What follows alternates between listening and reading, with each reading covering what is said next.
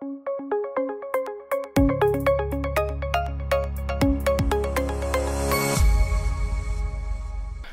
юм боолын үрэтэ Идрис подкастын дугаарт боловсролын салбарын салбарын хүн өнөөдөр зочноор орж байна. Тэгээд боловсрал гэдэг бол Монгол улсын хөгжлийн хамгийн суур асуудал байгаа. Тэгэхээр энэ талаар маш гүн ярилцсан.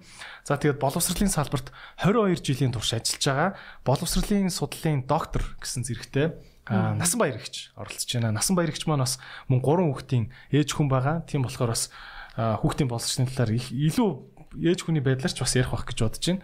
За тэгээ өнөөдрийн спонсор ихч маах ийм спонсортай. За За Vacus гэдэг бүтээгдэхүүн байгаа. За Vacus-ийг хүмүүс энерги ундаа гэж айгүйхан дурдаг. Гэхдээ одоо ингээд 3 сар гарч ийн хүн болгон тусал хийлгдэг, совлилт явдаг, ядардаг, дархлаа нундаг, хомхоод олоочлаа гэж ярьдаг те. Яа дархлаа нунаад энэ тэндээс нь вирус, нянгийн халдрууд идэвхчээд эхэлдэг айхтар те.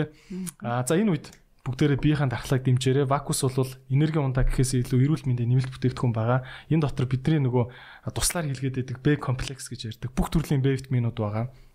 А илгэний үйл ажиллагаа мөн зүрх судас, тархины үйл ажиллагааг дэмждэг. Хамгийн гол нь даралт бууруулдаг. Монголчууд маш их даралтны юм уудаг хүмүүс байгаа тийм. А тийм учраас вакусыг ерөөхдөө курсээр нь ингээд өдөрт нэгийг Тэгээд 30 өдөр ууд юм билээ. Тэгээд завсралдаг. За тэгээд вакус гадуур маш их бас хямдхан юм хурамч нь орж ирсэн байт юм билээ. Тэгэхээр боломжтой байгаараа жоохон мөнгө хэмнэх чинь гээд хурамч нь битээ угаараа гэж та бүхэнд зөвлөх байна. А мөн бүгдээрээ aloe vera гэд мэдэн те. Aloe vera бол 100 наст гэдэг ургамлын ундаа 100 наст маш хэрэгтэй ургамл гэдэг. Тэгээд энэ 100 настын ундааг одоо газтай болгоцсон sparkling aloe vera орж ирсэн байгаа юм байна. Бүгдээ бас авч уугаараа бас заримдаа нэг газтай юм уумар санагдаад идэх те. Тийм үед. За окей. Аа насан баяр ихчээс аа боловсролын талаар та бол маш их мэдээлэл төр байдаг хүн. Аа асуухаас өмнө та бас нэг нэг хэсэг нэг юм нэг юм сошиалын хар PR гэх юм уу те сошиалар айгүйх муулсан шүү дээ те бүр баг яамныхаа альбом тушаалыг сошиалын муулч тэгж шуурснаас болж өгжсэн гэж би бол ойлгосон. А хоёулаа ямар ч гэсэн нэг иймэрхүү нэг юм хов живний шинжтэй юм аа газ хажууд чинь болгоод аа би нэг тийш нь гарах чи гэж бодод байна.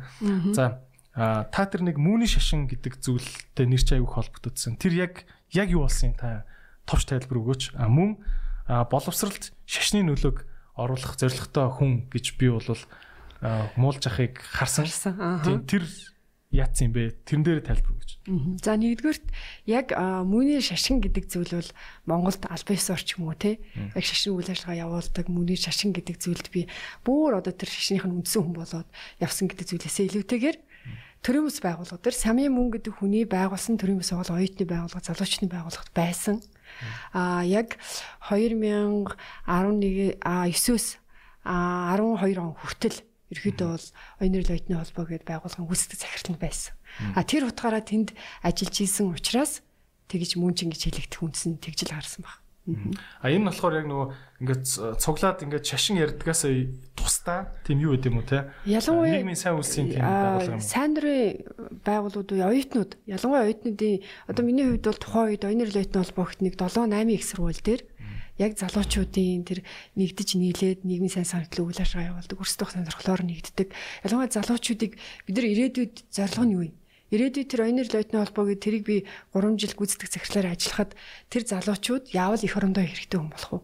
Үнэхээр өнөөдөр бид нар ингэн техникээ явж байгаа бол яг хамтдаа нэг зүйлийг хийгээд одоо шинэ хамгийн сүүлд 9 10 оны үед хийжсэн цэмцгэр Монгол наадам гээд наадам болол дуустдаг наадмын толгой нийл хог болдог гэсэн. А тэгэхэд тэр залуучууд бусдад ижилхэн наадам одоо баярлж явахгүйгээр яг тухайн үед хүмүүсийг те хүмүүсийн ухамсарт одоо суртахуунд өөрчлөлт хийя. Яг бид нар энэ хогийг цэвэрлэхэд хүмүүс дагаад хог хаяхаа болж ирсэн. Тэгээ тэрнээс эхлээд наадам өөрчлөгч исэн түүх байдаг. А 10 төгрөгийн хүч хай ингээд бидний одоо шинэ яг хүн болгон 10 төгрөг цуглуулахад ямар их нийгэм өөрчлөлт болдгийм бэ гэдэг үйл ажиллагаа хийжсэн. Тэрэн дээр бол яг тухайн үед нэг сар гарны аян явж ирсэн үү да. Тэгээд тэр хугацаанд яг 10 төгрөг гэдэг зүйлийг цуглуулахад нэг 20 хэдэн сая төгрөг цуглаад тэн дээр хаан туслах боломжтой антин туслаа явж ирсэн ч гэдэг юм уу. Асар олон зүйлүүд байгаа л да. Тэг ялангуяа суртахуун миний хувьд өөрөө ерөөсөө энэ ёс зүй гэдэг юм суртахуун гэдэг хүний төлөвшил гэдэг чинь гэр бүл нийгмийн л гол суурь гэж бодож өөрөө зорж исэн учраас яг энэ үзэл бодолтой минь нэг байсан учраас тэнд бол ялангуяа би сосроргоо нэг яг тэр олон улсын тэр самын мөнгөнд санаачилсан үүсгэн байгуулсан байгууллагын олон улсын хуралд манай улс төрчид том салбар бүрийн хүмүүс зөндөл олон хүмүүс орж исэн.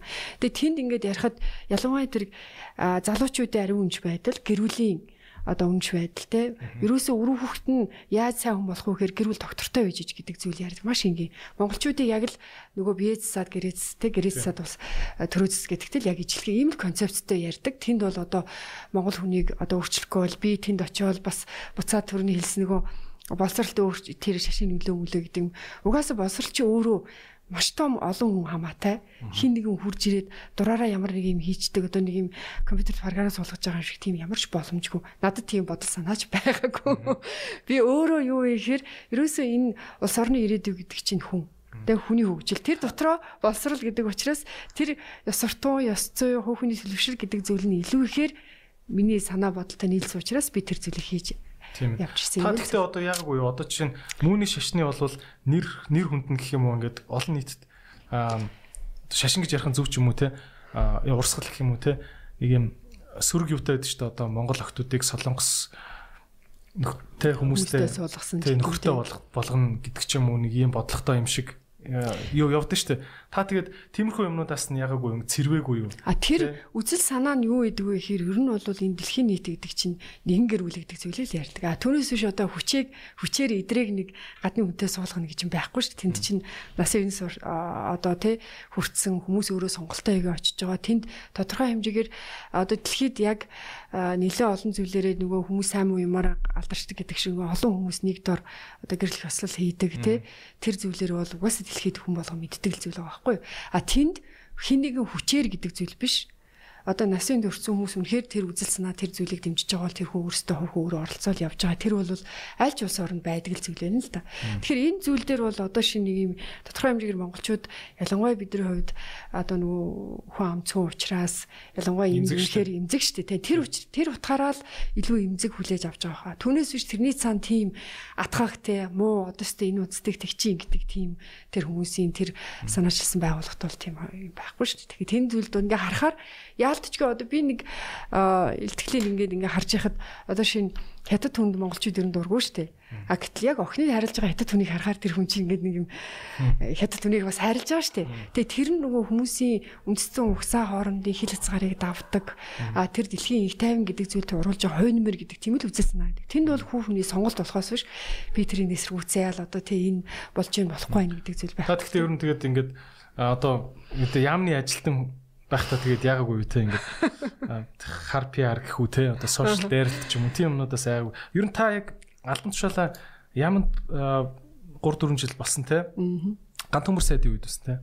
Аа яагаагүй юу ингээд сошиал дээр яг тэгээд сайн байлдаг юм би бас бодсон шүү дээ. Гэхдээ би хараа эйгүү ойлгосон бэ гэхээр яг тухайн үед а Монголын тэр PR-ийн яг энэ сошиал маркетингийн те мөнгө төлөөд барьдаг бүх хүмүүс яг тэр сэдвийг барьж аваад одоо эрхлэгчийн сонгуул хүртэл явна гэсэн бүр ингээ араа шүдээ зэвсгэлцэн тийм хүмүүс байж байгаа. Тэрний өмнөөс би юу ч хэлээд нэмэргүй юу ч хийгээд нэмэргүй зүгээр орхисон. Одоо тий одоо нэг юм их үер ингээд ирэх юм бол тэр үерээс би эсэлж чаддаг хөнгөө үерлөө орохгүй үсттэй. Тэр шиг би тий угаасаа надад хийсэн гим тий ямар нэгэн зүйл байхгүй зүгээр орхисон надад шулуухан сонголт та. Окей. За окей. Аа за дараагийн нэг хил амтай юм байна. Тэр за энийг энэ хил амтай юм дуусгаад тэгээд хоёлаа яг боловсролын боловсролын салбарын талаар яриа.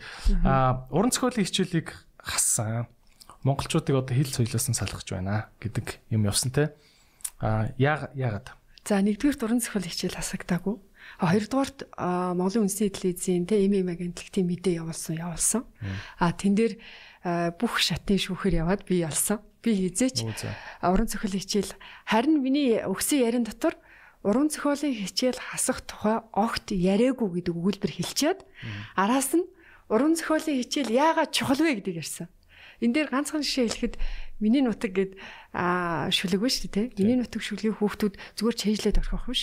Яг миний нутаг шүлгийн 10 13 бадгийг ингээд сонсож байгаа бол тэрийгэ чэйжлээд яг өөрөөхөө яриад тэрэн дээр гарч байгаа бүх уул ус газар нутаг те бүх зүйлийг газрын зураг дээр олж үзээд ингээд бүтэн улирал миний нутаг гэдэг шүлэг юм уу? Эсвэл одоо монголчуудын унших туртай армаа юм уу? Зохиол юм уу? Тэрэн дээр суурлаад бүх хичээл хоорондоо яаж интеграц хийж болох вэ? Уран зохиол монгол хэлний хичээл гэдэг чинь зөвхөн дүрм заадаг хилцүү заадаг хичээл биш байхгүй. Монгол хүний сэтгэлгээний хичээл байхгүй. Тийм учраас тэр зүйлийн тухайд би илүү тайлбарлсан. Тэгээд тухайн үед тэр юухэр би одоо зоригтой байсан уу зориггүйсэн мэдэхгүй. А гэхдээ ямар ч гэсэн тухайн үед бол ийм юм зогсоох хэвээр бүхэл бүтэн өөр нэг одоо тэ арилжааны телевиз ингэж ингэж байгаа бол бол өөртөө зэг хайх болсон. Үндэсний телевиз бидний мөнгөөр дотор төлөгчдийн мөнгөөр тэ олон нийтэд үйлчлэх хэвээр ийм одоо бүхэл бүтэн олон нийтийн гэдэг статустай телевиз өөрөө ийм хийнэ гэдэг бол асар одоо тэ айлчлал сарнасан болохгүй санагдаж би шүүхэд хандж исэн. Тэгээд тэр чинь угаасаа би хамгийн ихэнд энэ тухай огт яриаггүй гэж хагаад уран зохиолын хичээл Монгол хичээл яагаад чухал вэ гэдэг хичээл гэж одоо юу байгаа юу? Орос орлогоо. Орос орлогоо юу те? Ямар сони. За би бол юу гэж ойлгосон гэхээр уран зохиол гэдэг хичээл одоо байхгүй болсон юм. Харин уран зохиолын хичээл дээр суурлаад одоо шинэ би одоо нэг зөвлөх хийж байгаа сургууль дээр яг энэ нөгөө одоо Америкчүүдийн ярьж байгаа STEM гэж ярьж байгаа. Science, Technology, Engineering, Art, Mathematics. Тэрний гол суурь нь юу гэхээр уран зохиол, их зохиол төр суурилж байна. Одоо шинэ сая хүүхдүүд гутлагын сэдвээр анх багш нь ягаар энэ гутлагын сэдвэрийн бүтэн үйлрэл хичээлэх хэвээр ингээд гайхаж хийсэн. А тэгтэл Nike-ийн Phil Knight-ийн нөгөө Nike үүсгэн байгуулсан бүхэл бүтэн зохиол байгаа шүү дээ. Shoe Dog гэдэг тийм. Тэр номыг бүтэн үйлрэл үзэхэд хүүхдүүд тэндээс зохиолоо уншаад хилцүү энэ яагаад гихт гიშгэн дөрөв энэ яагаад те хүүрн хөвлбэрэндээс гарч байгаа асуу хөвлбэр гэж юу юм гээд хилцүү бүх юм ажиллаж байгаа. Тэндээс хилцүүг онцсоо юу ядгийн те тэр бүх юм гаргаж байгаа.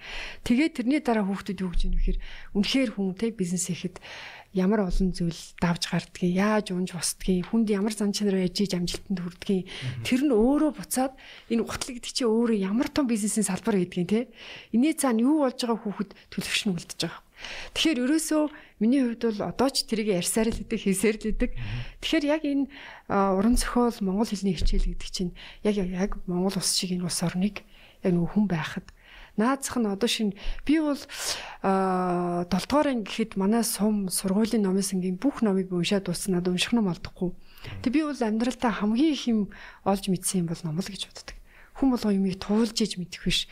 Тэр уншиж ойлгосон юмыг анализ хийдэг, харьцуулдаг. Би хэрвээ тийм байсан бол яах вэ гэж боддог тий. Тэгэхээр уран зохиолын хичээл ялангуяа монгол хэл гэдэг юм өөрөө ягаад чухал вэ гэж ярьж исэн хүн буцаад ийм энд орсон байт юм аа. Тэгэхээр энэ сошиалын хар хүч гэж бас амар байна шүү тий. Гэтэ ер нь бол ямарваа нэгэн хүнийг ингээд барьж аваад балбэ тэг хин ч биш болохыг үл бас болохгүй л. Аа тэг ядчих нөх хүмүүс авж байгаа мэдээлэл яг үнэн юм болов гүй юм болов гэдгийг давхар уншиж. Гэтэ тэнд миний нэг азтай тохиолдол юу вэ? Тэр өдөр би ингээд төвшинжэнгөө бас л нэг ажилтаа байсан. Тухайн үед би яамд ялангуяа эхний 2 3 жил бол шүнийг 2 3 цаг л унтчихсан ба. Яагаад тэгэхээр манай бодлогын газар чинь боловсролын шинжлэх ухааны боловсролын одоо сөөб EBS ихтэйдийнх нь бодлого тэгээ дээр нь шинжлэх ухааны бодлого тэгээ санхүүгийн хэлсэн ингээд ийм том газар болсон байхгүй анх удаага ерөөдөө стратеги бодлогоо нэгтгэж барих Тэр нь өөр айлал талдаа бас өртөнтэйг тухайн засгийн газрын бүтэц тийм байсан. Тэгээд явж байхад бол асар их ачаалтай ажиллажсэн. Тухайн тэр өдөр миний тэр царай зүс аягүй ядарсан ч байсан. Тэгээд яг ингээ ороход ТV9-ийн сэтгүүлч ММ сэтгүүлч хоёр. Та яриа өгчөөждөг би айгүй ядруу байна хэрэггүй гэдгсэн чинь. Би өрөөнөөс гарч явж исэн буцаж ирээд за ингээ жоохон хөвгтөд ажиллаа хийгээ явж байгаа тий. Асуусан юм хариулж идэ гэж буцаж ороо хариулсан чинь тийм шогон болсон. Тэгээ би буцаагаад тэр их хүчлэгээ үндсэн телевизээс авахгүй чадаагүй. Буцаагаа ТV9-өөс авч буцаад нөгөө шүүхтэр ганц баримт толсон юм тэр байсан. Тэгээ тухайн үед ТV-ийн тэр сэтгүүлч оператор хоёрт би их баярсан. Аа тийм. Ойлголоо. За.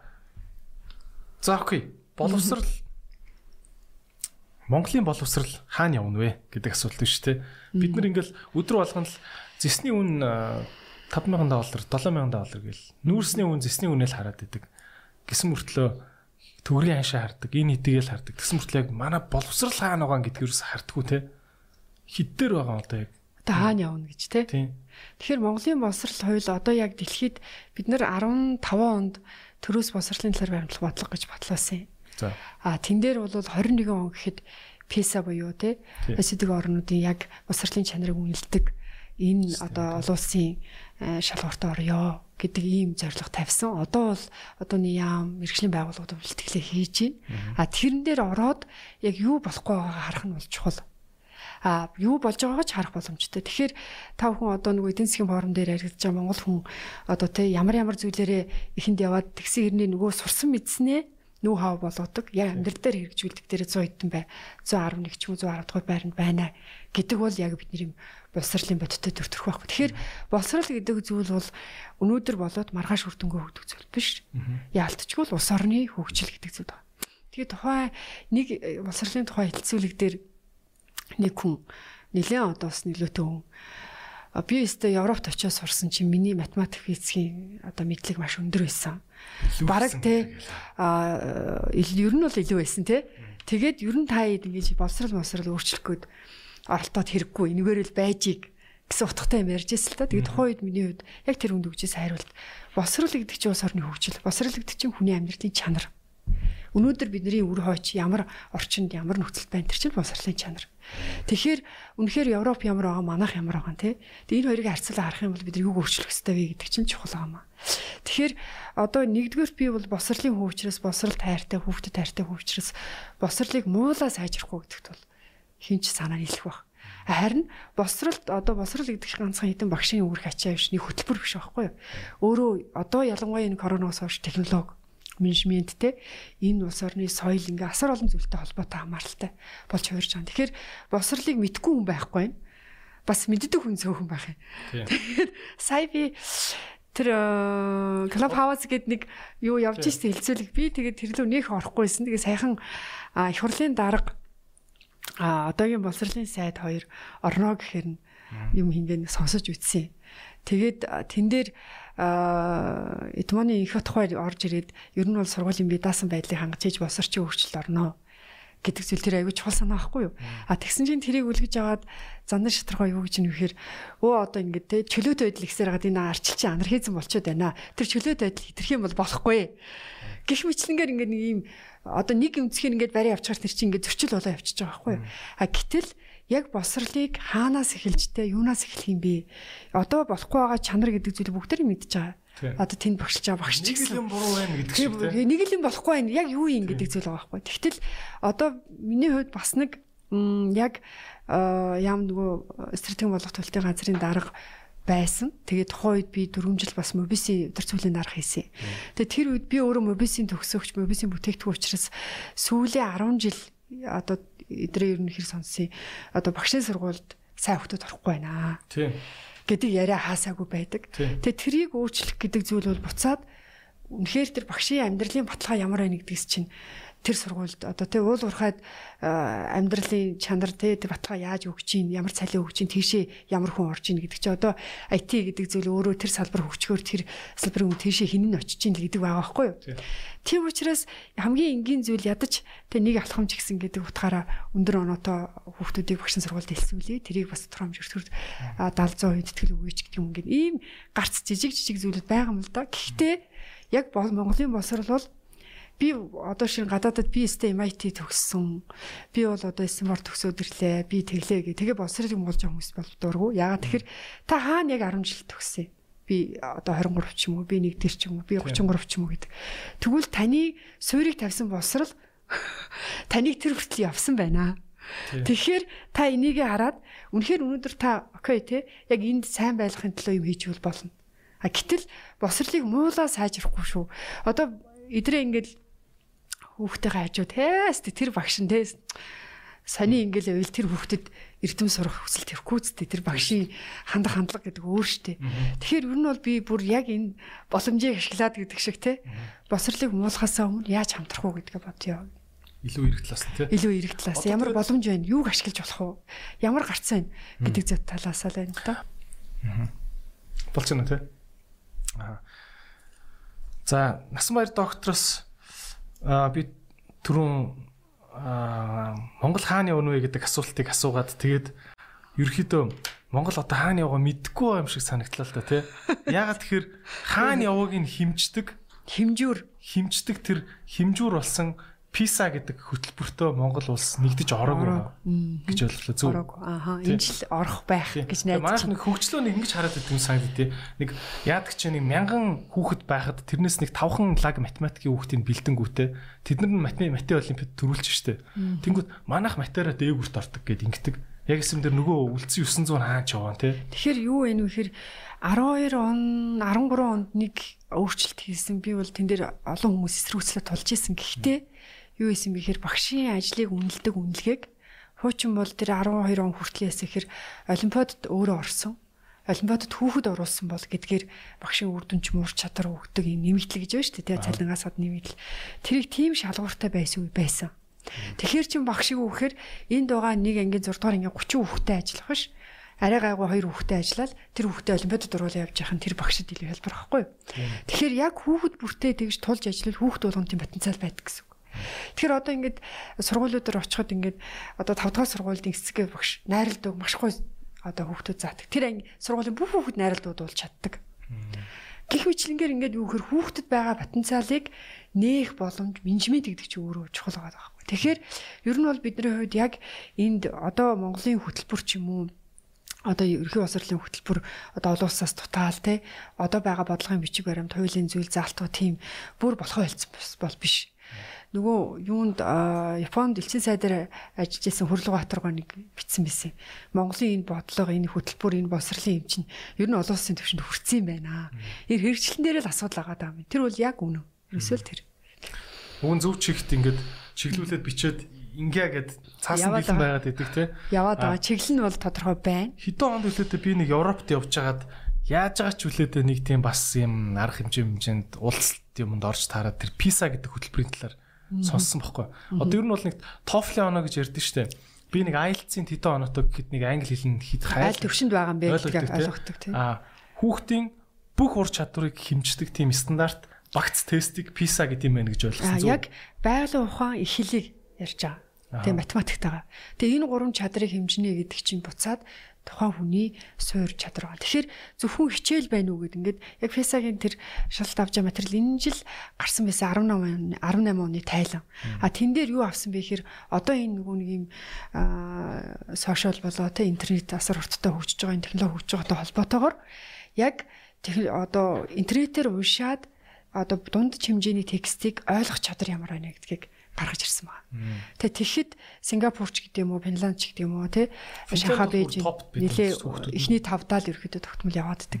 Тэгэхээр тэр зүйл юу харж ийн вэ гэхээр ямар нэгэн зүйлийг уншаад ойлгох чадвар гэдэг чинь бусад бүх зүйлийн чадвар суурь чадвар байхгүй. Тийм учраас түрүү нөгөө уран зохиолын хичээл гэдэг шиг ерөөсөө их хэлээрээ унших, бичих, ярих, сонсох чадвар гэдэг чинь суралцсан суурь чадвар Тэгэхээр тэр чадвар сайн байна гэдэг чинь хүүхэд ямар нэгэн зүйлийг суралцах сурч байна гэсэн үг байхгүй. Тэр утгаараа яг байгаль ухаан математик хэлний тэр чадруудыг үнэлж байгаа. Аа тэгээд манай яг юу гэхээр 13 онд батлагдсан одоо баг тэгээд дараа нь суур 14 15 гээд ахлахын хөтөлбөрүүд батлагдсан. Ер нь бол яг тэр олон улсын шалгуур үрдүн гэдэг зүйлээ баримжаалж хөтөлбөр босруулагдсан л да. А тэгээд тэрнийг ингээ харахаар PISA дээр ингээд хараад яг тодорхой хэмжээгээр тэр PISA дээр эхний хэдэд орж байгаа улс оронд чинь угаасаа эдийн нь сайн болчихж байгаа байхгүй. Тэр эдийн засаг босрал хоёр гэдэг чинь өөрөө ерөөсөө л арга билег хоёр байхгүй нэг зүйл хоёр тал байгаа байхгүй. Тэгэхээр тэр зүйл дээр одоо ялангуяа Porsche гэдэг юм уу бид нар яагаад Porsche-г судалж исэн бэ гэхээр яг Монголтой ивжлэхэн ослын системээс одоо тий чөлөө зах зээлийн рүү шилжсэн. Гэхдээ Porsche-ийн давуу тал нь юу байсан бэ гэхээр тэд нар одоо хөдөө орон нутгийн тосгоны сургуулиасаа эхэлсэн байгаа байхгүй. Орон нутгийн сургуулиасаа эхлээд өөрчлөлтөө хийж эхлээд тэр нь ингээд ийм үрдүн гэдэг юм хараад хянаад гүйцэтгэл гэдэг юм бариад ингээд явсан юм лээ. Тэр нь маш урдан өөрчлөлт хийх боломж гарсан. Тэрний дүн ч гэсэн одоо Польшийн үед ч юм уу дэлхийд бол нэлийн дээгүүр эдийн засгийн халилтлаас орж шүү. Тэгэхээр ерөөсөө өнөөдрийн босрлын өөрчлөлт гэдэг бол дараагийн 10 жил 15 жилийн л үр дүн байгаа байхгүй. Тэгэхээр нөгөө дэлхийн эдийн засгчдын тооцоогоор босрал дуруус 1 доллар бол үр ашиг нь 13 дахин өсдгөө гэдэг бол ерөөсөө л бодиттой үнэн байхгүй. Өнөөдөр боловсрал руугаад тэр бум хийчих юм бол 10 хэдэн тэр бум 13 тэр бум ирээдүйд тийм л олно л гэсэн. Тийм тий. Аа ер нь тэгээд айлууд ч гэсэн ер нь нэг хувь өрхийн хэмжээнд ч гэсэн нэг мэддэгдэг штэ нэг хүүхдээ багт нь аав ээжнэстэй хувцастаа хувцгүй явж байгаа л яаж хийж байгаа сайн сургуульд явуулсан байхад тий. Насан туршийн амьдралд бол хүүхд санаа зовхгүй байгаа шүү дээ. Дараа нь бол хүүхд нь бол гэр бүлээ аваад явчихдаг шүү дээ тий. Айлын хэмжээнд аа За энэ PISA гэдэг хөтөлбөрийн талаар би бас илүү лавшруулж асуумаар байна л да. Одоо ингээд Кембрижийн хөтөлбөр орж ирнэ гэдэг. Нэр Кембрижийн талаар би бас таны бодлыг асуумаар. Кембрижийн хөтөлбөр орж ирнэ гэхээр айгүй сайн юм шиг мөртлөө айгүй үнэтэй юм байна гэдэг ойлголтыг би бол авсан л да. Маш үнэтэй юм байна. Тэгэхээр бүх сургуулиуд хэрэглүүл хэрэгжүүлэх юм бол одоо энэ Монгол улсын төсөвчин даах юм үгүй мүү болох ёстой юм шиг. А энэ PISA гэдэг нь юу юм бэ одоо хэрэг зардал мөнгө энэ энэ дээр яригддаг. PISA-д яг элсэд ороод ингээд нөгөө зөвшөөрлөө аваад тодорхой хэмжээний мөнгө төлнө л дөө. А тэнд бол учиргүй айхтар одоо Кембриж хүүхдний үрээр одоо асар өндөр юм зардалтай бол биш. Угаасаа эсэдгийн орны энэ дэлхийн ер нь бол амьдралын чанар ирээдүг тодорхойлох зорилготой тэр физикийн өөрөө 2000 онд үүсгэн байгуулагдаад одоо хүртэл явж байгаа нь дэлхийд нийтэд тэгш байдлыг яаж бий болох вэ гэдэг үзэл санаанаасаа өөрөө эхэлсэн учраас тэр өөрөө тодорхой хэмжээгээр танаа одоо орны босрал ийм байх шүү гэдгийг л гаргаж өгч хүнлэнгөөстэй хүнлэнгийн үнэлгээ өгч байгаа тэр л байр суурь л да. А Кембрижийн хувьд гээд аваад үзэх юм бол угаасаа Кембрижийн анх бол хүн болгон сонсдоо Кембрижийн хөтөлбөр гэхээр Кембрижийн их сургууль гэдэг зүйлтэй холбож ойлгож ингэж хүмүүс Кембриж их сургуулийн одоо ерхий усрлын сургууль зөвлөгөө хөтөлбөр зөвлөгөө өгөөд ингэ явж байгаа юм байна. Тэр Кембриж их сургуулийн Эрдэнэт докторууд ажилтдаг ч гэдэг юм уу ийм ойлголт байсан. Тэгэхээр Монголын анх гэрээ хийсэн засгийн газрын одоо утга мэрсэд үед гэрээ хийсэн бол Кембрижийн олон улсын шалгалтын төвгээд а тусдаа төрөөмөөс байгуулга нэгснэл бизнесийг л байгуулга штэ хэр зэрэг бүтээгдэхүүнийг зарж одоо бүтээгдэхүүн авсан хүн болгоны одоо шалгалт өгсөн тэг хөтөлбөрийн судалсан тэр сургууль одоо шинэ баг дунд ахлагч гээд ингээ явах юм бол тодорхой хэмжээ жилд яг тэр хөтөлбөрөөр яг Кембриж хөтөлбөрөөр ингээ хичээлэх юм бол жилд хэдэн мянган доллар төлөх үү гэдэг ч юм уу те 10 мянга ч юм уу ингээд явчихна л да. Аа би одоо Кембриж хөтөлбөрөөр сурж агаад яг одоо энэ шалгалтаа өгөө гэдэг юм бол тухайн хүүхдний үр дээр зардал гарч ирнэ. Яг Кембрижийн шалгалтын тустай үнэтэй, хөтөлбөрийн тустай үнэтэй, а сурах хүчиг ахаад тустай үнэтэй. Аа за. Сурах хүчиг бол нэг хүүхдийн сурах хүчиг бол 200-аас 300 мянган төгрөгчтэй одоо бүр хамгийн бага та. Англичууд ер нь оюуны хөтөлмөрөө боловсролын салбарын ноу хаугаа бүтээгдэхүүн болгож болгож зарж байгаа юм тийм. Тэгээд одоо Кембрижийн хөтөлбөрийн нэг давуу уян хатан зүйл нь юу гэхээр бусад нэг олон улсын хөтөлбөрүүдээсээ яг одоо ш өөрийнхөө хил дээр зааж болно. Тэгээд тодорхой хэмжээгээр хөтөлбөрийг хэрэгжүүлээд үр дүнгээр гаргаж болдог юм багшаа сургангаа хөтөлбөрөөс хэрэгжүүлээд болдог юм уян хатан хөтөлбөр бол байгаа. Тэгэхээр Монгол үндэсний хувьд бол одоо Кембрижийн хөтөлбөрөөр явж байгаа гурван сургууль байгаа шүү дээ. Одоо бүр бүхэл хүн тийшээ орох гэж явж байгаа. Тэр сургуулийн нэг хүүхдийн зардлаг бол одоо шинэ та бидний хүүхд одоо улсын сургууль сурч илээ гэхэд тэр миний хүүхдэнд төлж байгаа улсын одоо нэг хүүхдэд гарч байгаа хувьсах зардал. А тэр Кембриж хөтөлбөрөөр явж байгаа гурван сургуульд явж байгаа зардал бол 16-аас 32 дахин илүү байж иж Кембрижийн хөтөлбөрийг заах үс багшийг тэр хөтөлбөр тэр бүх сурах хүчиг бүх юм хангаж байгаа гэсэн үг. Дааж явах юм тий. Тэгэхээр одоо улсын одоо юу гэж тий одоо улсын за одоо юу гэж нэг 58 дугаар сургууль ч юм уу тий? 54 дугаар сургууль гэд байлаа гэхэд 54 дугаар сургууль дээр нэг хүүхдэд нь жилд югдчих жоо. 400 мянган төгрөг одоо тэ нэг хүүхдээ өвсөх зардал. Ерөнхийдөө 400 мянган төгрөг л байт юм дөө. 400 мянган төгрөг. Тийм их хүүхдээ сурт юм уу. Өвсөх зардал тийм шүү дээ. Одоо таад ингээ харах юм бол цэцэрлэг бол нэг сая орчим нөгөө нэг хүүхдийг нэг жил улс сурахад улсаас 400 мянган төгрөг юм тийм. А тэгээд юу вэ гэхээр Улаанбаатарын одоо сургууль, баг сургууль дунд ахлахаараа ялгаатай, аймаг аймгийн төв сумын төвгүүд бас жоохон жоохон ялгаатай халаалт малалт хэрэгтэй аймаг хэрэггүй аймаг гэдэг. Тэгээд ингээд ялгаатай төсвөн арай юутай байгаа. А тэгэхээр энэ нөхцөл байдал чи өөрөө буцаад бидний хувьд бол нэг амбиц аа. Би бол юу гэж боддог вэ гэхээр Монгол улс бол те нэг юм хар ажиллагээд энэ цөөхөн хүн арт арт хүмтэй хүмүүстэй байхаас илүүгээр яг л оюуны одоо тийм чадал чансаа гэдгээр л дэлхийд энэ урд хоёр том хөвшөд өөрсдөө одоо чи юу бэ чаддаг тэрийг зарж амьдрах хэрэгтэй гэдэг утгаараа Монгол хүүхэд бүрийн босрал гэдэг асар чухал. А тэр утгаараа бид нэр өөрийн гэсэн үндсийн хөтөлбөрөө сайжруулахад бол бид нэр Кембрижтэй одоо яг үндэсний цөм хөтөлбөрийг гаргахад бид нар Кембрижийн хөтөлбөр, а Финландийн хөтөлбөр, Японы, Сингапурын, Оросын ингээд асар олон хөтөлбөрүүдийг харьцуулсан. А тэгээд энэ дундаа ялангуяа бид нар юу гэхээр академик боловсролоос гадна дэлхийн нийт авч байгаа хувь хүн төлөвшөл талаасаа. Үнэхээр энэ хүн чинь одоо мэдлэг чадраа үнэлж байгаа бол хандлага гэдэг зүйл бол асар чухал. Буцаагаад өөрөө хандлах чинь бүх юмний суурь шийдэл болж байгаа гэдэг концепц өгнө явсан тий. Тэгэхээр ингээ хараад үзэхээр одоо Кембрижийн математик а Монголын одоо явж байгаа хөтөлбөрийн математик тэнд бол хол зөрүү байхгүй. А хамгийн гол нь тэн дээр би түрүүн товч ярьсан нэг багш бэлтгэх гэдэг зүйл байхгүй. Багшийг бид нэр багшийн би бол юу гэхээр хамгийн эхлээд шүүгчийн цалин нэмэхээс өмнө багшийн цалин хамаагүй те эрсэл хүлээг нэмчээч. А тэгээ багштай тавих шалгуураа нэмээд авааччээ. А тэгээд хөтөлбөр нь тодорхой хэмжээ шалгууртай. Тэнд чинь одоо шинэ ингээд Кембриж хөтөлбөрчөний Сингапур одоо Монголын хөтөлбөрийн ингээд ялгааг харах юм бол манай багш нар бол их хүчлэн сурах хүчийг дагаад өнөөдөр энийг үзэх хэрэгтэй дараа нь энийг үзэх хэрэгтэй гэдэг биш. Ингэж явах юм бол одоо яг өнөөдөр зөвхөн Монгол хэлний хичээлд ирэхэд өнөөдөр онцгой яз зохиох тухай бол маргааш их зохиох тухай ороод нөгөөдөр загтал бичих тухай ороод явчихж байгаа байхгүй. Тэр чинь яг салмаа шиг гэсэн үг байхгүй. Өнөөдөр нийгэм сурвал орхиос сурвал орхиол явдаг те. Гэтэл яг тэрийг төвлөрөөд, гүнзгээрээ, давтаад хэрэглээтэй холбоод явна гэдэг чинь тухайн багш сургууль өөрөө тэр хөтөлбөр дээр ажиллаж хийж цөм хөтөлбөр гэдэг бол зүгээр л тодорхой хэмжээ хөрөх төвшинг заасан байна. А тэгвэл энэ дээр суурилж сургууль өөрөө за цахаа аймгийн нэг сум байлаа гэд манайх ямар онцлогтой хөтөлбөр хэрэгжүүлэх гэдгээ ярьж тэр олон нутгийг оролцуулж тэр хөтөлбөр өөрөө чансаатай чанартай болох хэрэгтэй байхгүй. Бүр одоо тэр ховд аймгийн нэг сумын хүүхдүүд хүртэл гэсэн үг энэ тэр номон дээр нь нэмээд нэмэлт материал канондж завсар навчуулж хийж байгаа заана гэсэн үг юм уу?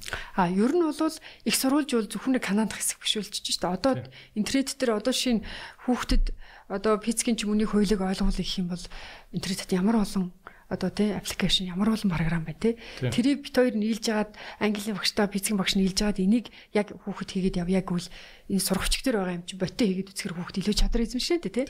Тэгэхээр ерөөсөө л энэ сургавчиг гэдэг бол нэг их сурвалж болохоос биш хүүхдийн бүх юм мэдих сурах хэрэгтэй зүйл биш л гэсэн үг байхгүй.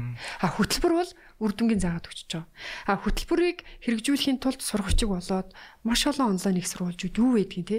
Бүр яг энийг ингээ хэрэгжүүлээд ингээ үзэхэд бол багш нар бол ингээ яг өөрөөхөөрөө нөгөө би даасан байдал. За би энд хүрэх хэвээр. За би Эрдэнэт очин. Тэгвэл Эрдэнэт рүү явах би вагоноор явах уу, таксигаар явах уу, тэ өөрийнхөө унаагаар явах уу гэдэг хүн шийддэг шүү дээ. Тэгвэл би энэ физикийн механикийн энэ чадварыг эзэмшүүлэх хэвээр. Тэгвэл би яавал хамгийн сайнаар ойлгох вэ гэдэг чинь багшд өөрөө боломжтой болгох. Тэгэхээр би ингэж ойлголоо зөв. Цөм хөтөлбөр гэдэг юмтай болсон тийм Монгол улс. Хэд онд боллоо? 2013 онд хамгийн ихний багийнхан батлагдсан. А энээс өмнө цөм хөтөлбөр гэж байсан уу байсан. А стандарт гэж нэрлэгдсэн цөм хөтөлбөр гэж нэрлэгдсэн тий. Хэсэг байсан. А яг одоо наттай холбоотойгоор босролж гарч ирсэн зүйл байгаа байхгүй. Одоо ингээд түүхэндээ одоо монголчуудын хувьд бол 94 98 2002 гэл ингээд тодорхой хэмжээгээр нөгөө 10 жилээс 11 жил рүү 11-ээс 12 жил рүү ингээд шилжигтэй холбоотой тэрийгээ дагаа хөтөлбөрүүд нь нам сайжрал тэгэл явагдчихсэн гэсэн. Тийм ээ. А тэгвэл би ингэж ойлголоо л да цөм хөтөлбөр гэдэг зүйл маань Энэ энийг энэ энийг заа гэдэг зүйл гэхээсээ илүү хүүхэд ийм ийм ийм ийм ийм чадвар мэдлэгийг эзэмсэн байх ёстой гэдэг ийм илүү ийм зорилтын одоо хүр хүрдүнгийн тавиад өгч байгаа гэсэн. Хүр хүрдүнгийн эмгтгэл юм байна те. Зөв. Зөв. А тэгээд энэ хүр хүрдүнгийн эмгтгэлийг ийм агуулгаар эзэмшүүлвэшгүй л орчиж байгаа. Өнөөдөр энэ вакусыг үзэхүү маргааш тэр усыг хэрэглэх үү гэдэг нь багшийн өөрийнх нь хэрэг байхгүй. Тийм учраас одоо ингээд яг сургуулийн хөтөлбөр гэдэг юм би бол юу жоохон санаа зовдөг вэ гэхээр яг 12-аас 16 онд цөм хөтөлбөр ингээд нэг юм ойлголтоо тэг концепц аваад хүмүүс нь нэг юм хүүхд бүрийн хөгжил те хүүхдийг яаж даваа тал дээр нь суйруулж хөгжүүлэх үү? Эдрээ насаа хоёрыг бие биентэй харьцуулахгүй эдрээ өмнө ямар байсан? Тэгвэл одоо ямар чадвар нь энэ эдрээ унших чадвар сайн байсан бол одоо бичих чадвар нь сул байгаа даа тэгвэл бичих чадвар нь яах вэ гэдэг шиг ингээд хүүхдийг өөрийн өөртөө харьцуулдаг. Нэг үзэл санааны философи юмнууд жоохон яваад тэгээд дараагийн шат юу хийсэн бэ гэхээр ерөөсөө сургуулийн хөтөлбөр. Сургууль болгон өөрийнхөө хүүхдийг оншилдог. Одоо яг тий манай хүүхдүүд хүрэх төвшингээ хаана байгаа даа ингэ. А тэгээд түрүүн песагаас гадна одоо олон улстай харьцуулах юм бол песа байна. А тэгээд яг тэр песагийн үзэл санаа, загвар чиглэлийг бариад бид нэр 14 оноос эхэлсэн. Яг үндэсний чанарын судалгаа гэдэг юм аа. 5 дугаар анги төгсгөд бол юу авч байгаа юм? баг усрлын чанар гэдгийг 5 дугаар анги төгсөгчдөөс 9 дугаар анги төгсөгчдөөс суур болсрал 12 дугаар төгсөгчдөөс ингээд эндээс нөгөө байгалийн ухаан математик хэлний чадрыг үнэлэх шалгалт аваа. Тэн дээр үнслээд за энэ өмнө говь аймаг яг ямар зүйл дээрээ байгалийн ухааныхаа аль чиглэл дээрээ сул байгаад байна те. А бүтээх төвшний илүү бүтээлчээр сэтгэх даалгавраа сайн хийгээд байна уу? Эсвэл сэргэн сар хойлох төвшний даалгавраа сайн хийгээд байна уу гэдгийг харчвал энэ аймгийн багш нарыг яаж хөгжүүлэх юм, юугийн дотоод дутууг нөхөх юм гэдэг юмнуудаа тэрийгэ харж ингэж хийх хэрэгтэй. Тэр бол 14 онд эхэлсэн. Бидний хувьд бол үнэхээр Одоо 15 онд явсан. Одоо энэ хүртэл явж байгаа. А өнгөрсөн жил юу болсон бэ гэхээр яагаад би нэг ярих болж байгаа гэхээр өнгөрсөн жил улсын 20 шилдэг сургууль, ховын 20 шилдэг сургуулийг нөгөө чанарын үнэлгээний судалгааг чи уралдаан болгочихж байгаа. Шилдэг сургууль шалгаруулдаг. Шалгаруулах юм болоо хэрэгсэл болгож байгаа. Тэгэхээр тэр бол би бол анхны 2 жил бол энийг ерөөсөө олон нийтэд гаргаад хэрэггүй. Энийг аваад босрлын хүрээлэм. Багш мэрэгжлийн институт те. Босрлын газар өөрсдөө үзээд за манай хаана юу н алдаад байгаа. Тэрийгэ аймаг дотроо сургууль дотроо ярьж байгаа Манайх нэг юм шилдгээ шалгаруулахын өвчтөй юм шиг байна тий. Тэгээ би бүр тэрнээр бүр ээ яавдаал гэж бодсон. Тэгээд тухайн үед би зүгээр одоо иргэн ингээ харахад өмнөгөө аймаг жишээ нь ингээд уул уурхай хөгжөөд ингээ тэр бас босрол руугаа нилээ орон нутгийн хөнгөрүүлэлтээр юм хийж учраас нэг жил сайн байгаал нэг жил ингээл юм тэгэнтэй донтой байсан. А завхаа аймаг бол ямар байсан бэ гэхээр тэр 3 жил яг 3 жилийн бид нар судалгаа ингээ харахад 3 жил гурвууланд нь ерөөдөө бол те чанар нь боломжийн төвшөнд хамгийн одоо шингээд харьцуулаа ингээ харах юм бол нэлээ ихэнд хэсэг ер нь л ихэнд байсан л та. Тэг тэрийг би эргээд ингээ харахаар тухайн одоо үед завханд чинь нөгөө санживтугай хурлын гишүүсэн санжив тухайн нэг гурван тулгуурт бодлого гэж хийжсэн шүү дээ. Тэр нь мянган морин урч мянган морин урчтэйд шатар тэг компьютер гэ тэр нь өөрөө нөгөө суур чадварыг өгсөн учраас хүүхдүүд буцаад нөгөө суралцахад суралцсан учраас чадвармж гэсэн өөр байна. Тэгээ тэрнтэй хамт нөлөөлөх хүчин зүйлийн судалгаа явуулж байгаа. Дотор байранд амьдарч байгаа хүүхд ямар байна? Айлд сууж байгаа хүүхд ямар байна? Тэгээ аав ээжтэй хамт амьдардаг хүүхд ямар байна? Гэт тэр бүх ингээ хараад үзэхэд ер нь бол яг гэр бүлтэйгээ хамт нөгөө ээж аав дотны хүмүүстэй хамт байгаа хүүхдүүдийн альж талаас харсан сургалтын амжилт илүү байсан. Тэгэхээр эн чинь өөрөө зөвхөн PESA чинь бас тэр нөлөөлөх хүчний зүйлийн судалгааг маш олон талаас авдаг. Яг тэрнтэй ижилхэн үндэсний босрлын чанарын судалгаа гэж авсан. Тэгээ тэрний зүйлүүд ингээ хараад үзэх юм бол бас байгаа. Сайхан би тэр яг судалгаа жил болгоо ингээ явдаг хэвээр. Ил ил гардаг уу? Тэр ханаас болж байгаа судалгаа. Аа, ер нь бол миний хувьд бол би сайхан нэг нийтлэгдсэн. Аа, 21 онд Монгол PESA-д ороход бэлнүүгээ. Тэн дээр бол би юу хэр нөгөө өөртөө байсан судалгааг л авсан. Аа, тэр бол үнэлгээний төв рүү хандвал тэндээс авч болно. Тэгээд боловсролын үнэлгээний төв гэж байдаг. Боловсролын үнэлгээний. Яамны харьяав тий. Тий харьяа байгуулах. Аа.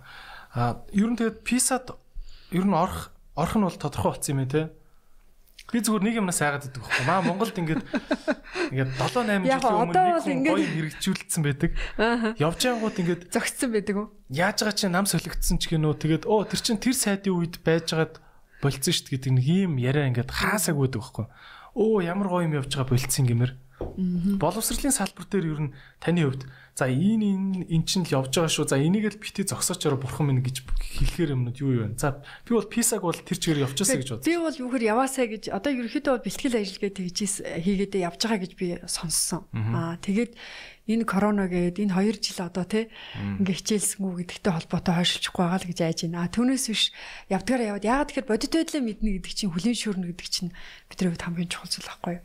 Аа тэгээд тэрнээс гадна ер нь бол бид нар энэ нөгөө сургуулийн бие даасан байдал яг энэ цөм хөтөлбөр дээр суйрлаад сургууль өөрөө хөтөлбөрөө хийгээд тэр одоо их сурвалжуудаа аваад тэгээ уг нь одоо шин таад ингээ харах юм бол Кембрижийн хөтөлбөрөөр явж байгаа хэрний Кембрижийн сургагчдыг бас хэд хэдэн газар хэвлэдэг ч юм Оксфордын сургагчдыг хэд хэдэн газар хэвлээл ингээ байж идэг. Тэр чинь үхээр энэ хөтөлбөрийг хамгийн сайн сургагчид гээд ингээд сонголттой сургагчгууд ингээ гараад одоо шинэ аль нэгэн одоо тий компани хийсэн сургагчиг нь аль нь илүү хүүхдэд юутай байна гэдэг ингээд тэр нэг юм сургагчиг хэрэглэгдэхүүн гэдэг чинь өөрөө юм өрсөлдөөн донд байвал би хиний эдрийг хийсэн физикийн сурагчгээс би илүү хэрэглээтэй хвчүүл миний сурагчгийн хүмүүс илүү авч эхлэв шүү дээ. Үндэн багшийн номыг үзэх нь илүү гоё гэж жоохон багт тэгдүүсэн мэт. Уг нь олон багш тооны бодлогын номдоо байдаг тий. Гэтэ ягаад чи бүнд нь илүү сайн. Илүү сайн чившиг те. Тэгэхээр ер нь бол цаашдаа ингээд нөгөө сургуулийн хөтөлбөр гэж гараад сургагчийг их сурвалж одоо тийм бид нар сургагчийг заавал цаасаар биш одоо бол те олон төрлөөр гаргаж болж шүү дээ. Маш олон аппликейшнуд хийж болж байна. Хүүхэд багшийн ингээд олон талаас нь яриад тайлбарлаад байгаа юмыг хүүхэд нэг удаа хийж үзээд учир нь болчих. Харин дараа нь яах юм. Та ингэж хэлэх гээд байна уу? Сурах бичиг юм гэдэг ямиг улс хевлээд бүх сургууль тараадгаа ер нь болох юм те Ер нь бол цаашдаа тэгээсэй гэж хүсэж байгаа. Яагаад тэгэхээр эн чинь одоо шин бид нар энэ хөтөлбөр тэр хөтөлбөр гэдэг ингээ ярьж байгаасаа илүүтэйгээр яг энэ хөтөлбөрийг хэрэгжүүлэхэд тухайн сургууль нийлэр сууж ирсэн аа. Тэгээ яг энэ юмыг явахад за энэ бүлэг сэдв дээр энэ сургагчийг илүү тохироод байна те энийг ингэж юм. Бүр тэ энэ сургагчийг хийдэг юм чи бүр ингээд тасралтгүй тэнд ингээд ажиллаж явах хэрэгтэй байхгүй. Нэг хийсэн сургагчийг ингээд 4 5 жил явж идэг гэдэг чи одоо 3 жилийн өмнө нэгдүгээр ангид орж исэн хүүхдүүд одоо нэгдүгээр анги хүүхдүүд чи өөр болчихсон шин багшаа би тэр чинь мэднэ наадах чи би мэдж байгаа гэж байна шүү дээ. Би наадах чинь тийм хүүхэлтэй ингэнүүдээрээ сонссон. Би мэдж байгаа гэж сууж байгаа хүмүүс байгаа шүү дээ, тий. Тэгэхээр тэр чинь хүүхдүүдийн сонирхож байгаа сонирхол ойлгож мэдж байгаа, үзэл судалж байгаа юм гэдэг чинь өөр ингэ нүрсөө тэг гэрлийн хурд шиг байна шүү дээ. Ер нь бол тий. Одоо хүмүүс ингэх бах л та. Үгүй юу гэсэн үг юм бэ? Бас эн чинь эрхүүшнийг улс байна да. Хүүхдүүдийгээ тэгэл хаа хамаагүй хувийн компани сурах бичгээр сурна гэж үү. Яг нэг хэсэг нэг тийм улсаас нэг цагаан сайдын үед байсан. Тэгээ тэр нь маш олон шүүмжлэлтэй тулгараад буцаад нэгдсэн болсон юм. А тэгэхээр манай сурах бичгүүд яг тодорхой хэмжээгээр холбирууд гардаг. Одоо Кембрижийн сурах бичиг хүртэл одоо хоцрогдож яваа хүүхдэд зориулсан, дундаж яваа хүүхдэд зориулсан, гүнзгийрсэн хүүхдэд хүртэл ингээд асар олон ингээд сонголтуутай болж эхэлж штэ. Одоо өнгөрсөн 2 жилийн өмнөөс эхлээл тийм рүү шилжиж эхэлж байна. Тэр чинь нөгөө үйлчлүүлэл хэрэглэгчээ дагаад эн чинь асар олон хөлбөр гарч ирж штэ. Хүн бүр өөр гэдэг философт нь ерөөсөө тохирч байгаа. Хүний суралцах хурд гэдэг юм өөр байна. Сэтгэл зүй арга барил гэдэг юм өөр байна те. А одоо яа гэм бэ? Одоо энэ сурах бичиг үйлдвэрлэл гэдэг юм байна штэ.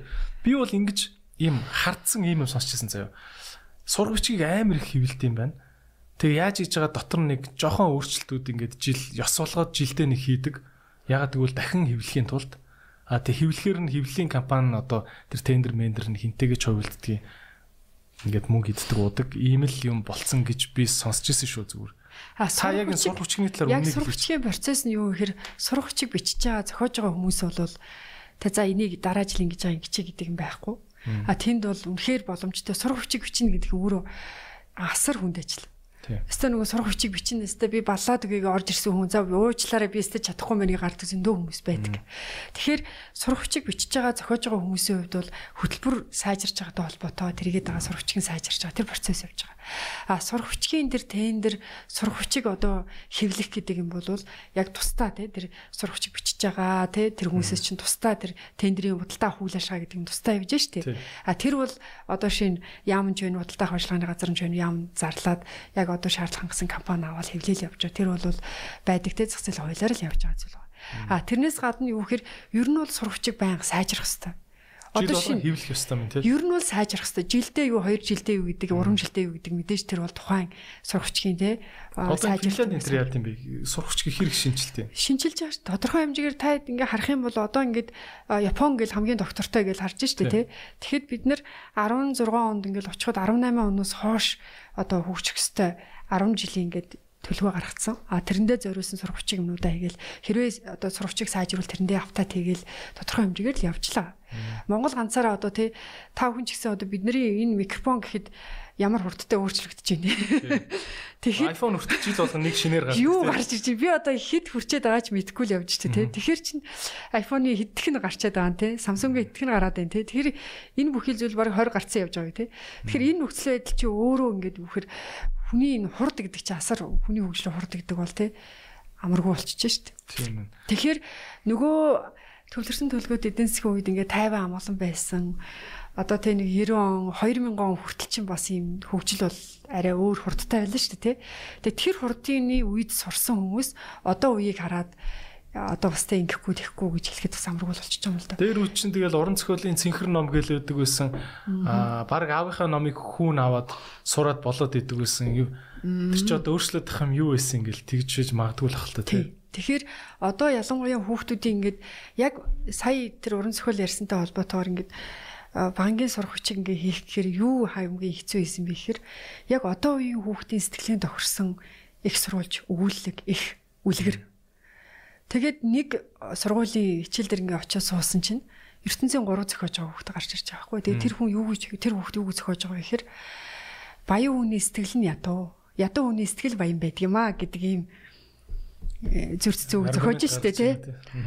Тэгээ би тухайн үед ингээ гарч ирээд үгүй энэ чинь ийм юм ингээ тайлбарлаж байгаа. Гэтэл энэ чөлөө зах зээлийн эдийн засгтаа энэ нийгэм чи өөр ямар нэг юм те.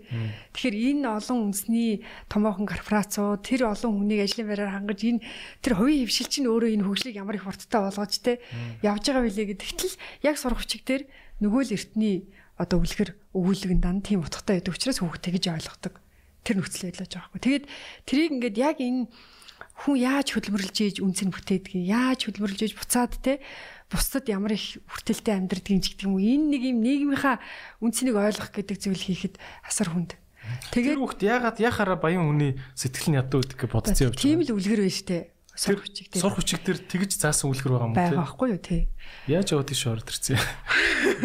Тэр бол одоо жишээ нөгөө социализмын үед нөгөө хөрөнгөтний нийгмийн үзий ядуулах тэр одоо үзэл суртал чинь Одоо хүртэл байсаар л байна. Баячуудыг үсээ яддаг. Үсээ ядуулж баячуудын мөнгийг нийгэмдээ бүх хүнд тэгш хуваарлах гэдэг тэр философи нь. Одооны хүүхдэд Тэгээд тухайн үед юу гэхээр ингээд уралдаан бүр аргаа ороод уралдаан зарлж байгаа хүүхдийн зохиолын талаар тий одоо яг ийм юм.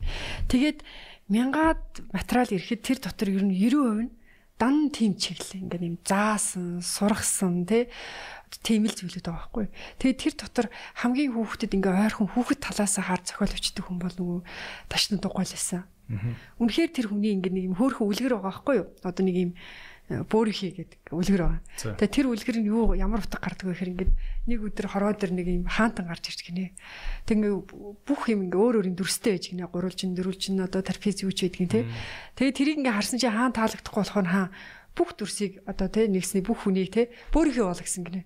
Тэгээ бүгдээрээ бөөрийнхий болцсон чинь нөгөө дөрсүү чи ингээд ерөөс ажиллаж амьдарч чадхаа болсон гинэ ингээд хоорондоо мөргөлтөө дишэж явахсан мөргөлтөө бүх бөөрхийн юм чи ингээд мөргөлтөө Тэгээ энэ юусоо болохгүй мэнэ хаа буцаад тэнд нь уруулаа гэсэн мэн л да. Одоо ингээ гурвалжин дөрсөөсөн чи бөөрийнхөө шүү дээ. Тэнгүүд тэр үлгэр юу илэрхийлж хамгийн төгсгөлдөө нөгөө анх байсан гурвалжин чинь бөөрийнхөө болоо буцаа гурвалжин болохоор бүр жижигхэн болчихж байна гинэ. Тэгээ энэ өөрөө хүүхдэд аа энэ хүн чинь нэг юм өөрөө өөрийн өнгө төрөхтэй даваа тал гэж байдаг юм байна. Гэх мэт чингээр зүйлүүдийг хүүхд ингээ задлаад яриа. Одоо шин тэр үлгэр дээр 3 7 хоног чичээлж болно те. Тэр үлгэрийг задлаад яриа дүрслээ дуурай зөхөөгоо те ингээд явах зөндөө боломж байгаа. Тэг яг тийм хүүхдийн сэтгэлгээний нэрээ нийгэм чи хин энэ одоо эдрээ надаас өөрөдөө хүлэн зөвшөөр бицэн даш тундаггүй даш тундаггүй төрийн сойрхол аваа. Тэгээ хөрхэн бурхан болсон доо. Одоо бурхан болоод 2 3 жил болж би үнэхээр та нэг одоо ахаад нэг иймэрхүү те хүүхдийн сэтгэлгээний ийм яг нөгөө Монгол ахуй тохирсон. Яг хүүхд ингээ уушгаар ингээ яг ингээ дагаад ингээ тий үлгэрийн хүүхдэд ингээд явах юм бол тэр маш бодиттой байдаг. Тэгэхээр одоо гэр үлгэр байгаа байхгүй. Одоо тэр гэр үлгэрийг ингээд ах дүүндэр ингээд гэр бүлтэй ингээд сайхан амьдраад ээж аав нэг гэрээ ингээд өвлүүлж өгсөн байхгүй юу. Одоо ташин дугуй ахаал нэг үлгэр байхгүй. Өн өн юугаар салгаад салгаа аваа явчихдаг тий. Тэгээ буцаагаад нийлдэг тий. Тэгээ тэр бичлэнгээр аа эн чинь нийгмийг тий. Тэр өөрөө уран зохиол тэр их хэлний их сурвалж гэдэг чинь тэр хүүхдэд сэтгэлгээ төлөвшөх, юмыг харах харааг одоо энэ яагаад гэдгийг те одоо бусад хүн чинь бол амтнаас ялгаатай амьдарч шалтгааныг л таньж мэддэг шүү дээ. Ерөөсөө тэр чинь яагаад гэдгийг л мэддэг л байх нь хүүхдийн хамгийн чухал төлөвшлөг байгаа. Тэгээ одоо шин зарим би ингээд 90-ад оны сүүлдээ 2000 оны их үеэр одоо багш нарын сургалт муралт хийдэг байжгаад дунд сургууль дээр ингээд хичээл орохгүй орохоор хүүхдүүд ингээд юм асуухаар ингээд багшийн өдрөө хараад байна. Тэгээ юу гэж хэлвэл энэ багшаа таалагдах вэ гэдэг. Тэгээд ялангуяа дунд ангид гэдэг одоо үзэх юм бол баг 20 хичээл орж штэ. 20 хичээлийг 10 хэдэн багш орж штэ. Тэгээд тэр 10 хэдэн хүний нас те ингээл торшлог арга зүй өөр өөр хүмүүсийн хүүхдийг тэр 10 хэдэн хүний учрыг олж тэр хүн чинь нэг юм сургууль сурж байна да. Тэгээд сүүлдээ юу гэхээр багш болгоо яг өөрөөр багшийн зөв гэдэг тэр ойлголт байсараа сүүлдээ энэ хүний ч зөв, энэ хүний ч зөв, энэ хүний зөв өөрөн бодлого болчихж байгаа. Тэгэхээр бид нар яагаад энэ нөгөө монгол хэл уран зохиол гэдэг дээр суурлаад тэ ингээ явнаа энэ зүйл чинь суурлаад цаашаа олон зүйлийг суур болно гэхээр хүүхд өөрөөхөө үзэл бодлоо илэрхийл сурдаг. Энэ яагаад гэдгийг туйлын зүг гэдэг зүйл байхгүй тэ ийм байж болно тийм байж болно. Тэгвэл яагаад гэдгийг тайлбарлах үнслэл байх хэрэгтэй. Тэгээд зөв хөтөлбөрийн шинжилтээр нөгөө түүхийг хичээлийг бас бид нэр их сурвалж дээр ажилладаг. За 21 оны хувьсгал гэдэг одоо 100 жил болох чинь гэдэг. Тэгвэл аль түүхчийн их сурвалж дээр юу гэсэн яагаад чи энийг зөв гэж бодож байгаа. Энэ илүү үнэнтэй ойрхон гэж яагаад бодож байгаа. Үнэхээр одоо Ленин гоотой харсан. Яасын тий? Харсын харсын тий. Хин харсын. Яг ямар их сурвалж дээр ингэж байгаа. Энийг ингэж чөлөөтөөс мэтгэлцдэг, ярилцдаг. Одоо тийм л хичээл явах хэрэгтэй зүйл л тий. А тэгхгүйгээр сурагчд дээр байгаа юмыг багш хэлж өгөж тэр хүүхдийн цагийг байгаа байхгүй. Тэгэхээр энэ нөхцөл байдлын хувьд бол үнэхээр бид нэр түрүүн эдрэг хэлсэн босралчийн өөрөө улсын хөгжил бүх юмний төлхүүр гэдэг чинь яалтчгүй л болчихно. Одоо ингээд та хэллээ хэддүгээр ангич бай 4 5 дугаар ангийн хүүхд 20 өөр хичээл үзт юм уу те? 6-аас дээш. 6-аас дээш ангийн хүүхдүүд 20 хичээл үзт. Одоо улсын сургуульд ингээ ороод харах юм бол мэдээллийн технологи нэг цаг арч юм уу? Одоо 7 дугаар ангид нийгэм нэг цаг арч юм уу газар зүй нэг цаг арч юм ингээ байж байгаа хгүй тэрийг өөрчлөх оролдлого яг хөө тухайн үед бид нар цөм хөтөлбөр төр юу хийсэн бэ гэхээр байгалийн шинжилгээ ухаан, нийгмийн шинжилгээ ухаан тий. Тэгээд энд нөгөө агуулгын бүрэлдэхүүн тогтолцооны хэсэг гэдэг чинь хөрх үрдэн чадвар нь энд байж байгаа шүү дээ. Тэгвэл нэг уран зохиолыг их авахад одоо манан будан ч мөнийг армаа авахад тэрийгэ монгол хэл дээр үздэг, тэрийгэ түүхийнхаа эксруулж болгочдөг тий. Буцаад ингээд ийм сургууль дотроо тий. За би одоо монголын багш идрээ хэлэхэд би ийм их авах гэж байна. Ийм одоо армаан зохиол авах гэж байна.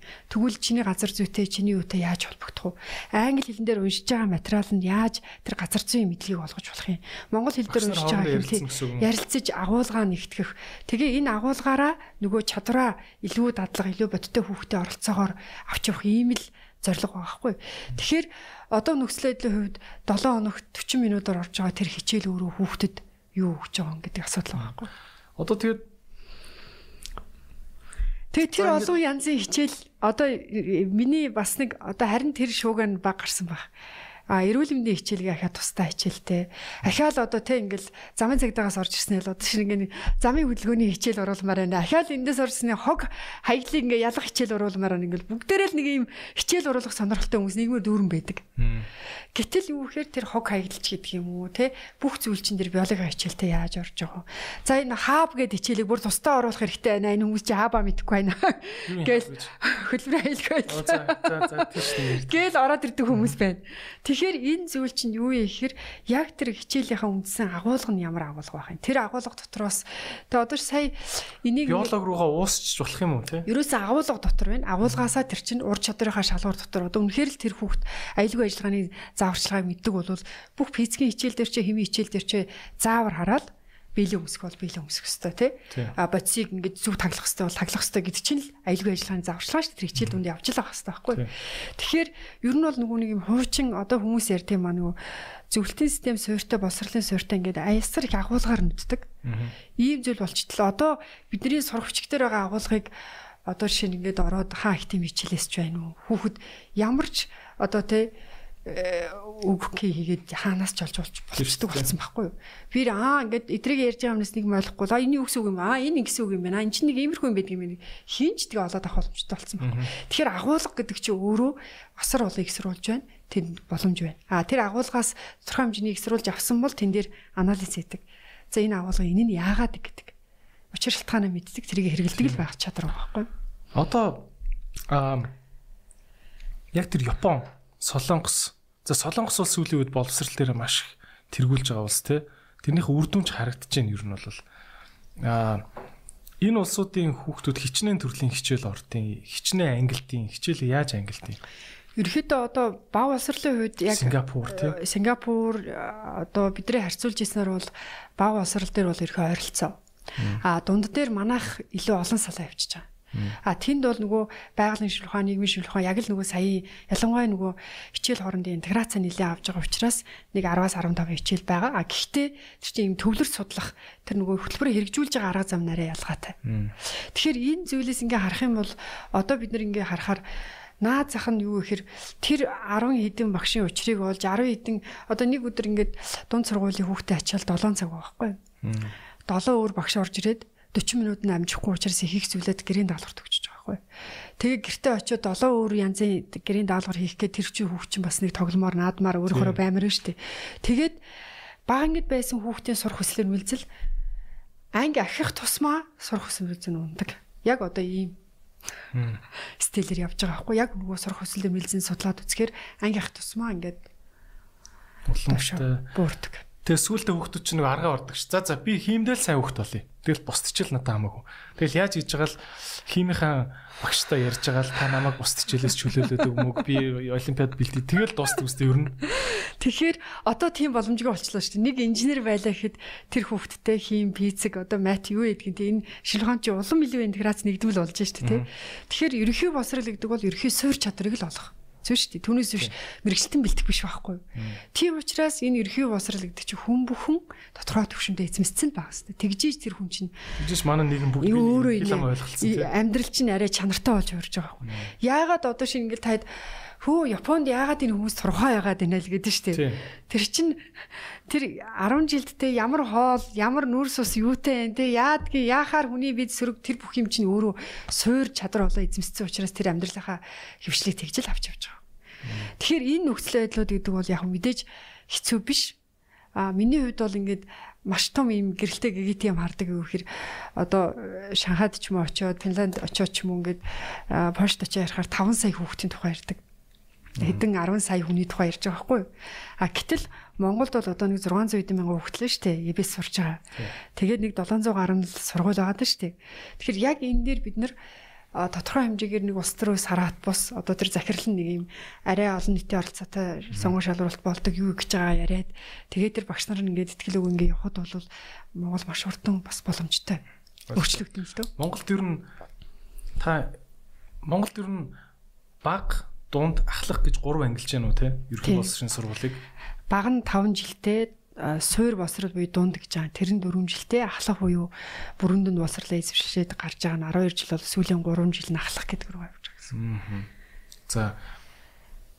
Тэгэхээр яг ингээ ерөнхий боловсролын сургуулийг аваад үзэхэр Монгол хичнээн багштай ер нь. За монголчууд Монголд бол одоо яг нэг 20 30 мянган багш байна.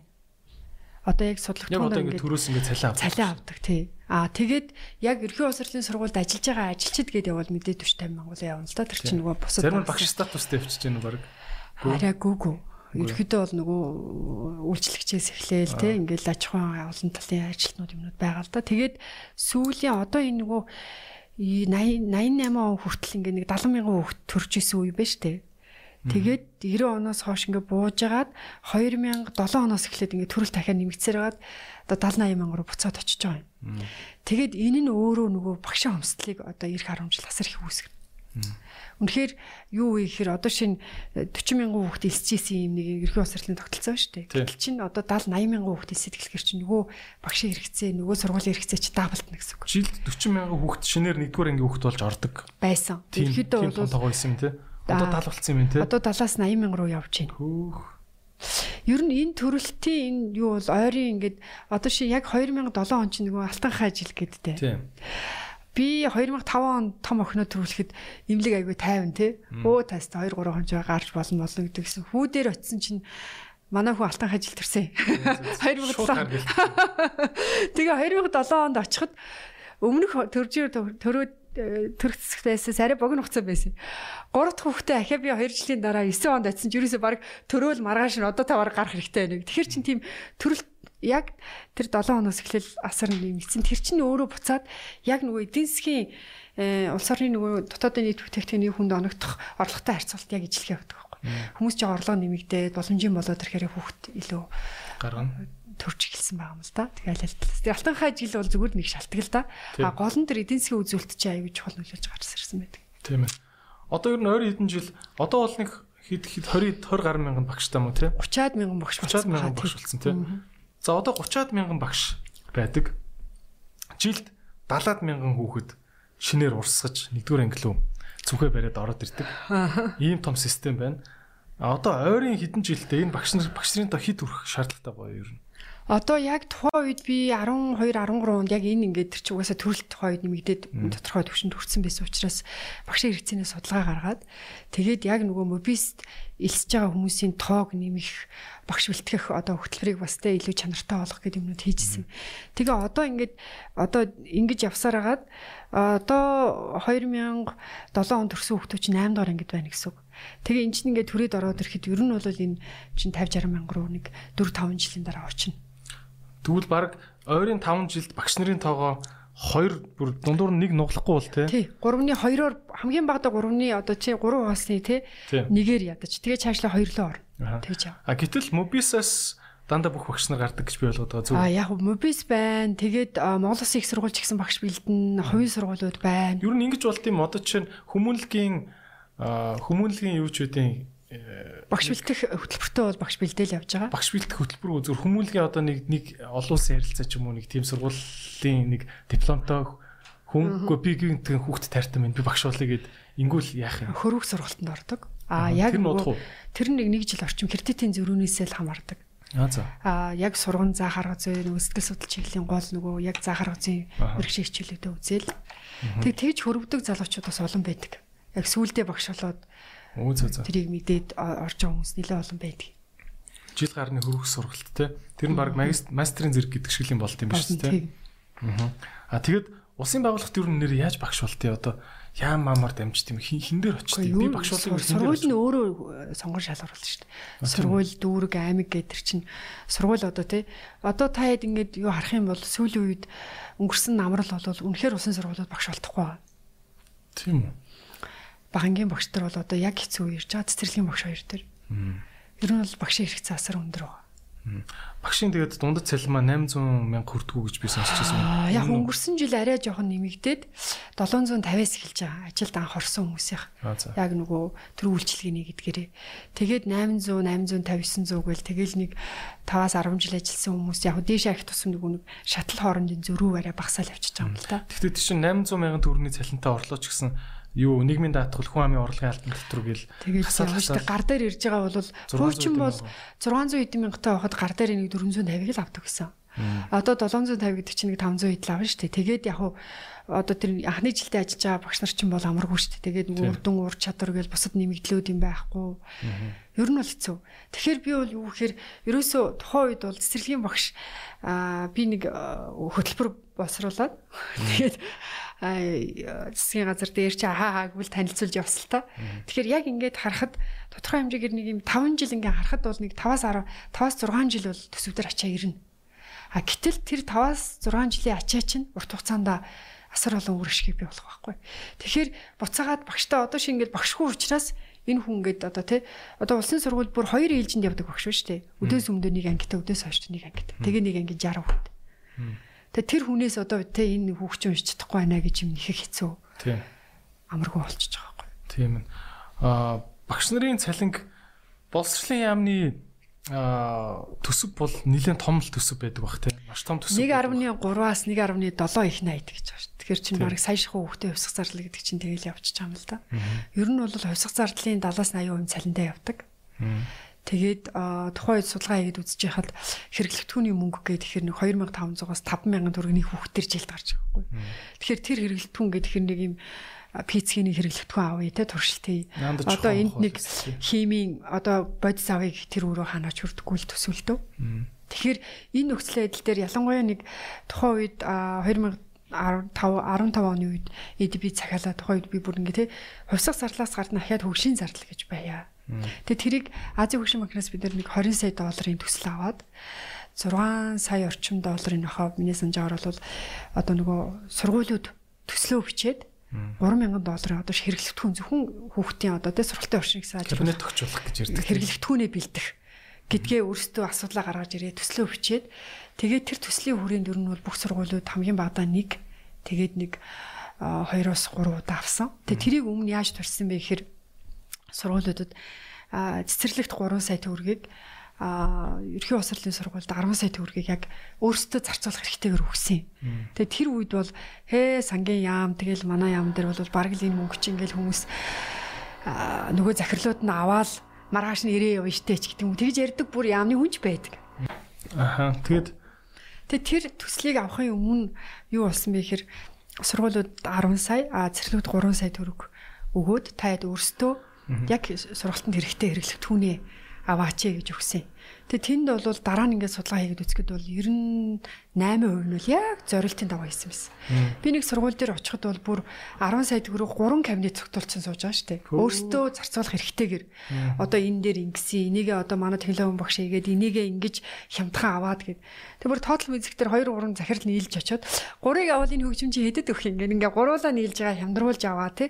Ягаад тэгэхээр тэр зарцуулах эрх нь тэднэрт байж ич хүүхд юу хэрэгтэй вэ гэдгийг аваад. А гэтэл яам нэг тендер зарлаад авахар чи энэ микрофон анхдагч үний хийдин тэр компани тэдэн төргийн ашиг өгч байгаа те юу ч юм те тэр биш байхгүй. Тэгэхээр трийг өөрчлөхийн тулд амьдаа трийг туршиж үзэж хагаад тэгээ дэлхийн банкныханд энэ ийм үр дүнтэй байна гэдгээ нотолж хагаад тэр төслийг авч ийсэн. Нөө зү зү. Тэгэхэд бол үнэхээр Тэр юу гэдэг зардал гэж өгдөг гинэ сургуульд? Сургуульд бол хэрэглэгдэхүүний зардал гэж өгч байгаа. Одоо хэрэглэгдэхүүний зардал гэд өгдөг юм байхгүй юу? Одоо яг тэр Тэрэнд бол тэр 10 сая 3 сая төгрөгийг бол ерөөдөө ингээд туршиж байгаамаа гэл одоо тэрий чи өөх гэж бас их юм болно шүү дээ. Сангийн амнахын яагаад энийг өөх өстэй ингээл юу яах вэ гэл тэгэл боловсролын газар дээр тэрий чинь үн нөгөө мө сургуулийн захирал чи энийг юу юунд хэрэглэх вэ гэдгээ маш сайн шалгуулж иж аваад яг тэгтээ авсан хийсэн сайн байсан. А дараа нь бол тэм тусдаа тэм зардал гараагүй. А тэрийг тэр төслөөр өргөжлүүлээд үр ашигтай байвал тэрийг цааш нь өргөжлүүлээ гэж уг нь тэр төсөл одоо судалгаатайгаа хамт хийгдэжсэн. Тэгээ тэр одоо бол цаашаа тэр төсөлд тусаал тэр зогссон байна. Одоо дунд сургуулийн за би ингээд нэг 45 дугаар сургуулийн захирал байлаа гэж бодъё би тий. Тэгэхэд надаа ингээд бодвол ингээд сангийн яам ч юм уу боловсролын яам ч юм уу нэг тийм нэг юм төрийн юм данснаас нэг ингээ мөнгө ороод ирэх нь шүү дээ тий. Тэг хүүхдийнхаа урсгал зардал тэгээ бусад урсгал зардлын төсөв орж ирнэ. Энэ төсөв хэд задартын дотор за багш нарын цалин гэдэг нэг цалин гээ шууд 70% явчихсан юм шүү тий. 97-аас 80% цалин үрдэн урамшуул гэд явчихна. За тэнгуүтэй өөр юу? За тэгээд нөгөө цахилгаан дулаан молоо урсгал зарлуу чинь бүгд орж шүү дээ. Аа тэгээд тодорхой хэмжээгээр нөгөө юунууд нь орж ирнэ. Хэрэглэгдэхүүнийгээд нэг тийм жижиг жижиг дотроо ингээд нэг хурдан илэгдэгч гэдэг юм уу зөөлөн эдлийн ч гэдэг юм ингээд ингээд нэг юм хідэн задаргаа нь бол байгаа л да. Ингээд байж байна. Гэтэл тэр нь олон хүүхдтэй сургуульд одоо шинэ 84 шиг ч юм уу 5 6 мянган хүүхдтэй ч юм 2 мянган хүүхдтэй 2 мянган хүүхдийн 5 мянгаыг нийлүүлээд бас нэг жоохон бодтой юм чинь шүү дээ. А гэтэл 500-аас доош ч юм уу хүүхдтэй сургуулиуд бол тэр нь юуж болохгүй шүү дээ. Тэгээд буцаад нэг юм хийж боловч буцаад нөгөө хүүхдтэй хүртэ хэмжээ насар байгаа байхгүй. Одоо шин тэр нөхцөл байдлын үед яг үндэ бол нөгөө хүүхдэд монголчуудын тэр нөгөө маш их академик мэдлэгтэй байгаа тийм нөгөөтхөө нөө хав болгож хэрэглээ болгож чадахгүй нэг гэдэг чинь энэ одоо шилийг яавал хагардгийг гэдэг 10 янзаар туршаад үтсэн хүүхд чинь энэ яавал хагарах вэ гэдгийг ойлгоцсон л үлдэх ёстой шүү дээ тий. Тэгэхээр яг тэрэн шиг тэр өөрөө хийж үзэх, туршиж үзэх гэдэг чинь гарцаагүй зардал шаарддаг зүйл байхгүй хэрэглээний хэрэглэгдэхүүний зардал. Одоо бол ээж аав нарыг бол дээр үд тэгдэг байсан шүү дээ тий. Намаг лав сургуульд байхад эцэгхийн хурал болол за э, хин та тавын ээж аав нар нийлээд ангитай нэг ийм шүүгээ аваад тавьчих. Та хоёрын ээж аав нийлээд ангитай нэг юм үлгүүрээ засчих хэрэгтэй байна гэд бүр аав ээж нарын мөнгөөр сургуулийнхаа засвар масар гэдэг ингээд Одоо тэр жишг байж л байгаа. Хэврээ юу? Хэврээ байж л улсын сургуулиуд төр бол байгаа. Тэгээ эцэгчүүд бол мэдээж ингээд боломжоор явж байгаа. Тэгээ тэрийг бол бүр нээлттэй болгомоор байгаа хгүй. Хэрвээ улс дааж чаддгүй бол та хүүхдээ сургуулаа өгж байгаа бол ядаж би нэг ийм санаа идэх юм аа. Цалингийн 1% сан гэдэг.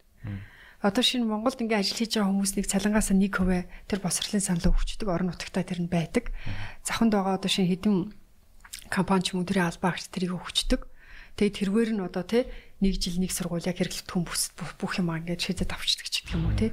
Ингээд явахгүй бол одоо нэг одоо мөнгөө өгсөн ээж ав сайн мөнгөө өгөөгүй ээж ав муу тий тэгээд тэр чинь ингээд хүүхдтэй багшаа харьцах харьцаа гарцааг нь нөлөөлөхгүй ш нөлөөлж л байдаг тий ил даалд ямар нэгэн байдлаар байгаа тий ингээд ангийн амар гоо болгож өгчөд хахад хүүхдийн зодоо яах юм тэгэхээр эн чинь өөрөө тэр бүх юм хэрвээ эцэг тодорхой хэмжээгээр зардал хариуцах бол тэр нээлттэй тий хүүхдүүд хариуцлагатай байдаг.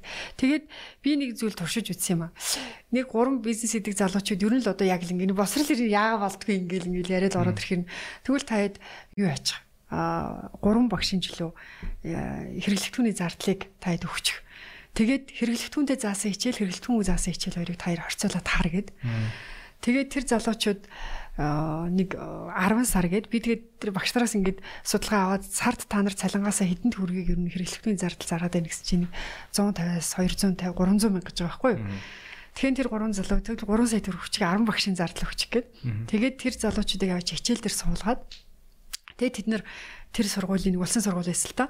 Тэрэн дээр ингээд нэг сарын чинь зардал 300 мянга гэдэг ингээд өгөөд тэгээ тэд нэг хэрэглэгтүүнээ хийхэд чинь ингээд шал өөр хүчлээ байгаа байхгүй. Бүр сонирхолтой тий.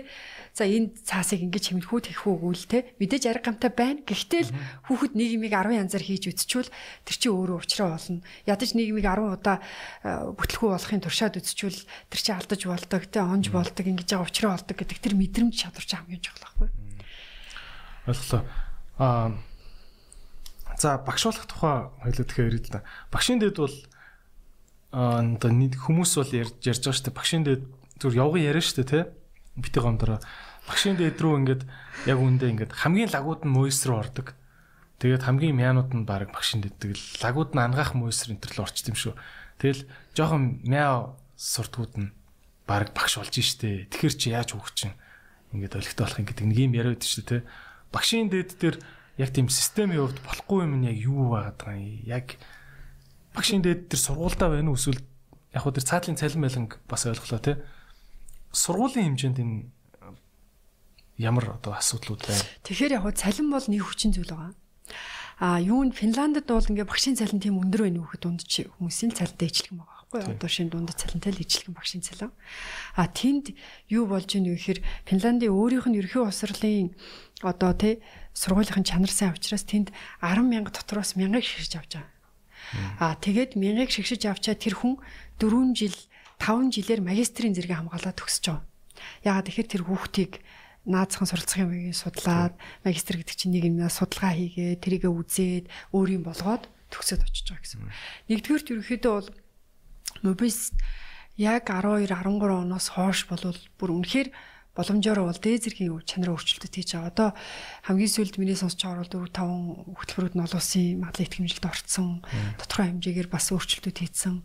Тэгээ би анх нөгөө мобис дээр үнэхээр би мобис л өөрчлөгдөхгүй бол те нэгсэн чинь өөрөө үндсэн шүү дээ. Одоо шинэ мотор хэрэг юм бол үндсэн байгаа байхгүй юу? Мобис дээр өөрчлөлт явахгүй бол бид нар мянга гадуур одоо те гоё олж өшөө гэж гүгээд тэр боломжгүй шүү дээ. Багшилдаж байгаа бол уурхай тэнд байгаа учраас. Тэгээд анх очиход бол тэр интернетийн хурд багш нарын хэрэгжилж байгаа компьютер те оюутны байрын орчин нөхцөл гэл асар хүндээс л та. Тэгээ тэр 3 4 жилд бол үнэхээр яам бол одоо те мобисиг бол байдаг чадлаараа л анхаарсан. Одоо ши наадсан зүгээр би энгийн зүйлийг хэлэхэд чинь оюутны байранд агаарчлалт байхгүй мөгөн зөртсөн тийм орчинд сууж байгаа оюутан үнэхээр орчин тийм байхад тэр хүнд тийм нэг юм юмыг сайхан болгох гэсэн тийм мэдрэмжтэй багш болох уу гэдэг асуулт байгаа байхгүй. А тэр бичлэнгээр ингээд наазах нээлттэй ороо суудаг өрөөж байдаг юм. Эсвэл оюутны дадлагыг бол 4 жил 4 удаа хийдэг болгоод хөдөө орон нутгийн оюутны дадлага хийсэн тохиолдолд нөгөө тэтгэлэг өгдөг өгдөг болгоод тодорхой хэмжээ одоо тэр нь ч явж байгаа л да. Тэгэхээр нэгдүгээрт юу гэхээр багш үлдэж байгаа сургуулийн багш нар бол мэдээж өөрчлөгдөх хэрэгтэй тий. Одоо шин нэг залуухан багш тохиолдсон кейс л тий даалгавар хийгээгүй төлөө нөгөө хүүхдүүдийг аваад ангиудаар хэсвэлсэн байгаа байхгүй юу? Одоо ичиж өгөх гээд ингээд болсон юм шүү дээ. Тэгээ би бүр ингээ ойлгож чадахгүй чи ингээд яагаад тэр хүүхдүүдийг ингээд чи ингэж аам бэ гэсэн чинь намайг 10 жил тахтал ингэдэг байсан гэж. Тэгэхээр тэр чинь юу гэхээр ерөөсө багш ингэж болдог гэдэг соёл чинь ингээ өвлөгдөд яваад шүү дээ. Тэгэхээр нөгөө хүүхдийн дотоод ертөнц гэж юу юм те нэг удаа даалгавар хийв гэдэг бол тэр муу хүн үү те гих мэтлэнгээр нөгөө хүүхдээ ойлгох хүнийг ойлгох талаасаа төлөвлөж хөгжил гэдэг зүйл бол угаасаа багшийн босрт хамгийн чухал зүйл байна. Тэр тэр чиглэлээ одоо мобист оюутан байсан хүн тэгж дадлага хийж байгаа юм уу те тийм л байна. Аа тэгээд тийм зүйл тохиолдол байна л да. Тэгээд хүүхдүүд ингээ маш их цагнаад ингээ яагаад вэ нэгэнгүүт тэгээд юу вэ нөхөр яг багшилтгаж байгаа сургуулийн багшийн арга зүй яг тэр оюутан дээр гарч ирж байгаа юм. Презентац ярьчаал за гэл гараа авч 5 дугаар анги ч юм уу 2 дугаар анги ба ялангуяа бага насны хүүхдүүд чинь бүр 180 80 90 өмнө өөрөө хийх хэвээр тийм онцлогтой хүүхдүүд шүү дээ. Тэгэхээр тэр юу харуулж ийн гэхээр яг багшийн сургууль багшилж байгаа багш нарын арга зүй яг тэр багшилдж байгаа арга зүйтэйгээ уялдах гэдэг юм чухал байгаа. Ер нь ер нь мобисийн багш нар нь мобисийн багш нар нь өөрсдөө сурагч нар биш шүү. Мобист хичээл зааж байгаа багш нар нь өөрчлөгдөж энэ дунд сургуулиуд өөрчлөгдөх гэдэг шүү дээ тийм. Ер нь бол нэг тал нь тэр А гэхдээ мобист бол үнэхээр сайн багш нар байгаа юу? Байгаа. Бас тэр дотор чинь үнэхээр сайн багш нар байгаа л та. А тэгвэл энэ өөрөө багшилтыг тогтолцоо гэдэг зүйлийг тэгээд яг багшийн сонгон монгон гэж хэлвэл багш болох үнэхээр хүсэлтэй хүүхдүүдийг авдаг. Тэгээд энд цалин бол нэг хүчин зүйл. А нөгөө талаасаа тэр багшийн нэр хүнд гэдэг юм ба. Улсаараа нийлээл багшаа муулал улсаараа нийлээл босрлоо муулаад хахаар энэ хажуу сууж байгаа хүн чи хэн багш болоё гэж бодхов тий. Тийм тийм. Тэгээ би нэг ийглийн нэг ярилцлаганд ураад очисон чинь тухайд одоо нэг хурлын гишүүн жаргалмаа гэж ярьсан орж ирсэн л надад нэг хүүхд зодж байгаа цэрлэгийн багшийн бичлэг үзүүлээ. За энийг та юу гэж бодож байна? Тэг би шууд хариуд нь те 100 дотор 1000 дотор нэг хүн байгаа хаа. Сэтгүүлч дотор ч гэсэн юм л хүмүүс байгаа. Тэгэхээр нэг хүнийх нь сөрөг муу зүйлэр нийтийн баалдаг энэ нэг юм массын сэтгэлгээ ч юм уу те. Тэр зүйл ингээд ер нь бол хүмүүс өөрчлөгдөхгүй бол бид нар тэгэл бие нэгэл зүхэл буруутгаал идэг. Тэгээд юу өөрчлөх юу шийдэх гэж байгаа. Тэгэхээр бид нар үнэхээр босрлоо өөдөн татыг үл ядаж багшийн нэр хүнд хүүхдээ хаажууд багшийн дээдлэх хайрлах.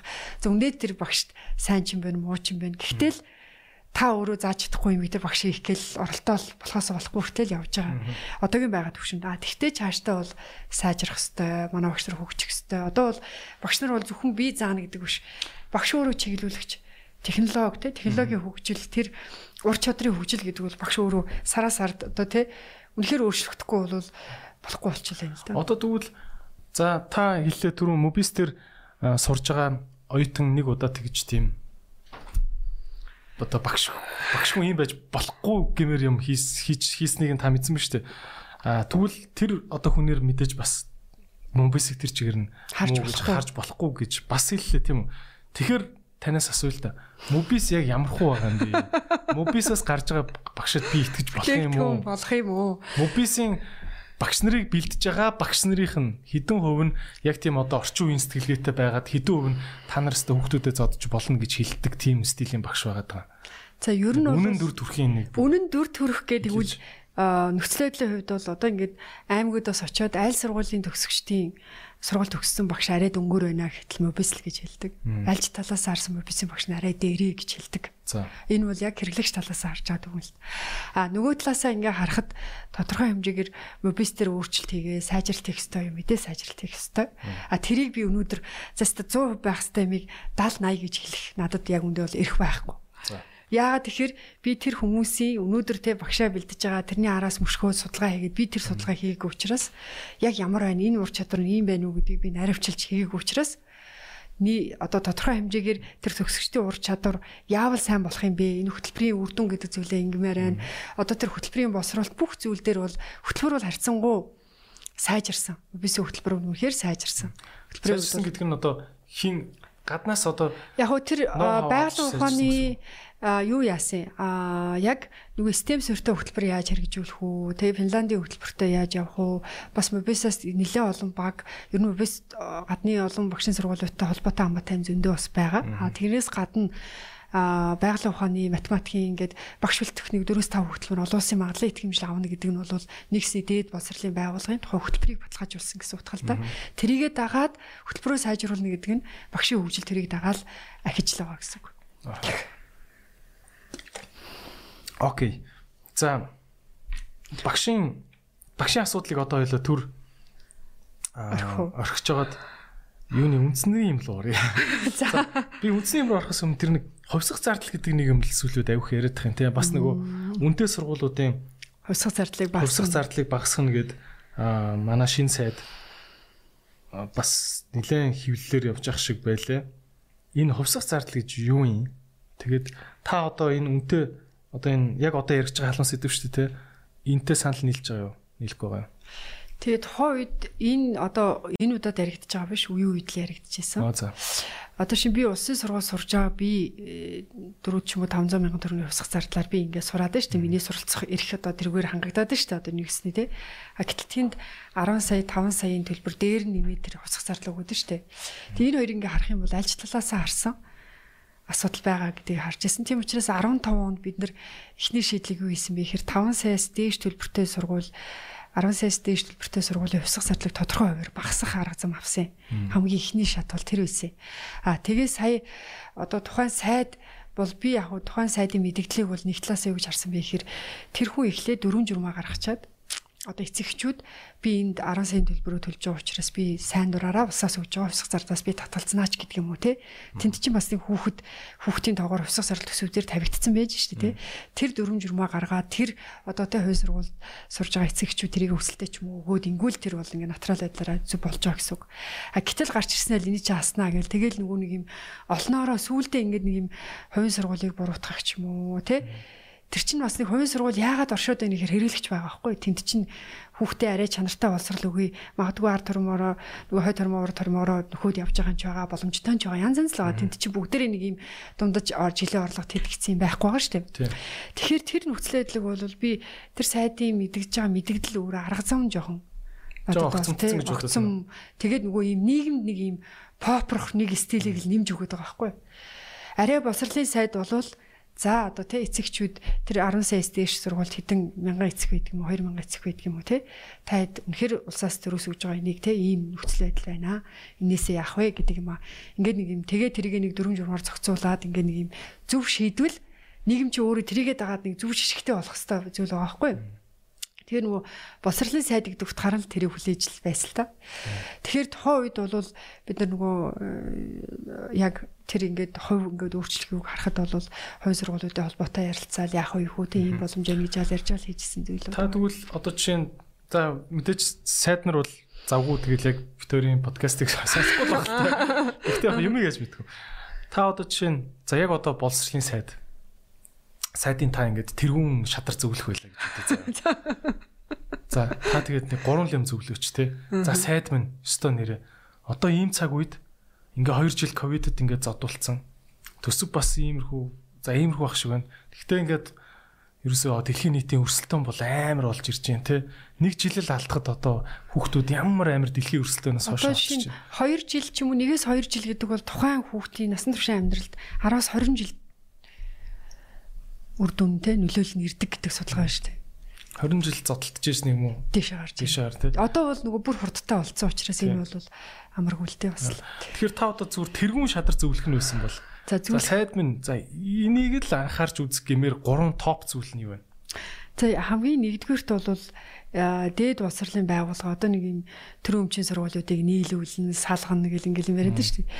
16 оны 4 сарын 14-нд бид нэр босрлын багцуулалтыг өөрчлөлтөөсөн. Тэр юу гэхээр сайд их сургуулийн захирлыг томилдгийг болиулаад өдөр цэвүүл нь одоо шинэ эдрээ хэрэг мөсийн захирал болох гэж байгаа л да. Яг ямар 10 жил юм уу те 6 жил юм уу?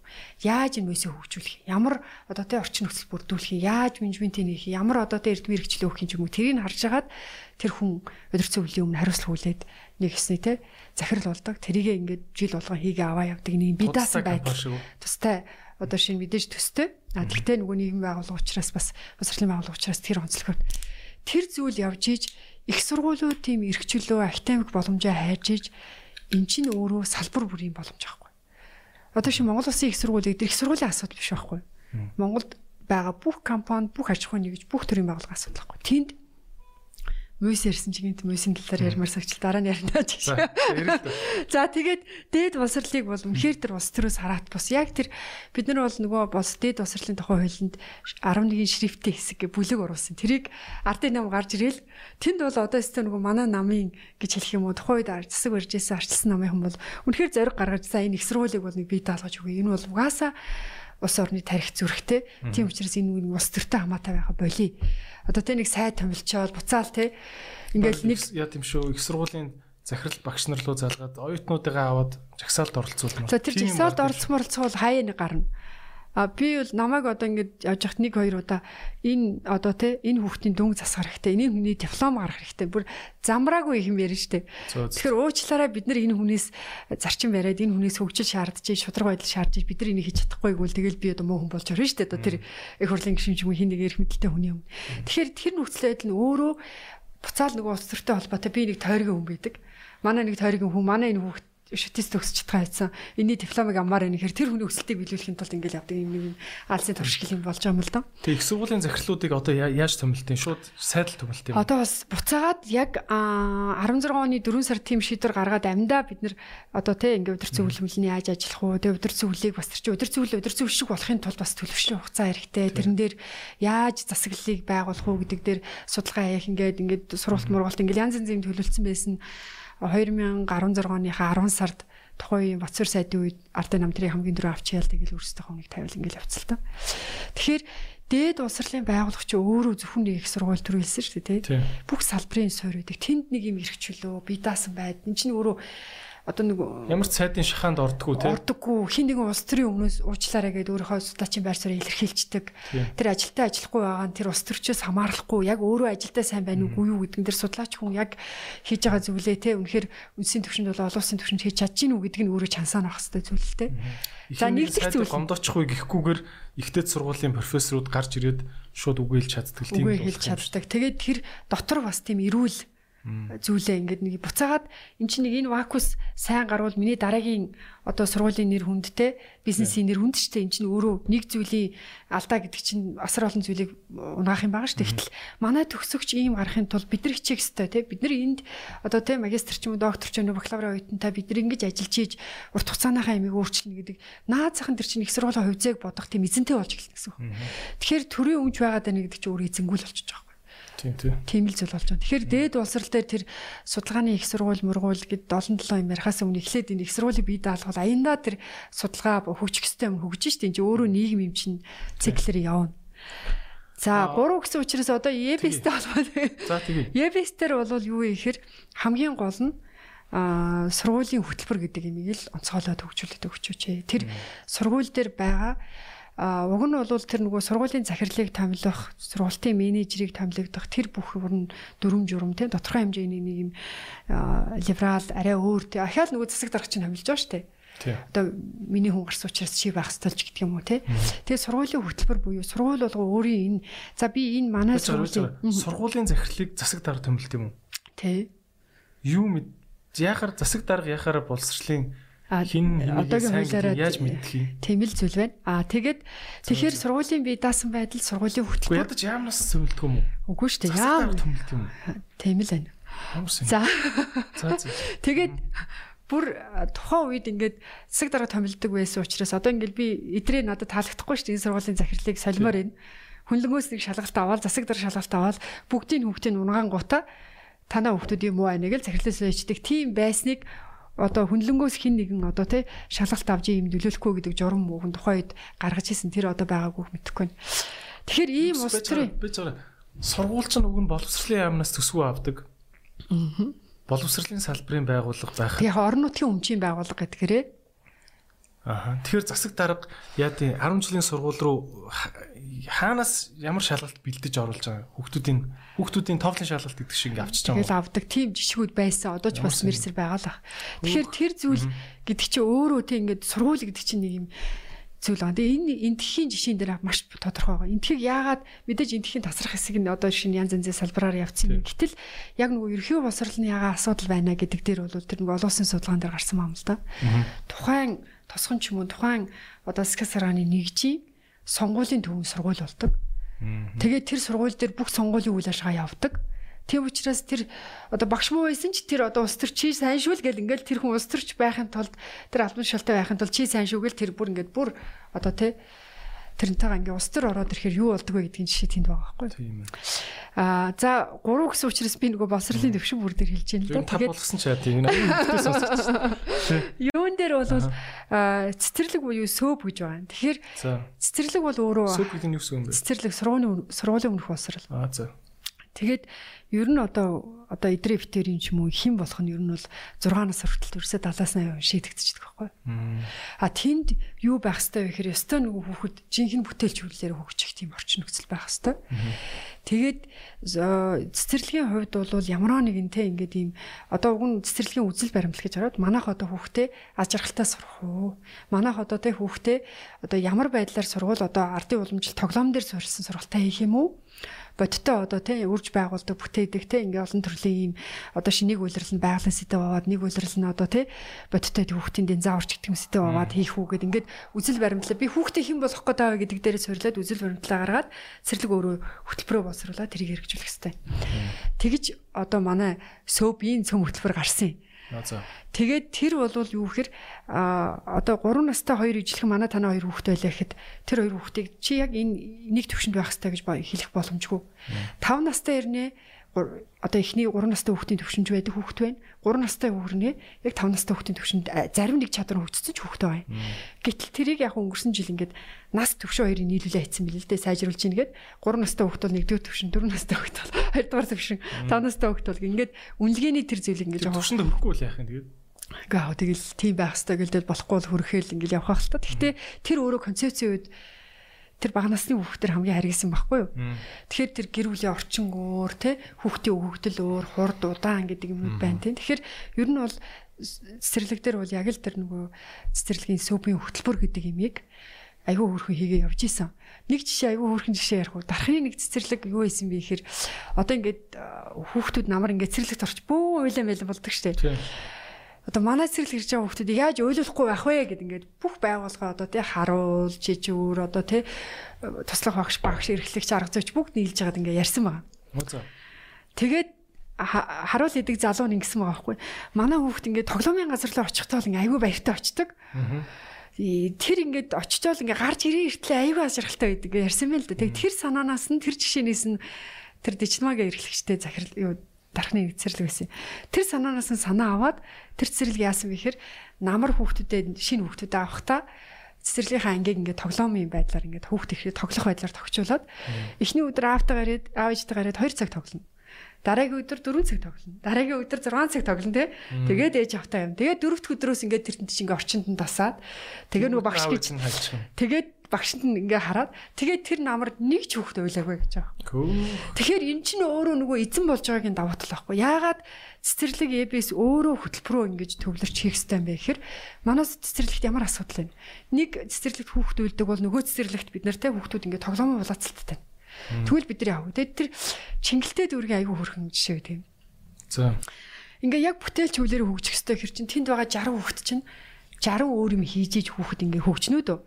Багшийн камдар за наашаараа нэг дэр юм нэг хоёр гэд ингэсээс чи хүүхэд тэнд ээжийнхаа мемиг бодож байгаа хүүхдээ нөгөө чихэр бодож байгаа хүүхдээ тэр багшийн эмигээ хараа сууж байгаа хүүхд байгаа шүү дээ. Тэгэхээр чин тэнд юм сурна гэж угаасаа боломжгүй байхгүй юу. Тэгээ тийм одоо ингээ яг сургууль шиг ингээд хичээл заадаг тийм болгоцсон байсан цэцэрлэгийг. Тэгээд тэрийг өөрчлөхийн тулд цөм хөтөр яг бүтээлч үлгээ. Тэгээд нөгөө булан гэж гар. Тэр одоо идрээ орж ирээд би өглөө би зохион бүтээх болон дээр очиж тоглох уу?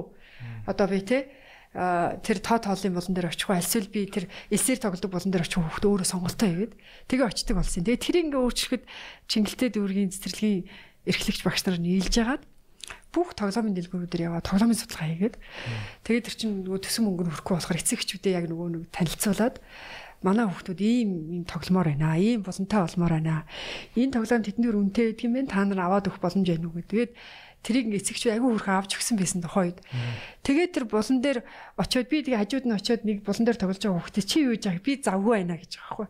Яагаад тэгэхээр дуртай тэр булан дээр тоглож байгаа хүүхд чинь тэр үүлээрээ одоо жишээ нь тэг ингээд бүх тэр хүүхдийн ингээд тоглож байгаа юм нөгөө өөрж байгуулж байгаа тоглоом тоглож байгаа. Бүр ингээд бүр дөрдөө орсон тийм тоглож байгаа. Тэгэл явцдаа энэ ямар өнгөтэй, ямар дүрстэй, энэ биага болдгийм болдгоо гэдэг юм хийдэг.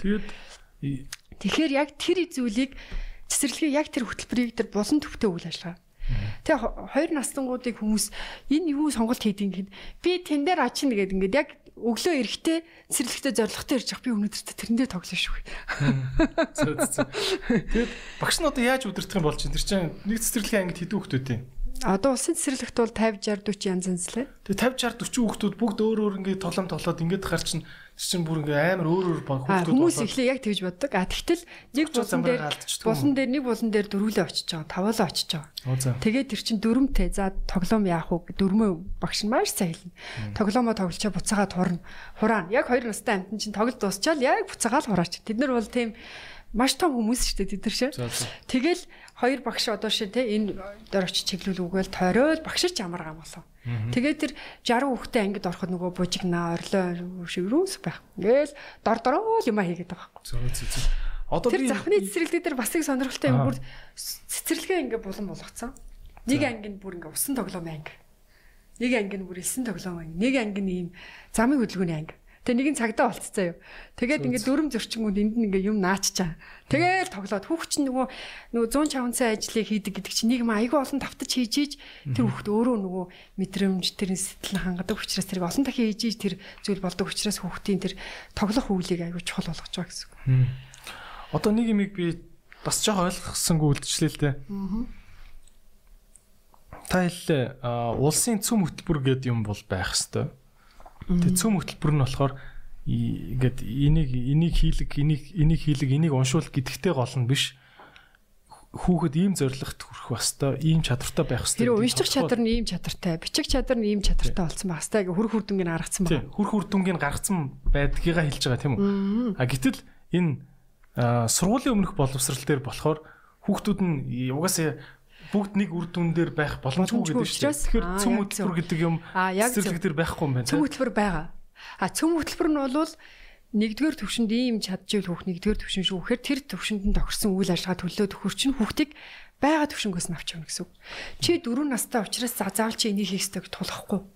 3 настай, 4 настай, 2 3 4 5 таа гэдэг ингээ хүүхдүүд нь шүү дээ. Тэгтэл тэр хүүхдийг багш орж ирэхэд за энэ хүүхднийг одоо зурх үйл нь бол тэдгэр төвшөнд байгаа учраас одоо ийм зүйл чаддаг учраас энэ зүйл дээр нь суйрлаа дараагийн зүйлийг хэлгээд ингээ байгаа төвшнгөөс нь авч явах зүйл байхгүй. Оо зүг зүг.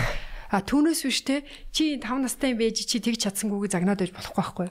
Тэгэхээр 5 настай хэрнээ одоо ямар ч үсэн цэцэрлэг төгсөхдөө бол ийм ийм ийм 20 өстой гэдэг нь байж байгаа. А тэр нь дотроо төвшөнтэй байгаа.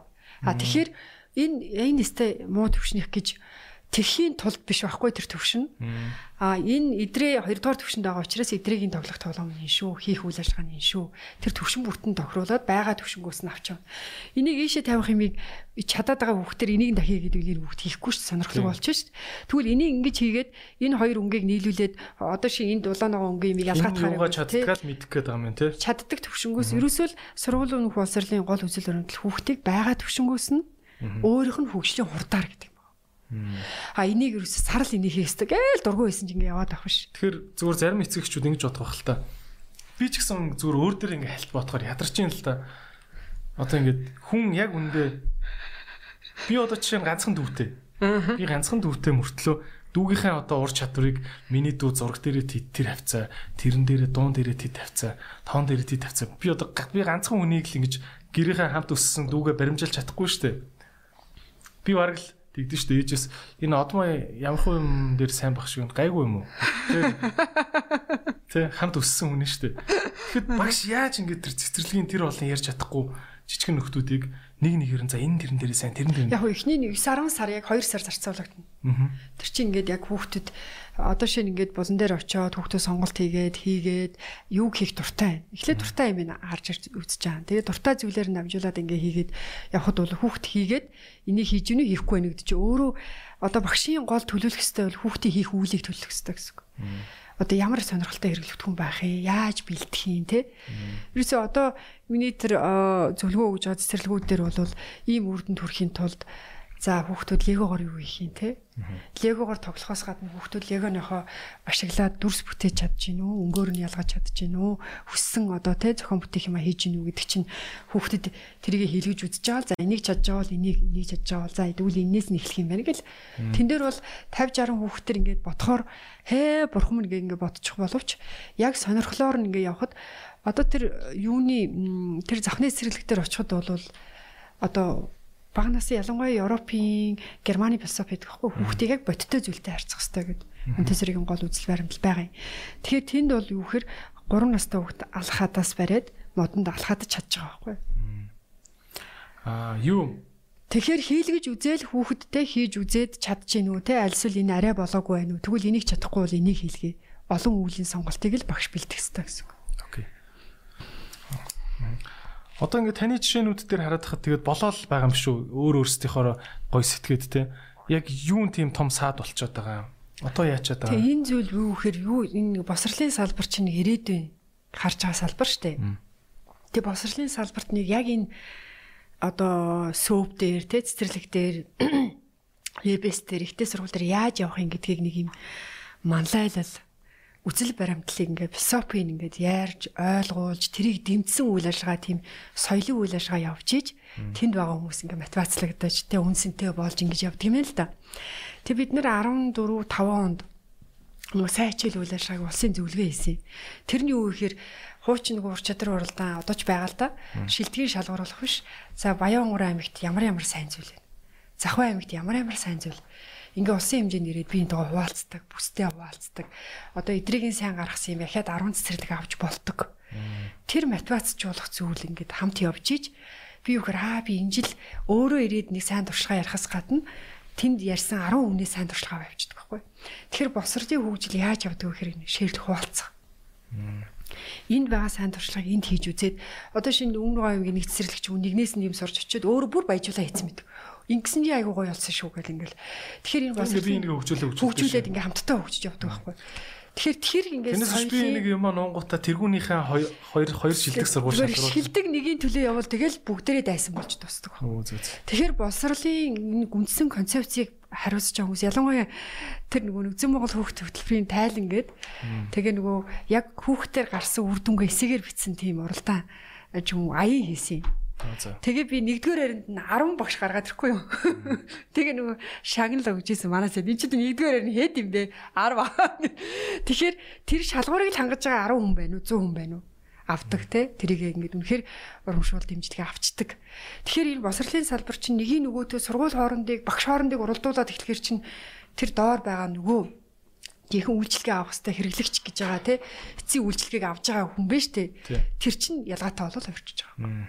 Тэгэхээр боловсролын салбарт уралдуулдаг биш хамтардаг нэгддэг хуваалцдаг л тэр соёлыг л бүрдүүлэхгүй. Сайн сайн жишгээл шалгаруулдаг болохоос биш сайн багш сургуулийг биш юм биш тий. Тэгэхээр тэр концепц орхигдоод одоо удчлаа л да 15 16 оноос хойш тэгэл орхичих жоохгүй яа тэгэхээр тэр чинь нэг юм тим концепт философи нэг хүн дээр сөрүүлж явд юм байна.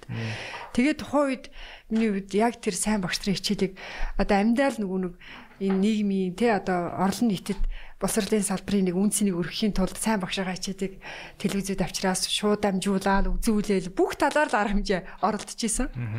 Тэгээд сэтгүүлчдийн дунд юм уралдаа хийгээд яг сайн багшийн тухай сурвалжлага хийгээл За та яд ингээ муу юм хайдаг биш. Багш нар дээр очиод сайн юм хайгаад өгөөч гээл. Тэгэл сайн тийм нийтлэл гаргасан сэтгүүлчдэг урамшуулаад ингээ яг тийм софт те яг тэр чиглэлийн юм ингээ байж иж энэ салбар чи өөрөө амьдрч ингэж хөтлөгдөж хөглөгдөж явдаг салбар байхгүй бас. Би Финляндд очисон л доо. Финляндд тэгээд дэлхийн номер 1 дунд сургууль гэд өөрсдөө баг нэрлэлсэн. Тэгээд нөгөөх нэг тэр PISA гэд олон улсын стандарт шалгалтаар угаасаа Финланд хүмүүс чинь бүр бүх ур чадвараараа ингээд айхтар дэлхийн математикийн олимпиад нэг нэг хоёрт ороод дээдгүй мөртлөө зүр нийт хүмүүсийнхээ нийт оноогоороо зүгээр нийт явж идэг юм юу юм бэлээ ш тийм орон юм бэлээ. Тэр нөгөө тэгш одоо яг нөгөө хүүхэд нэг бүр гэдэг концепц. Хүүхэд нэг бүр тийм тэрнээс биш шилдэг хүүхэд манад байдаг биш тийм. Тэр чинь айгу өөр болол. Харин тэр тэр сургууль дээр очисон. Аа очоо хичээл эрхлэгчтэй нуулцсан. Тэг нэг юм айгүй сонь санагдсан байхгүй надаа. Манад нэг ингэдэж штэ 8 дугаар ангийн хүүхэд нь 7 дугаар ангийн хүүхдэд зоддог. 7 дугаар ангийнхан 6 дугаар ангийн хүүхдэд зоддог. Тэг хизээч дээд анги доод ангийнхантай хязгаарч нийлтгүү. Аа. Бүр ингээ нэгдүгээр ангиасаа л тийм. Хоёрдугаар ангийн хүүхдийн би нэг нэгдүгээр ангийн хат маань хоёрдугаар ангийн хүүхдийн хат maaныга зодчих. Бараг нэг тийм л юм байдаг шүү дээ нэг юм. Шорон шиг юм шиг нэг эвгүй те. Одоо арай гайвал болсон ба. Одоо ч гайгүй л гоо. За ямар ч байсан намайг лавс сурж яхад нэг тиймэрхүү нэг тийм мэдрэмж төрүүлдэг байсан. Нэг л их юм дээд доод ангийнхаа дургу тийм үү. А тэгсэн чинь Финланд очсон чинь ингээ сурагчдын төлөөлөл ирж байна. Аа. За ингээ гадны ингээ орноос ах гişнэр ирсэн хүүхдүүд шүлэг уншиж өгнө гэсэн чинь амар өндөр нам хүүхдүүд ороод ирэхгүй. Эд нар чинь нэг анги юм уу гэдэг гэсэн чинь. Гүг энэ яа тий хамт хичээлээ хийдий. Тэг хамтардаг. Гэдгсэн чинь дээд доод ангийнхныгаа хамтд нэг хичээлийн нийлэх суулгачт юм билээ тий. Тэгээд хан дүүдээ зааж өгнө гэдэг. Тийм байт юм лээ тий. Тэр бол хүүхдийн хамгийн сайн сурдаг. Би манай гурван хүүхдээр би харахад одоо их чинь юу сурна? Тэгэл тэр хоёр дүүн ингээд яг зэрэг сурдаг. Тэгэл нэгэндээ нүгэндээ заасаар гаал заасаар гаал тэр гурав чинь ингээд юм юмний ингээд учрыг олоод байгаа байхгүй. Тэгэхээр сургууль дээр тэр нөгөө нэг сургуулийн соёл нөгөө хамтаж нийтж байх гэдэг чинь юу социализм үе шиг те хизээд бэлхэн гэдэг биш. Манай сургуулийн зорилго үе. Эвсэг биендээ туслах. Тэгвэл биендээ туслахын тулд би математиктай сайн, чи монгол хэлтэй сайн те. Тэгвэл энэ гурван хүүхдэд би ингээд одоо зааж чадвал миний математиктай сайн байгааг илэрхийлж тэр үйждэг. Тэгэхээр суралцгын хамгийн хүн яаж сайн сурдаг вэ гэдэг чинь ерөөсө бусдад зааж гэж байгаа шүү дээ. Ерөөсө тэр бол одоо мэдсэн сурсан юм бусдад заахам 90% өөртөө үлдээдэг тэр арга байхгүй. Тэр чинь өөрөө яг процесс явж байгаа. Тэг энтэй холбоотой нөгөө багш нарын ийм мэрэгжлийн зэрэгдийг болгодог журмыг бас өөрчлөх гэж өөрчилсөн. Юу яаж өөрчилсөн бэ гэхээр би зөвлөх зэрэгтэй би мондог хүн гэл баахан цаас бэлтэж байгаад авчдаг гэсэн баггүй. Та үнэхэр зөвлөх юм бол яг өөршгөө гурван багшийг бэлтчихээ гурван сургууль тэрүүн туршлагаа хуваалцчихаа гэж концепцийг өөрчилсөн. Тэгээд тэр одоо жоохон хувирцсан л явж байгаа шиг үлээ. Гэхдээ концепц нь байгаа. Багшийн зэрэг төв хэд байдیں۔ дотроо? арга зүйч тэргүүлэх тэгэл э, зөвлөх алах гэл ингээд нэг 3-аас 4 зэрэг байна л да. Тэднийг яаж авах вэ? Хэрвээ ажилласан жилдээ суйрлна. За 5 10 15 гэл 20 гэл тэгэл явж байгаа. А тэр нь зэргийн нэмэгдэл гэж бас тодорхой хэмжээнд цалин дээр байлдана. Бусдаа тэдэн ширхэг сайн жишгийг яг тэр нь бол нэг шалгуур тооцогдох уу? Тооцогдно. Тийм. Тэгээд ерөөхдөө бол ингээл жилийн хүлээгэл байж идэг биш. Ер нь бол уян хатан жил нэг хүчин зүйлнэ. Гэхдээ би одоо үнэхээр миний туршлага сайн юм бол би сургуулийнхаа гурван багшиг те залуу багшиг ч юм уу яг тэр туршлагаараа хийгээд үр дүн батлагдсан нотлогдсон байж байгаа ч гэдэг юм хүүхэд үнэхээр сайн сурж болж байна гэдэг нотолсон байх гэдэг юм. Тэгээ Финляндийн тэр сургууль тэр бас очиж яхад нэг юм ярьж л яг таны түрүү нэлдэг шиг Финляндд тийм багшийн цалин өндөр биш шүү дээ. Хэлдэг юм билээ. Зүг баг баг худалдагч хийн үү багш хийн үү баг ялгаагүй байдаг. Тэгээд бүр мастерын зэрэг заавал хангаж иж нэгдүгээр ангийн багш болсон ч хамаагүй мастер болж иж ордог гэдэг юм л шүү дээ. Тэр чинь 7 жил сурна те. Ер нь 5 жилээр яг нөгөө 5 жилдээ ерөөдөө бариад төсөгч байгаа. Ер нь бол тэгээ нөгөө дадлага мадлага нэмэгдэж байгаа юмуд байх шиг байдаг. Тийм ээ те. Аа тэгээ яагаад танад ингээд ийм баг цалинтай байхад багш нар чинь ийм сайн багш үүдэн гэсэн чинь тэх юм бэлээ. А манай нийгэм өөрөө багшийг айгу хүндэлдэг нийгэм учраас. Юусоо тэр багш байх нь өөрөө угаасаа кайф. Нэр хүндийн тийм асар юм үнсэнтэй одоо нэг хэсний хүмүүс нэг хөөстө буянтай ажил шүү гэж нэг юм юуч болж исэн одоо тэр нэг хайрладаг. Дэлгүүр мэлгүүрт баг ингээд очр дээрлэх юм шүү багш үнийг те. Тийм учраас миний хувьд яг тэр нөгөө босрлыг ингэж муулдаг, тэ буруутгадаг. Одоо тэр нэг уран зохиолын хичээлтэй холбоотой юм болохтол би мэдээгүй байжсэн чил нэг мэдсэн юм аа хийгээ ажиллаа хийгээ явж исэн чил хороогоор нэг юм болцсон юу болов яав гээл тэгэл тэр чин тэгэл буцаад нөгөө ямар ч боломжгүй тэр баг шүүхэн явсаар гад бүр тэр жилийн дараа ч л шүүхэн зааж энэ буруугүй гэл ингээл нэг юм гараад тэгээд эми магантлыг залруулах хийгээч гэж шахсараа хийсэн. Тэгээд бүр нэг өдрийнхаа цагийн үрдийн хамгийн төгсгөлд нөгөө ярьсан шиг биш маш товчоор. Оо зүгээр өсөн шүү гэдэг өнгөрсөн. Тэгээд дуусчих юм чи тээ. Окей. За тэгвэл та бол гант төмөр сайд улс төрчөөгүй шүү те эрхэм хүндэд үзэгчтэй. Ялчгүй нөгөө. Гэхдээ маа Монголын төр засаг надад жоохон нэг хэцүү юм. Одоо нэг Чингис хааны үед дараа нь тэр хааны үед тэгээд тэрний дараагийн тэр хааны үед нь бүр мярсан юм да гэд нэг юм түүхшгэ одоо бол яг нэг тиймэр ингээд Монгол улс гэдэг нэг юм чи өөрөө ингээд ингээд ноён нуруунд ингээд гудаахгүй явахгүй муу сайд орж ирвэл мяарчдаг сайн сайд орж ирвэл халтхан сайн байдаг тэгээд дэше тушаа нэг ийм надад санагдаад байгаа юм л та. Яалтчгүй ингээд нэг салбар ярихаар дандаа тэр сайдын үед гэдэг ийм яриа гараад байгаа байхгүй тий. А та ер нь юу гэж боддөг вэ? Та болохоор ганц төмөр сайдын үед ажиллаж байсан тий. Би бүр болов нэг юм сайдаас сайдын хооронд ингэж дамжихад салбар ер нь та ингээд магадгүй жишээгээр ч юм уу ярил салбар ер нь яаж охиртын тий ингээд айгүй сайн мэрэгчлэтнүүдийг шин сайд орж ирэл хуугаар нэг халаа ичдэг тийм юм байд юм уу? Яамны дархлаа ер нь хэр юм? Нэгдүгürt Монголд бол төрөө албан хаагчийн одоо хамгаалалт бол аягүй сайн шүү дээ. Одоо тэр үнэхээр л ноцтой алдаа гаргачаагүй бол те тэр хүн ажлаас сална халагдана гэж юм байхгүй. А уян уян засгийн газрын тэр бүтцийн өөрчлөлт хүний өөрчлөлтөг нэг арга байдаг. Бүтцийн өөрчлөлт. Одоо шинэ боловсрол соёлын шинжилгээ ухааны яам сая спортны мэдчихсэн буцаад спорт нүүр газар очиод ингээд буцаад соёлын яам байгуулагдаад боловсрол шинжилгээ ухааны яам болчлоо шүү дээ. Тэнгүүд бүтц өөрчлөгдөж байгаа тохиолдолд ажлын байрыг өөрчилж болно гэдэг. Тэр нөхцөл өөрөө л өөрчлөгдөж идэх гэсэн. Аа тэгээд шаардлагагүй үед яамны нэрийг зүгээр бүтцийн өөрчлөхийн тулд яамны нэрийг өөрчлөө гэж. Ер нь бол яам нэрэгцэн байдлын тухай хууль чинь тэгж өөрчлөлт ороод тэгээд тэр бүтцийнхаа давуу одоо шинэ тодорхой хэмжээний өөрчлөлтөд орж явж байгаа юм л да. Тэгээд би яам гиснээс би анх нөгөө яамд очиод ингээд явхад яг манай бодлогын газар шин байгуулагдчихсэн. Надад за энэ шүү гэж нэг ширхэг цагаас ажил яг үндэ бол би аваагүй. Үнэхээр те хаан судалгаа хийгдсэн байна юу болсон юм мэдээж миний үед хүнлэнгөөс хараа судлаад явж исэн за нэг юм хөтөлбөр ингэх хэрэгтэй гэдэг өөрийн ингэсэн арга туршлага байгаа. Гэхдээ энэ чинь бодиттой байдлаа харж иж зөв хийх хэрэгтэй шүү дээ. Түүнээс биш би ингэж бодож байгааг үл тэр чинь бас биш шүү дээ. Тийм учраас хамгийн анх нөгөө ном, авьяас, багшийн хөгжлөгээ зөв Монгол хүүхд хөтөлбөр гэдэг энэ гурван хөтөлбөрийг гаргаж ирж нөгөө салбарын хүмүүс хүүхдээ хардаг Тэгээ нэр миний хүүхд юу одоо манай ингээ хүүхд юу чаддгийг юу яавал энэ хүүхдээ ависыг хөгжүүлэх ингэж хүүхдээ сонирхдаг болгох. Гэх мэтлэнгээр ийм нэг нэг зөөлөндөө соёлыг нэг төлөвшүүлэх тэр зүйл явж байгаа. Тэгээ аажим аажим ингээд явж ирсэн л та. Тэгээд тухайн үед би нөгөө яамны эргэцэн байдлын тухай хууль дээр ингээд ийм үг байгаа байхгүй юу? Яамны те одоо шин э, бүх мэрэгчлэн газар хэлтсийн дарга нар сайд, дэд сайд төрийн ярианд үйлчлэх ёстой гэдэг юм заалт байж байгаа байхгүй юу? Яц вэ? Яасан гинэ? Яамны аппарат шүү дээ. За тийм. Төрийн нарийн дэд сайд сайдд үйлчлэх хэвээр.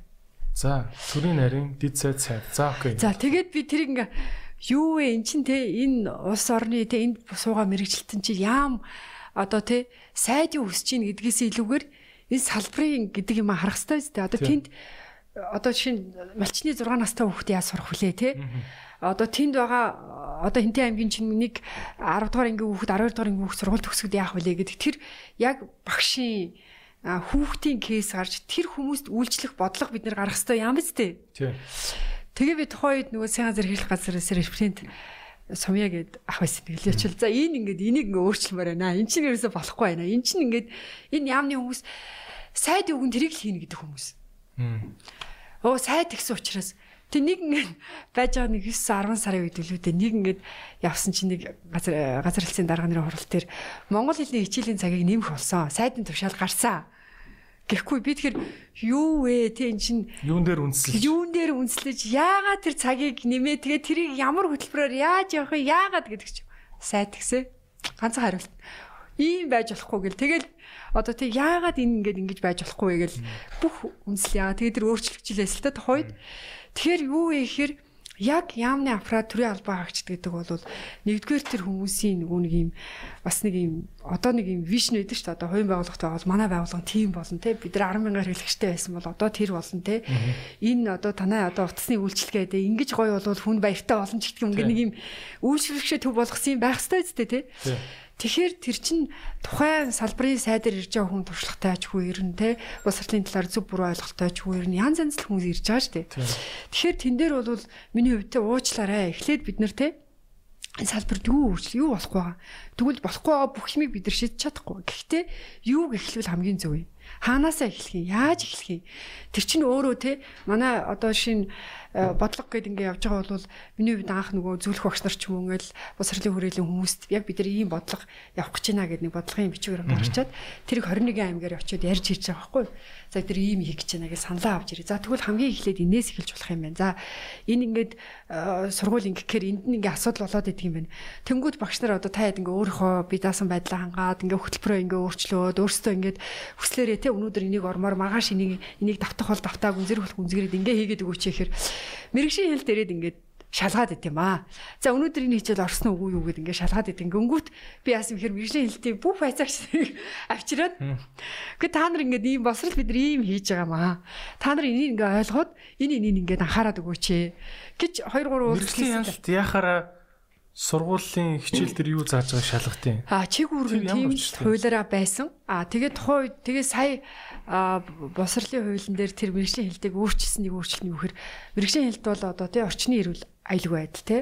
Хоол хүнс. А тэр хянах хэвээр яг стандарт барих хэвээр зүйлүүдээ хянаа. Тийм барилгын одоо одоо тий бат хөх чанар юу гэдгийг тий орчин нөхцөл хад агаар нь байна уу байхгүй байна уу тий. Багтаамж нь яг бол хуучин яа тий хичээлийн шалгаад идэв хичээл очиод мэрэгжлийн хэлтгэл за тэрийг аваад энийг аваад гэж мэрэгжлийн хэлтэй байцаагч нар багш нарыг шалгадаг тийм өслөл байсан байхгүй юу Ямар Тэгээд хуулиар нь тэрийг жоохон өөрчилсөн л дөө. Тэгээд мэрэгжлийн хэлтийнхэн бас их дургүй байсан. Энэ нэстэ ядаргаатай л гэж бодчихсон л хальта тухайн үед бидний хийжсэн зүйл зүйл байсан баг. Тэгээд одоо босрлын газрын дарга нарыг та нар те одоо шинэ нэг хүсгэл аймаг ч юм уу та одоо тухайн үед Баатарчир дураа байсан баг тий. Та наад нутагта 20 жил амьдэрсэн юм бол наад мэрэгжлийн хэлтэйгээ дарахтай тий байцаагчтай найз бол тий. Манайх юу хийж байгаа гэдгийг ойлгол. Тэгээ хамтар энэ чинь нэг ийм нэг суурьнд байчаад би энийг шалгаад ингээл нэг нэг хийхээр нөгөөтг нь очиод зогсоогоол энийгэ болооч та нар гэд. Тэгэхэд бол хүмүүс ингээ нэгдэж ийсэн хамтарч ийсэн өөр болдог л доо. Тэр нөхцөл байдал бол өөр. Окей. За энэ нэг хуйлууд атайхан болоосоо гэж байгаа. Тэгвэл сая боловсролын яамнаас хууль батлуулах гэж хагаад парламентаар өргөн барьсан. Тэгж байгаа болцсон юм шүү те. Тэр ягаад хуулиа оруулж ирэнгүүтээ буцаагаад өргөн барингуудаа буцаагаа авчиж байгаа. Аа өмнөх сайд нь бол өргөн бариад дараагийн сайд нь буцаагаал татчихлаа шүү. Сайдууд л. Аа. Тэгээд яг би тэр өргөн барьсан хууль бол яг үндэ боловсрал гэдэг хууль, босрлын хууль бол байгууллагын тухай хууль биш байхгүй юу? Яг боловсрал яаж хөгжих юм бэ? Ямар чиг баримжаатай явах юм бэ? гэдгээ илүү маш тодорхой зааж өгөөд тэгээ боловсролын үндсэн боловсролын хууль гэж байгаа. Гэхдээ энд цаашаалтай нэг зүйл нь юу гэхээр яг бидний үед бол ингээ бүхлээр нь өөрчлөмөр байсан. Гэвч бүхэл бүтэн те одоо ингээ хуулаа шинжилсэн найруулга орно гэдэг бол хуулийн процесс хууль нь асар хэцүү байхгүй юу. Тийм учраас бид нэмэлт өөрчлөлт оруулдаг хувьд нь тултал нэмэлт өөрчлөлт оруулаад одоо шинэ ихтэй сургуулийг одоо хууч яамд ингээд хөтөлбөрөө үзүүлэл одоо би ингээд нэг 20 30 хөтөлбөртэй их сургуулийн захирал байлаа шүү дээ. Яам нэврэгчлэн дээр очил за миний хөтөлбөрийг баталгаажуулдаг өгч гэдэг байсан байхгүй юу. Тэрийг болиулаад яам бол зөвхөн шаардлагын тавьж өгвөл сургуулийн захирал өөрөө батал энэ жил байсан юм а дараа жил сайжруулаад дараа жил сайжруулаад тэр чинь өөрсдийнх нь бүтээгдэхүүн шүү дээ. За тэр эрхийг өгсөн хуулиар. За дараа нь яам ингээд мэрэгчлөө суучаа за эдрэгийн сургууль 100 хүн аавн тэрний сургууль 1000 хүн аавна гэдэг ингээд ковот өгдөг гэсэн. Тэрийг бас боловсон. Яагаад тэгэхээр тухайн сургууль өөрөө тэ тэр зах зээлдээ хүлэмж ширгүүдэд явж ивэл 100 авна уу 1000 авна уу те хэрэглэгч нь өөрөө ирээд шалгуураа хангаж ивэл тэр хүн өөрөө тухайн сургууль бодлогоороо тэрийг авах хэрэгтэй байхгүй тэр мэтлэнгээр зүйлд ингээ өөрчлөөд ингээд байж болох одоо шинэ нэмэлт өөрчлөлт оруулахын тэр хувьд нь тохируулаад бүх талаараа бид нэгсний хуулиа өөрчилсөн гэсэн үг байхгүй. Өөрчилсөн. Та хэдэн онд өөрчилсөн гэж ярьж байна? 16 онд. 16 онд өөрчилсөн тий.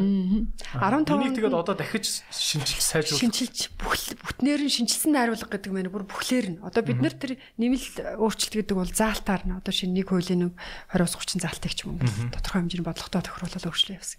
Тэгэхээр шинжилсэн найруулга хийнэ гэдэг нь өөрөө цагийн шаардлага учраас тэр бол зөв. А гэхдээ одоо шинэ ингээл нийтийн хилцүүлэг хийж ийн гэл ингээл за ингээл ингээл янгут багш нар ярахаар Хөө би одоо ч тийм багшаага цалин нэмэгдүүлмээр байна. Нийгмийн асуудал шийдмээр байна. Үлдэрч ивэл нь орж ирэл тэдэн жилийн кэр ингэмээр байна. Гэдэг тийм нөгөө нэг юм жижиг асуудал биш. Ер нь бол яг одоо тий тодорхой хэмжээгээр Монголын Монгол хүнийг л үлдэрлэх гэдэг байгаа шүү дээ. Монгол хүний хөгжил чинь баг усрал дээр яг инзүүлэл барь. Тэ? Дунд сургууль дээр яг инзүүлээ барь. Ямар ч олон хичээл орж ирсэн ядаж хүүхдэр очих ачаал нэг юм бай. Тэ? Одоо шинэ би бол бүхэр нэг нэг цагаар орж байгаа хичээлүүдийг нэг улиралд үзээ түүхийн хичээлээ энэ улиралдаа үзсэн бол түүхийн хичээлээр үзсэн агуулга дараагийн улирал дээр уран зохиол дээрээ тавтаал уран зохиол нь явж идэг. Тэг ингээд нэг юм хүүхдэр очих ачаал хүүхд төвлөрч сурах боломж олгох гэдэг бол аюу чухал ч юм ингээд үзэл санааны хувьд тийм байгаад ингээ явсан бол яг. Гэхдээ одоо яаж сайжрахыг мэдэхгүй л юм л да. Аа. Ойлголоо. Тэгвэл одоо энэ сая шинжилсэн найруулга уг нь уг нь арай илүү сайхан болоод орж исэн юм уу эсвэл та тэр шинэ хуулийг нь харсан уу? Одоо одоо боловсролын хууль сайжруул юу юуг нь за энэ энийг л одоо дараагийн удаад тест сайжруулах тасаа гэж та бодож байна. Хамгийн гол зүйл нь нөгөө нэг сургууль бүх босрлын байгууллагын төр бие даасан байдал. А тэгээд дөр улс төрөөс хараад бус байдал. А санхүүжилтийн хувьд ямар байх юм? гэдэг тэр зүйлүүдийг л маш тодорхой харах. Улс төрөөс хараат байдал Тэгээ хараат бус байх. Хараас бус байдал. Тэгээ би даасан байдал гэдэг нь юу гэхээр яг энэ хоёр чинь нэг талаа хоёр тал л та. Тийм ээ. Тийм. Тэгээд санхүү эдийн санхүүжилтийн үед ямар байна? Санхүүжилтийн үед яаж сайжрах юм одоо? Санхүүжилтийн үед бол хүүхдээ хувьсгал зарлаас гадна яг гоо одоо ингээ ваучрын систем гэл дэлхийд ингээд ерхий усрал ингээд санхүүж байгаа нь 2 3 төрлийн систем байна л да. Одоо биш энэ сургууль сурахгүйг л одоо шинэ энийг ингээ аав ваучрын систем хэр зэрэг одоо шинэ сайн үйлчлэгээ үзүүлж ин тэнлүү хүүхдүүд ирдэг тэрийгээ дагаад хүүхдний явдаг мавдаг гэл ингээл байж байна. Тэгэхээр одоо байгаа манай хувьсах зардлын нөгөө нэг юм тооц гаргачлал нь 2007 онд Аа арчил тооцсон тэр жишгээрээ систем гэдэг нь юу юм? Ваучрын систем гэдэг ихээр тодорхой хэмжээгээр тухайн хүн өөрөө шийдэх байхгүй юу? Аа за. Одоо би энэ одоо сургуульд сурмаар байна. Одоо тэгдэггүй юм. Одоо ч гэсэн тэгдэг үстэй. Бүүр хаавс хороолт гэртээ. Хамран сурах тойрог гэд байгаа байхгүй юу? Хамран сурах тойрогоор ерөөдөө явж байгаа. Тий. Одоо шинэ 23 руу яваалаа шүү дээ, тий. Тэгэл нэгдүгээр сургууль руу. Тэгтээ нөгөө тэр чинь нөгөө хамран сурах тойрог энд байгаа хүүхэд энэ сургуультаа сурах хэрэгтэй гэсэн юм одоо үйлчилж байгаа гэсэн үг байхгүй юу? Тэгэхээр нөхцөл байдлын хувьд бол санхүүжилтийн тийм олон төрөл хэлбэр. Одоо шиг үнэхээр энэ сургууль үр дүнтэй байгаад байвал тэр үр дүнд үндэслээ тодорхой хэмжээний урамшуул өгдөг, дэмжлэг өгдөг хувилбарууд гарч ирэх ёстой л гэсэн үг. Санхүүжилттэй. Тэгээд би одоо шин улсын сургууль багшилтыг нэг багш одоо ямар болчиход ийм вэхээр би нэг одоо шин улсын сургууль 2 жилж ирчим 3 жилж ирчлээ нэг 4 цаг хичээлээ заачаал өдөр өнжүүлэх гэж сууж байгаа ч юм уу тий. Аа Гэтэл тэр багш үндсэн дээр дөрвөн цагтаа илүү анхаарч ийн нөгөө өдөр өмжүүлэхдээ илүү анхаарч ийн үү. Одоо улсын сургуулийг дагсан сайн багш нар бол бүх сургалтын төвтэй болцсон. Одоо би сүүл бичсэн нэг нийтлээ сүүдрийн боловсрал гээд. Яг тэр сүүдрийн боловсрал ингээ яваад эхлэнгүүт нэг талаасаа одоо нөгөө үндсэн сургуулийн одоо энэний хамгийн шилдэг гişээ солонгос байхгүй. Давталханд яваараа гэдэг дэгөө. Тэ, давталханд явах. Тэр чи миний давталханд яваараа гэдэг. Тэр чинь буцаад нөгөө хүүхд талаасаа орсон орлого тэ одоо ээж авийн орлого нөхцөл байдал бүх юмараа ингээд ялгагдаад эхэлж байгаа байхгүй. Тэгээд тэр нь урт хугацаанда нөгөө нийгмийн одоо нөгөө баяадаг ялгаа хоослол бүх юм ингээд нөлөөлж явчихсан зүйл байхгүй. Тэгэхээр энэ зүйл дээр бол ялангуяа тэр үндсэн хувьсгах зардал дээр нь хөгжлийн зардал тухайн сургууль үнэхээр багш болгоны хүүхд бүрээ сургаж чадж байгаа тохиолдол дээр нь урамшуул өгдөг, дэмжлэг өгдөг бол сургууль болгон тэрний төлөө оролдох байхгүй. Тэгэхээр тэр урамшуул гүйцэтгэл дээр суурилсан үндсэн хувьсгах зардал биш. Хувьсгал зардал нь бол яг хүүхдээ гаргасан үнсэн зардал байх хэвээр. А тэн дээр нэмээд гүйцэтгэл суурилсан тодорхой хэмжээний тэр нь хүнлэнгийн үнэлгээнүүд явагддаг тий. Очоод нэг математикийн олон хүүхдийг л онц сургах сургаад олон хүүхдийг л хөрөх төвшөндөө хөргөдөг. Байх тусмаа тэр өөрөө буцаад бенефит авдаг байж Пошин жишээ бол тэр л юм лээ. Тэгжиж энэ ч нөгөө энд өдөө сумд байгаа хүүхэд одоо юу аав гэхээр яг тэр босрын чанарын үнэлгээгээр аваад тэгэхээр Улаанбаатарын хүүхдийг 50% хэлэхэд аймгийн төв 40%, сумын сургууль 30% тэл үүсдэг. Тэр чинь өөрөө юу гэхээр тэр хүүхэд орон нутаг аль нэгэн газар амьдарч байгаасаа хөрж охироод байгаа л гэсэн л илэрхийлж шүү дээ. Гэдэг чинь үндсэн хуулийн зөрчил зөрчил явж байгаа байхгүй юу? газарч байгаа байгаа газрынхаа ялгаанаас суулж муу үйлчлэгээ авч шүү дээ түрүүс. Одоо ийм юмыг би нүдэрэ баг харж исэн гэд хэлчихүүлээрэ хэлсдэггүй баха. Юугүй. Бараг л харж исэн баха. Буруу хараг бол. За яасан бэ гэсэн чинь ингэдэм байна. Аа сургуулиуд дээр ингээд шалгалт ордог те хийшин шалгалт ч билүү. Тэр шалгалтаа. За. Илдэв шалгалтууд ингээ орно. Энэ сургуулийн хүүхдүүд үнэхээр ингээ сайн сурж гинүү гэдгийг шалгахаар нөгөө багш нар нь а ч юм уу эсвэл сургууль нь өөрийнхөө нэр хүндийг бодд юм эсвэл цаанаа тэр мөнгө төгрөг боддог юмдаа байт юм уу? Багш нар нь өөрсдөө хүүхдүүдийг хуулахад нь тусалдаг. Тэгээд манай сургууль сургуулаараа дүүргийнхээ хамгийн гайгүй сургууль болсон. Тэр чинь нөгөө уралдаан баггүй. Тэр уралдааны л үр ашиг үр үр дагавар нь энэ баггүй. Одоо би зүгээр хэлэх гээд байна л да. За уралдгаач болчих. Таны хэлснээр олон хүүхд онд сурах тусмаа багш нь сайн цалин авдаг болчих шүү дээ тий. Тэгхийн бол багш нар чи яах юм шүү хүүхдүүдийгээ сайхан за та нар хуулалцчих. Бүгдээрээ сайхан цавчих гэл ингэ суучих суучих юм шүү. А тэр хяналт түнлэгийн систем өөрөө зөв төлөвшөх хэвээр. Одоо шин тайд одоо дэлхийн шилдэг сургуулиуч байна. Одоо тэр шин бид нар ахаал нөгөө зориг харах гэдэг байхгүй. Яг манай сургуулийг төгссөн хүүхэд хэн болох юм? Одоо тэ шудраг байх юм уу? Ямар нэгэн зүйлтэй хариуцлагатай байх юм уу? Тэ ямар нэг асуудлыг шийдэхдээ зөв шийдэх байх юм уу гэдэг чинь өөрөө суурь штэ тэ. Тэгэхээр тухайн сургууль болгон тэр нэг өөрийн сургуулийн хөтөлбөр гаргахтаа манай хүүхдүүд ямар болох юм? Зорилгоо тавьдаг. Тэр зорилгоо хэрэгжүүлэхийн төлөө ажилладаг. А нөгөө талаас нь тэр одоо хүнлэнгийн үнэлгээ тэр бүх зүйл явахад маш тодорхой те камерын системтэй хаан чанж болдог те тэр бүх зүйл нь бас давхар хөгжих хэвээр. А тэгээд юу ихэр элстэн ерхий шалгалт гэдэг чинь одоо яг уралдааны морь шиг байхгүй юу? Одоо ерхий усрал эзэмших хэвээр бол одоо нэг юм 10 км твингүүгээд байж чаддаг гэж бол. А гэтэл үнэхээр шилдгийн шалгаруулахын тулд 10 км-ийг 20 км болгож байгаа байхгүй? Тэнгүүд үнэхээр шандтаа морил төрүүлж ирнэ зэ 22 км-т. Тийм. Тэгэнгүүт тэр эстер их шалгалтыг манай боловсролын бүлгийн төв ахаад жигсаага тавьчихдаг. Ахаа оролдуудад тавьчихна. Тэнгүүт л одоо засаг дарга. За тана тана одоо боловсролын газар те. За энэ жил чинь 100 100 хүн уралдвал яаж иж байгаа л ардурд орно ч тэр чинь 21 аймаг чинь ингээд ингээд орно шүү дээ те. Тэнгүүт зарим аймаг нь муу харагдаад. Муу харагдаал тэгэл нөхцөл байдал болчихж байгаа. Тэгэхээр бид нөгөө босрлыг одоо яг хэмжих үзүүлэлт юу юм те шалгах шалгуур юу гэдэг нь өөрөө нэг олон нийтэд ч ойлгомжгүй байх мэрэгжлийн байгууллагч тэрийг ойлгохгүй байх сул тал нь тэр л юм л да. Тест дүүрэгдээ тэргээрээ сайн нэгээрээ сайн гэдэг биш. Ерөөсөө энэ сургуулийн хүүхдүүд яг хүнтэй мэдлдэг. Энэ сургуулийн хүүхдүүд юу ч болсон те би нэгэ дээрлэхдэггүй. Тэ? Энэ сургуулийг 15 жилийн өмнө төгссөн хүүхэд нь одоо бүгдээрээ сайн явж байгаа. Явж чинь тий. Яг тэр шиг тэр сургуульд төлөвшөх ёстой соёл тэр байгаа хгүй. Тэгээд одоо шинэ энэ хүүхдүүд орж ирэх болгондоо те би энтэйгээ мэдлж чинь ямар ч нөхцөл байдал те одоо ямар нэгэн зөрчил маргаан болоход хэлэлцээд ярилцаа дөрмөө тогтчихж байна. Гэдэг тэр амьдралд хэрэгтэй дадал чадруудыг хичээлийн процесс бүрэгдэж чинь өгч явах хэвээр. А гэтэл одоо бид нар яаж юм хэр цэцэрлэгт нь баг уралдуулж байна. Тэгээд сургуульд нь уралдуулж байна. Тэгээд их сургуульд нь уралдуулна. Тэнгүүт бид гурыг за таваар хамтарч ажиллаа гэж байгаа.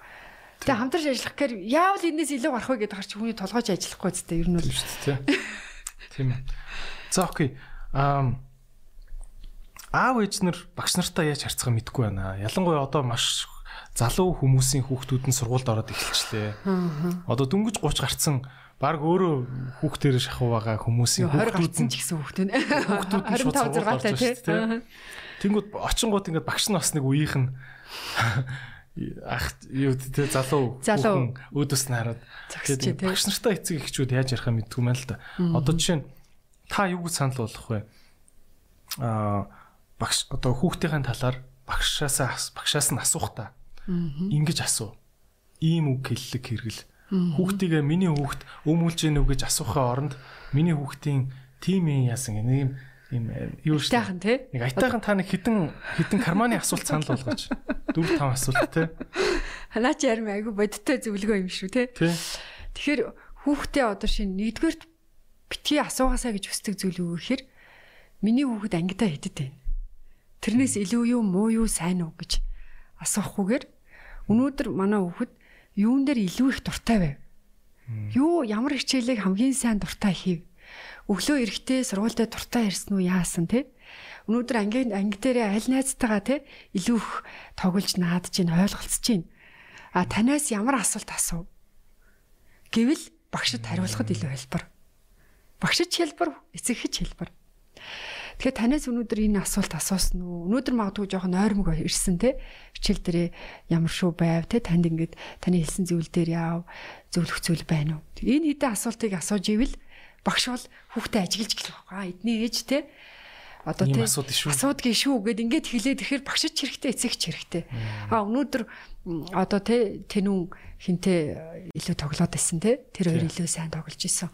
Өнөөдөр а, хичээлээ хийхдээ одоо аюу баяртай байсан. Альсвал өнөөдөр тэр хичээлээ хийхдээ баяртай энэ хичээлээ хийхдээ жоохон дурамжхан байсан ч гэх юм уу тий. Тэрийг ярих юм бол одоо шинэ би бол гурван хүүхдийн жоохон муу ээж байж магадгүй нэгдүгээр ангич бай, хоёрдугаар ангич бай, ямар ч үед те даалгаврын хэлгээл за чи өстэй энийг хийх хэрэгтэй гэдэггүй. Тэг миний хүү хиймээр бол хийчих те. Хийхэд хэцүү бол багшаасаа очиж асууж байгаа. Тэгэд манай хүү ингээд юм ихэд ер нь аюу их даалгавар өгдөг сургууль аюу хэцүү байсан юм аа тэг гоё. Тэгээд Аав өстрэн ч гэсэн хийж чаддгүй юм билээ. тэгээ би хүүгээ за яг бай миний хүү маргааш очивол багштай би амсангүй. Одоо тэг ингээ би нэг чадсангүй гэж хэлчихээ. Альсэл орой чи өнөөдөр орой сайн унтчих чи маргааш хичээлдээ сайн яв. Тийм учраас чи унтчихаа гэсэн чи уйлаад хийгээд байгаа байхгүй. Одоо тэгээ уйлаа хийж байгаа үний чи би яах вэ? За тэг хийл гэж байна. Тэгээ харин ээж нь одоо яаж туслах вэ? Массаж хийж өгөх үү? Яах вэ те? Тэгэхээр ер нь бол тэгээ одоо бол хаяа те даалгавар хийхгүй очиагүй. Дээр нэг дүнгийн ингээ харсан чинь оноо асуулцсан. Яас даалгавар хийгүү. Өө за тэгээ даалгавар хийгээгүй яадгийн те? Чи тэгээ багштай уучлаарай гэсэн яасан. Тэгэл дараагийн одоо ямар ч нэг даалгавар хийхгүй болохоор ер нь бол надад нөлөөлж ийн гэдгээ мэдээл явж ил. Тэр өөрөө өөрөө нэг юм хариуцлага аваад те өөрөө өөрөө мэдрээд явах тэр зүйл чухал байхгүй. За аа Хойлоо юуны талаар ярилцъя. Энэ цахимжилт энтер гэдэг зүйлийн талаар ярилцъя. Сургуулиуд маань ер нь одоо энэ цахим 900 гэдэг байгаа шүү дээ. Хэр их сургууль маань интернет толбогдсон байна те.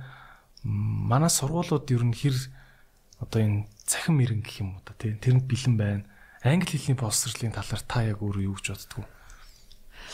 Нэгдүгээрт аа, цахим яг энэ шилжид ойл- одоо энэ м, корона чи өөрөө ерөөсөө хүссэн хүсээгүй түлхчлээ л да энэ босрлын салбарыг магадгүй нэг талаасаа харах юм бол 1 2 жилийн хичээлийн хоцрогдол гарч байна. А нөгөө талаасаа харах юм бол энд ажиллаж байгаа хүмүүс бол үнэхэр хүссэн хүсээг ур чадрын хувьд одоо тэр нэг төвшин ахихаас аргагүй юм нөхцөлийг бүрдүүлж байгаа нэг сашаалтай тал байна.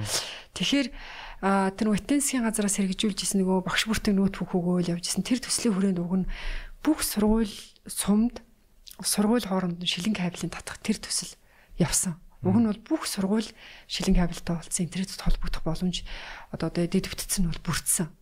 А тэрийг харин хэр зэрэг сайн хэрэгжилж Сумын сургуулиуд хүртэл шилэн кабелтай болцсон юм уу? холбогдсон. Тэрийг бол үнэхээр тэр дэвтгц юу шилжүүлэхийн тулд бол бүх нь хийгдсэн. хитэн хитэн сургуультай байт юм бэ? Одоо яг улсын хэмжээнд миний хамгийн сүүлийн 738 орцсон байсан уу? А тэрнээс нэг одоо яг хувийн сургууль сурж байгаа EBS-ийн сурагчдын хувь нь бол нэг 5-аас 7 хувьтай. Жил хуучин бол 5 байсан одоо 6 болоод 7-ороо төгсөж байгаа. А тэгэхээр ер нь бол 95% нь улсын сургуультай сурдаг гэсэн үг. Тийм ээ. Тийм учраас энэ улсын сургуулийн чанар сайжирна гэдэг нь өөрөө одоо бид бүхний эрх шиг байхгүй юу? Ерөөсөө Тийм ээ. цөөхөн хідэн хүүхдүүдээ одоо бид нар хараад хоёр сургууль байж гинэ гэж байгаа боловч энэ чи өөрөө маш бага хувь баггүй. Дээр үд манай сургуулаа нэг юм мэдээлэл зүүн кабинет гээд орхоор нэг юм дээр үеийн баг бидний сургуулаасаа гараад PC тоглонгууд баг тэрний дараагийн дараагийн дараагийн үеийн компьютер дээр компьютер тоглох. тухайн үед яг тэр шилэн кабель бүх юмыг татсан байх хэвээр. А дээр нь а яг нөгөө өөрөө чи хэлтгэр хамгийн сүүлийн юуг нь гайгүй компьютераар мэдээлэл зүйн лабораторийг байгуулж өгсөн. Тэгэхээр одоо бол энэ цахим шилжилтээр бид нар үнэхээр хөрөнгө оруулалт шаардна. Ялангуяа орон нутгийн одоо би бол юу гэж хэлэх дуртай вэ гэхээр нэг аймаг болгон сум болгон наадам хийдэг. Наадам болгонороо нэг буцаа өгдөг үстэй тий. Тэгээ ер нь бол одоо сүүлийн үед 90 100 жил гэл ингээл аймаг сумын ой их болох юм л да. Тэгэхээр одоо жишээ нь манай сумын би бас сумын сургуулийн хүүхэд байхгүй юу? Манай сумын сургуулийг төгссөн одоо хэдэн зуун хүн байгаа шүү дээ. Тэд нар нэг хэд хэдэн хөргөнд нийлүүлээд үнэхээр одоо шин төсөв дээр ойрын 2 3 жилдээ одоо шин Монгол улсын эдийн засгийн хөгжил одоо шин нөгөө 17% өсдөгшөл өсөхгүй болвол амаргүй шүү дээ. Одоо хязгаартай нөөц шүү дээ. Тэгэхээр үнэхээр боломжоороо ер нь бол сумын сургуулиуд тордох бүр аян те төгссөн сургуулиуд торддог юм аян ийм хийгдэг бодтой. Үнэхээр физикийн лаборатори хүртэл компьютертэй байх хэрэгтэй болчихж байгаа байхгүй юу? Одоо яг физикийн туршилтыг одоо виртуал лаборатори дээр хийж үзээ, бодтой зүйл дээр хийж үздэг. Тэгээд их сурвалжаа би ийм их сурвалж боллоо, ингэж чи битэр хайлан зөв юм. Тэгвэл энэ байна гэж нотолдог те. Ийм асуудал шийддэг ийм хичээлийн процесс явахад бол тэр орчин нөхцөл асар чухал. Англи үслэр англи хэл ямар вэ?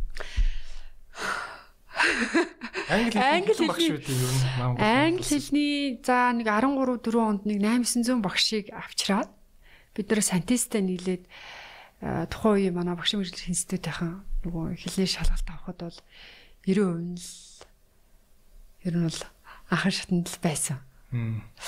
Тэгэхээр эн чинь өөрөө юу вэ нөхөр англиний багш би бол манай Монгол улсын 800 орчим англи хэлний багш нарыг цуглуулад сантисийн шалгалт авахд 90% нь анхан шатны хэмжээний л англи хэлтэй гэсэн үг.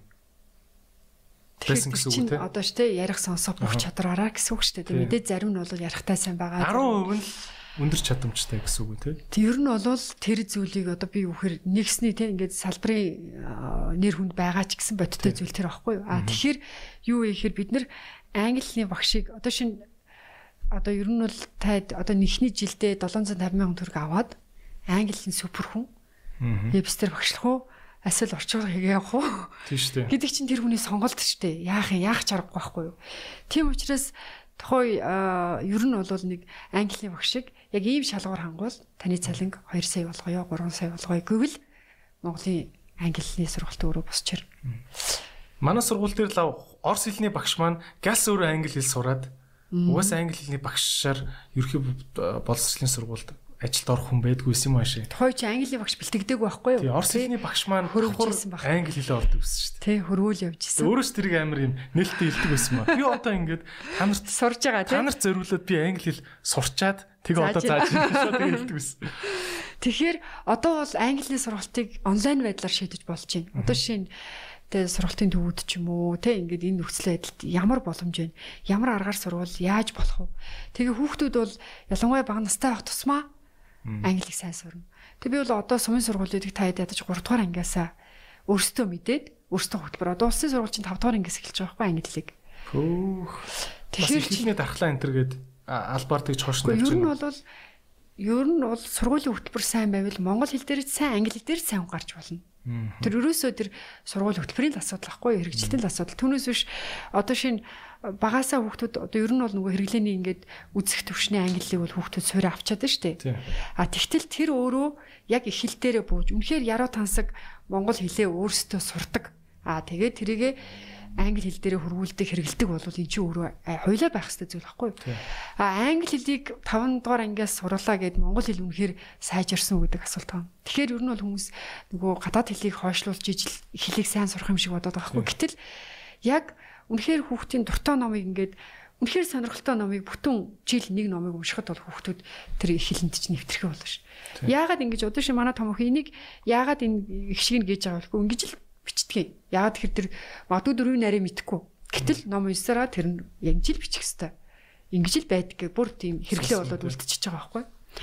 Тэгэхээр нөхцөл байдлын хувьд бол одоо ном хөтөлбөрийг тухайд яагаад гарч ирсэн бэлээ гэхээр хүн зөвхөн ингээ бэлэн мэдээл авах ш хүн анализ хийдэг, дүгнэлт хийдэг. Тэг ялангуяа тэр ном сонголт Гэвь ангийн номоос ингээд бүх сургуулийг анги болгоныг номоос нь та болох юм явж ирсэн л та. Тэгээд яг тэрийг дайламдуулаад манай хүүхдийн номыг бэлддэг хийдэг хүмүүс нэлээд сайн номнууд гаргадаг болсон шүү. Одоо бол ялангуяа бага насны хүүхдтэр айтаа айтаа номд аюу хөрх номнууд гарч байна. Нэг харцсангуу нэг үе бодоход тэр ном хөтөлбөрийн үүрэг шиг болвол ном хүүхдүүд авдаг болсон, ном ярьдаг болсон, номоор дамжуулж ингээ хуваалцдаг болсон. Тэр тодорхой хэмжээний хөтөлбөр гэж юу энэ улсын хөтөлбөр юм уу зүгээр нийгмийн санаачлага юм уу? А яамнаас би тэд нөгөө ном аяас хөтөлбөр гэж анх эхэлсэн. Яагаад тэгэхээр нөгөө яг хүүхдэрийн хөгжлөг гэдэг шиг гэдэг гол концепцээ ойлгуулахын тулд ном унших гэдэг чинь зөвхөн унших биш байхгүй. Хүүхд эргэцүүлэх те сонсох ярих бүх нөгөө суурь чадвар гэдэг учраас тэр суралцсан суурь чадварыг дэмжих зорилготой. Нөгөө талаас номноос одоо те хүний тэхэл хязгааргүй асар олон зүйлийг сурч мэдэж болдог. Тэр соёл өөрөө суралцж байгаа хүний хамгийн суурь зүйл гэдэг утгаараа. Аа. За англи хэлний би яг нөгөө англи хэлний сургалтын төв ажилладаг шүү дээ те. Тэгээд англи хэлний аппликейшнтэй Тэгээд англи хэллийг аа аппликейшнаар дамжуулаад ядаж одоо англи хэлийг зааж чадахгүй тэр чин дүрм унших, бичих, сонсох өшнөө чадвар ядаж тэр нэг үгээ цээжилдэг хэсгийг нь л бид нэр технологийн хүчээр хариуцаад сайхан маш хямд зардлаар аяг цайны зардлаар хүн болгонд авч өгөх гэсэн зорилготой ажилладаг байхгүй. Одоо тэгээд сумын сургууль руу хөрвөл би одоо жишээ нэг хоёр сумын сургууль дээр зөвлөгөө өгөөд ингээд яг хөтөлбөрчин юм шүү гэдэг ингээд баг багаар ингээд явж ийн л та. Тэгээд тэднэр дээр бол одоо яг танах тэр ингээд ажиллавал ямар нөхцлөөр ажиллах вэ? А одоо бид нар харин тийм юм бодож амжиг байгаа яг үүндээ. Бид нар одоо ингээд багш нартайгаа яаж уялдаж ажиллах юм те. Одоо яг одоо англи хэл зааж байгаа нэг багш маань сумд байгаа. Тий яаж мэдгүй тэр багшид би яаж туслах юм бас сайн мэдгүй л байна л да. Гэхдээ одоо биднэрт интернет гэдэг өөрөө интернет гэдэг зүйл өөрөө биднэрт бүх боломжгүй боломжтой болгочихж байгаа байхгүй. Одоо бид нар хоёр сумын сургууль, нэг сумын сургуультай очиж нэг ажиллаад дараа нь ажиллах чийл корона болсон байхгүй юу? Тэгээ нэг жил ингээ паниктаад одоо яах вэ гэж санаа зов явж исэн. Сая корона эхлэнгүү за ерөөсөө онлайнаар ажиллая гэл. Тэгээ эхлэх чи одоо бид нар онлайнаар ажиллахад ямар ч те Одоо мэдээж нүүр тулвал илүү сайн л да. Гэхдээ байгаа төвшөндөө аягүй боломж юм байгаа байхгүй. Тэгэхээр бид нар юу гэхээр 7-7 хоногор тодорхой хэмжээний хөтөлбөр тэр хүмүүс гаргадаг. Аргацсан хувьд миксерддэг тий. За та хэд энийг хариуц, бид нар энийг хариуцъя. Хамаагүй хүүхдтэйгээ хамт сураад явах багш байж болно. Яагаад тэгэхээр би бол нөхцөл байдлын хувьд тэднийг мэдэхгүй байх гэж буруутахаасаа илүүхээр мэдэх боломжийг олгочвол ер нь бол тэд нар чинь бас ингэ нэг муу ая гэж боддог хүн байхгүй шүү өнөөгч нар чинь. За би угаасаа л ийм гэ байдаг хүн байхгүй шүү дээ яавал сайн болчихгүй нэрээ би чи өгч өстэй шүү гэдэг хинхэн тэр шүү дээ тийм болохоор яг багш нарын ийм хөрхөн групп гаргаад тэн дээр өөрсдөө сайн туршгаа хуваалцдаг. Тийм боломж олгочих юм бол асар өөр байгаа. Тэгээд миний тэр нэг сургууль дээр бол юу гэхээр тэр англи хэлний нэг сургалтын төвтэй хамтраа тэрийг хийхэд хүүхдийн сонирхдаг ном тэр хамгийн сайн байсан. А дэлхийн 7 гайхамшигын тухай ном уншихад хүүхдүүд тэр номыг бүр ингэж ярьж байгаа. Энэ стай гоё яасан гэдэг. Би чи яаж хөгжсөн гэхээр би стай гадаад хүнтэй ярьдаг болсон. Би миний бичих чадвар юм болсон те. Нөгөө сонирхолтой зүйлээр нь л хүүхдийн энэ яг энэ хүүхэд юуг сонирхоод байгаа. Тэгээд нөгөө Wonder гэдэг нөгөө Америк хөрхөн ном байдаг штэ. Тэгээ тэр номыг ингээ уншихад хүүхдүүд те яг энэ хүүхд яасан бол гэж ингээ тэр зохиол төлөгдөж одоо тэн дээр чинь номон дээр нөгөө үг өөрөө тавтамж олонтой учраас тэрийг ингээ дагаад хүүхдийн хувьд бол эхлээд нэг хуудсан дээр арай ойлгохгүй байсан бол те. гурван хуудсыг ойлгоцсон бол дараагийн таван хуудсыг ойлгоод эхэлж байгаа. Одоо за ингээ за. Та би танаас амар зүгээр амьдралын практик юм асууя заяа. За би бол тийм бэл бинчэнтэй хүн биш одоо Улаанбаатар хотод байгаа нэг сургалтын төв ажилуулдаг яг нэг IT компанитай ийм иргэн тий. Тэгвэл би одоо аюу ч тийм за би юу хэр танаа хохирч болохгүй байхгүй ягаад тэгэхээр танай сургалтын төв сайн байхын тулд тэнд байгаа хүмүүс сайн цалинтай ажиллаж иж танай сургалтын төв сайн байна. А тэгэхээр эн чинь өөрөө өө би өстө энийг хийж байгаа гэж зүгээр үнэсгүй явбал тэр чинь өөрөө тэгэл зогсож байгаа гэсэн утга шүү дээ. Тэр нь бол А за яг бид нар ч бол нэх нөлөөнд нөлөөнд орохгүй байх угаасаа нөө тэртээ дөрөв жоохон болохоор ааха нэх тэгж одоо нэх манай бизнес ч юм уу нөлөөлөд нөлөөлөд ахааргүйгээр гэж би бодож байгаа хгүй. Аа за тэгэнгүүт би одоо ингэж бодъё л доо. За би Архангай аймгийн хоёр сумыг тоочглоод энэ хоёр суманд байгаа англи хэлний багш нарт би туслая. Зүгээр л иргэнийхээ хувьд. Гэвүүл та одоо жишээ нь би одоо яаж тэр хоёр багшийг очиж хамтарч яаж гой хамтруул юм гол нь тэр хүмүүс өөрсдөө хүсэх ёстой. А хэрвээ энэ подкастыг сонсож байгаа бол эдгээр өөр хандахгүй юу? Тэгээд хүмүүс одоо шинэ ингээд хандлт яагаад те сургуулийн захиргаа маш сайн дэмжих хэрэгтэй. Яагаад тэгэхээр багш ганцаараа зүтгээ тэнд юм бас болтгоо. А сургуулийн захиргаа за ерөөсөө энэ одоо эдгээр одын сургалтын төвтэй манайх ерөөсөө холбогдоод үзье. Тэгээд ийм ийм боломж байна. За манай сургалтын онцлог энэ шүү одоо энэ аппликейшн ингэж ингэж ашигладаг. Энийг те одоо энэ өмчийн хувьд ийм байх хэвээр гэрээ тохиролцоо байж хэвээр те. Тэгээд 6 сарын дараа таны энэ байгаа төвшин энд хөргүүл бид нар үргэлжлүүлээ. Ягаад тэгэхээр өө ингээл өнгөө авч байгаа ч гэдэг юм ийм байвал бас утгагүй. Тэгэхээр 3 сарын хугацаанд таад аль хүртэл төвшөө ахих юм. Хойлоо гэрэлчи те. Тэгээ 3 сар үрдэнтэй бол би ахиад өргөжлүүлээ. Тэгэд энд ингээд явж байгаа юм чинь буцаад таад нүү хаа болох байхгүй. Энэ хоёр сургууль дээр хийж үзчихвэл ахаад хоёрыг дөрв болоход дөрвийг 8 болоход боломжтой гэсэн. Тэгэхээр миний нөгөө Монголын давуу тал чинь бусад газар шиг те 5 сая хүүхдийн тухай хэдэн зуун мянган сургуулийн тухай ярихгүй байхгүй юу? Тэгэхээр би бол анх ярьж ирсэн. Ерөнхийдөө энэ тухайн үед нэг 600 500 хэдэн сургууль 600 хэдэн сургууль байхад 100 захирлал супер болчихвол энэ чинь ингээ те менежмент нь аяг зүг болгочихвол. Тав таваараа нийлэн нийлэл ингээд сүлжээ сургууль болоод энд сайн юм ийшээ ширлээ ийшээ ширлээ ингээл энд эдрийн харсан имийг тэнд хүн ирж хараад ингээд тэгээд тэр сайн хичээл үйл ажиллагаанд би нэг Монгийн нэг сургууль дээр нэг өдөр одоо Баянгол дүүргийн ингээд сайн хичээл үйл ажиллагааны зөвлөгөө тий болгож гинэ гэж очихгүй юу? Тэгсэн чинь тэр заал нь бүр ингээд пик дүүрсэн барыг би орох цайгүй тэг би яагаад таад чи хүнээ тооцоолоог юм уу? Яасан гэсэн чинь дунд говоос дорн говоос доронтоос хаанаас хаанаас гинүү хүмүүс тэр Баянгол дүүргийн тим болох чинь гэдгийг мэдээд бүр бүх цаараа хүрээд ирсэн за. Тэгээд би тийм нөгөө тухайн сургууль зохион байгуулж байгаа бол таад ядаж өдрийн цайтай байхгүй хүмүүс ядарна те таад боломжоор зохицуулаарай гэсэн нөгөөдөл бид нар цай авахгүй байж болно энийг л харчаа яваа гэд. Тэгэхээр Тэр Монгийн гэдэг сургуулиас суралцах гад ирсэн баа уу? Тийм Монгийн сургууль дээр нь Баянгол дүүргийн тэр сайн сургуулийн туршлагуудаас суралцах гад ирсэн байхгүй. Тэгээд тэн дээр яадаг вэ гэхээр яг багш бодтой туршлагаа харуулаад хүүхдүүд нь тэрийг хийж үзүүлээл энийг хийх тийм бэрхшээлээс энийг ингэж давсуулсан энийг ингэж хийсэн гэдгийг ярьдаг байхгүй. Тэгэхээр ерөөсөө дэлхийн нийтийн Финланд ч бай, Япон ч бай очиод харах юм бол ерөөсөө тэр та сайн туршлага болцох. Тэр хуваалцах юм биш үү те. Бид хоёрын ярилцлагаас нэг л айгүй том л үг гарлаа шүү дээ. Хуваалцах те. Сайн юмаа хуваалцах. Одоо ийм нөгөө нэг юм Тийм л сургамж орчин бий. төгөөлөг гэдэг шүү дээ. Нөгөө э, сайн вандууныхаа үрийг хөрчтөө өгч чи манай вандуу сайн ургана гэдэг шиг өрсөөл тэр байхгүй. Энд байгаа сайн багшин шиг аваад би хөгжөөл энэ хүнд ахаад би хөгжөөл ингэж босрол бол уралдаг салбар биш хамтардаг. Тэгээд тэрийг тэр сайн хичээл үйл ажиллагааг тэгээд 14 15 он 16 онд хийгээл тэгэл бидний басан тэгэл зогсчлоо. Тийм. Сэт сэт гэдэг шиг. Үлгэр бас явж явах шиг үнэ. За ийм ЮНЕСКО-гоос боловсролын дөрвөн баг нь хүний мэдхийн тулд хийхийн тулд те ажиллаж амьдрахын тулд оршин байхын хамтдаа тулд оршин байхын тулд сурдсан байна. Хамтдаа амьдрахын тулд сурдсан байна. Суралцахуйд сурдсан байна. Хийж бүтээхэд сурдсан байна. Энэ дөрвтэй. Энэ ЮНЕСКОгийн дөрв манай боловсролын философид яг шингэсэн байгаа юу? Манай боловсролын философи энэс хэлсэн юм байгаа юу? Одоо манай энцүү хөтөлбөрийн Ерөнхийдөө бол яг энэ ЮНЕСКОгийн үзэл баримтлалыг л бид нэр ер нь бол барьдаг. Одоо яг тухайн үед миний хувьд ч гэсэн те за Финландийн ч гэдэг юм уу тэрүүн туршлагууд байгаа. Гэхдээ ЮНЕСКО бол яг дэлхийн нийтийн энэ хүндрэлтчин нэг төрлөختөн чинь нэг амар тайван эрүүл их сайн сайхан байхад юу чухал вэ гэдгийг гаргаж ирж байгаа. Энэ өөрөө энэ дөрвөн багныг бол сөө ББ сэгтэд энэ бүх төвшөнд ярихын үед бол хамгийн сайн ярьсан. А хөтөлбөрийн үзэл баримтлал дээр ч гэсэн одоо шинэ их сургуулийн одоо шинэ хөтөлбөрийн үр дүн гэлэхэд мэдлэг чадвар хандлага гэж байгаа. А ЕБС дээр ч сөв дээр ч идэлхэн үр дүнгийн тодорхойлж өгөхөд яг энэ гурвыг барьж байгаа юм л да. Тэр хандлага гэдэг нь наацхан те суралцсан баг. Энэ дөрвөн баг нь гэдэг нь дөрвөн гол хандлагаа хэлээд байгаа юм уу? Эдгээр энэ чадвар дөрвөн юу гол гэж энэ энэ дөрвөн ур чадварыг л эзэмших ёстой шүү. Нэгсийн дөрвөн гол зорилтол гэсэн үг л дээ. Тэгээд энэ нөгөө ЮНЕСКОгийн дөрвөн гол одоо суралцахын одоо боловсролын гол багана л гэж бид нэр ярьдаг л да. Ерхэд томьёолол инженеэр томьёолж байгаа гэсэн үг. Тэгэхээр энэ зүйл бол яг нөгөө төрөний хэлдгээр одоо баримт өчгч юм уу хөтөлбөр тодорхой хэмжээр суудсан. А гэтэл тэрийг ингээд яг энд одоо өнөөдөр физикийн багш Еш тэдэн оноо авсан авсан бэ гэдгээр сургууль дээр уралдуулж байгаа бол тэгэл тэр багш бол Ешийнхаа л одоо тий тестэл бодно шүү дээ одоо тэргээл ярина.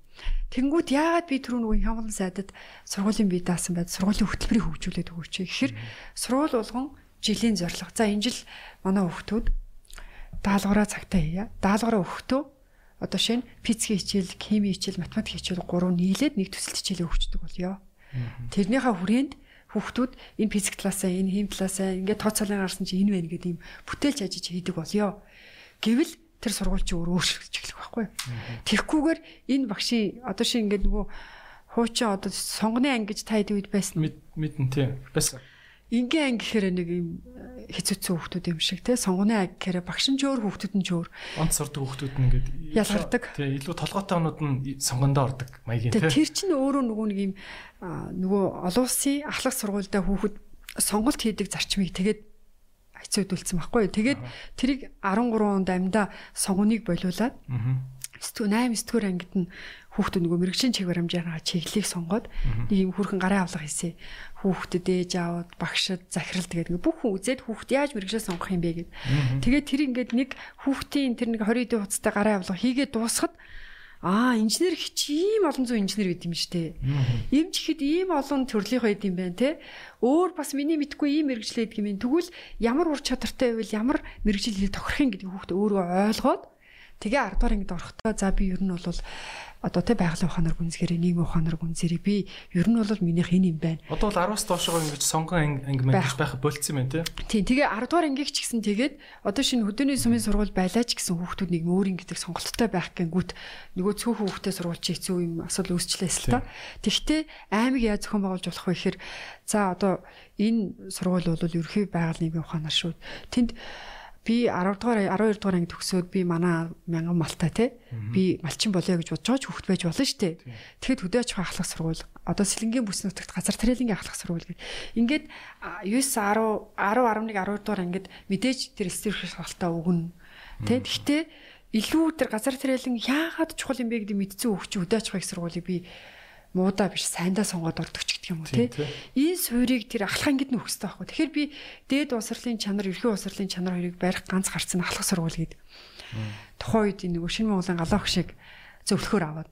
За ахлах сургууль яаж хөгжүүлэхөг олон улсын зөвлөх аваад тэгээ явж исэн шинэ Монголын галаа хөш яг үндэ нөгөө уг нь тэнд яг ахлах сургуулийг арай хөгжүүлсэн тэднийх байсан юм. Тэгээд яг дөрвтэй тим гаргаж өгч чадаагүй би ерөөсө зөвлөхийн ажлыг зөвлөх гэж бодсон. Би энэ шийдэж чадахгүй нэгээд тэгээд дундаас болцсон. А тэгтээ бид нар юу хийсэн бэ гэхээр яг энэ ахлах сургууль байхын тулд яах вэ? Тэгээд одоо шинэ байгалийн ухааны нийгмийн ухааны чиглэлээр нөгөө их сургуулийн хичээлийг урчиж үздэг. Статистик ч юм уу, дэйто ч юм уу үздэг. Тэрийгээ их сургууль дээр шууд тооцоолдог кредиттэй байх ч гэдэг юм уу. Энэ бичлэнгээр их сургууль тэгээд яэшиг нэг өдөр те одоо ингээ 10 хоногт одоо зарим хүүхд 5 6 яш хүүхд чинь нэг өдөр шалгалт өгөл маргааш шалгалт өгөл ингээл тэр өдөр тэр хүүхдийн толгоо өвжсэн бол юу болох вэ те? Ар гертний болсон бол юу болох вэ те? Гэтэл одоо чинь сад ч юм уу те? Товл ч юм уу би өссөн үедээ хизээ зарлагдсан байна те? За тэр үедээ би за одоо бэлэн болсон гэдэг үед очиж өгдөг штэ. Тэгэхээр бидний дараагийн шилжилт юу исэн бэ гэхээр хүүхэд 11 12 дугаар анги да стер шалгалт өгдөг. За би өстой юу болчлоо шүү. Одоо би энэ мэрэгжлийг бүгдийн суулгаж байгаа авдаг. Машин дэдэг биш. Одоо тэр шалгалтын төвч ингээ өөрөө байнга ажиллаж байдаг. Байнга ажиллаж байдаг тий. Хүүхэд би очиод өстой би тэдэн оноотой одоо ши муйс гэхэд зарлах байхгүй юу? Одоо сати тэдэн оноо гэдэг шиг тэрний энэ одоо байгалийн ухааны шалгалтын 8 700-аас дээшийг манай хав шүү гэж хэлцдэг. Тэгвэл нөгөө их сургуулийн чанар сайжирна хүүхдүүдийн нөгөө Юу конкурс гэдэг юм байхгүй болох хэрэгтэй. Ерөөсөө конкурс чи өөрөө төвлөрсөн төлгөөд эдийн засгийн үеийн мянган инженер болох хүүхдээ шүү дээ. Гэтэл төвлөрсөн төлөөд эдийн засгаар 100 хүн хэрэгтэй бол тэр 100 авахын тулд шигшж байгаа процесс байхгүй юу? Тэгээ сая би нэг сэтгэл эмзэглсэн зүйл. Тэрнээс хүн болгоны ирээдүг хамгийн зөв зөв залах шалгалт биш те. Хурдхан шиг шигшиж авах зорилготой тийм. Тэгэхээр одоо шинэ MIT ч юм уу, одоо шинэ Harvard ч юм уу дэлхийн сургуулиуд хизээ одоо те аппликейшн өгөөд хизээ сонгон шалралт болоо. Тэгээ яах юм? Тэг чи аль хэдийн тэр хүн чинь ямар ямар оноо те. Ер нь хүүхэд товлын хэдэн оноо те, саадын хэдэн оноо хангацсан байх юм л гэдгийг хэлээд өгч байгаа шүү дээ. Тийм. Тэгээ хүүхэд бэлэн болсон үедээ тэрийгэ чадвал тэрийгэ хийгээл те. За би энийг энэ Harvard-ын энэ оноог чадахгүй юм байна. Би энэ оноогоо авч байгаа бол энэ коллеж руу орё гэж явж байгаа шүү дээ. Юус бодож байгаа хүн байна. Наадах чаа нэрэ бодоодсэн чи айгүй шудраг биш юм шиг. Хүүхдээ ирээдүг ганцхан өдөр бүгдийн суулгаж байгаа шууд сортал сорталж байгаа. Шууд авч байгаа. Ер нь тэгж болдог үстэй. А тэр IELTS-ын шалгалт, TOEFL-ын шалгалтыг чинь 3 4 удаа ч өгч болдог үстэй. Би 10 удаа ч өгч болно шүү дээ. Би 10 удаа ч өгч болно шүү дээ. Ер нь яхаар яшиг ганцхан удаа аваад тэгэл за болоо гэж тасалж идэв тийм. Одоо байж болох. Тэгээд тухайн үед бол юу гэхээр жилд ядаж 2 авдаг болоо эхлээд.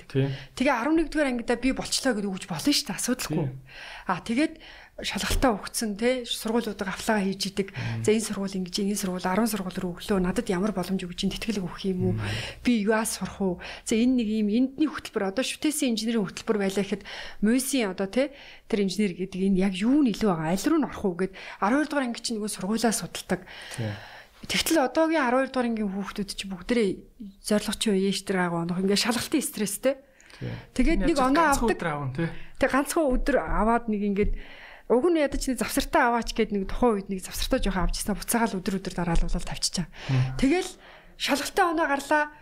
Энэ сургуулийн тэр сургуулиуд шидхэн хоногийн дотор нөгөө шалгалтаа аваад энэ сургуулийн энэ сургуулийг сонгоод тэгэл дуусчих.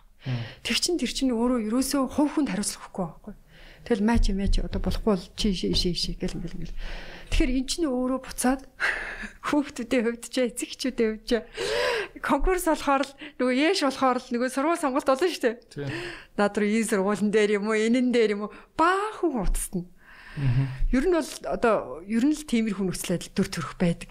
Тэгтэл чин жилийн өмнө би авах оноогоо авчаад За очиод сургууль дээр судлаад хичээл сууж үзээд. Тий, эдэр эдэр эдэр одоо хөш ийм математикийн дэд математикийн хичээл заад юм байна. Онлайнаар нэг хоёр хичээл зааж үзээд Ингэж ийж нөгөө их сургууль одоо сая нөгөө хамгаалан сайдны тэр юун дээр ярьж байгаа юм нь бол ер нь бол улс орны одоо шинэ 10 жил 12 дугаар анги төгсөж байгаа хүүхдүүдийн 20 30% нь бусад сургууль бусад орнуудад ихтэй сургуульд ордог. Манайд бол 70% орж ийн энийг басах тийм биш. Манайх шиг юм цөөхөн амтай хүмүүс бол босролтой болох тусмаа сайн.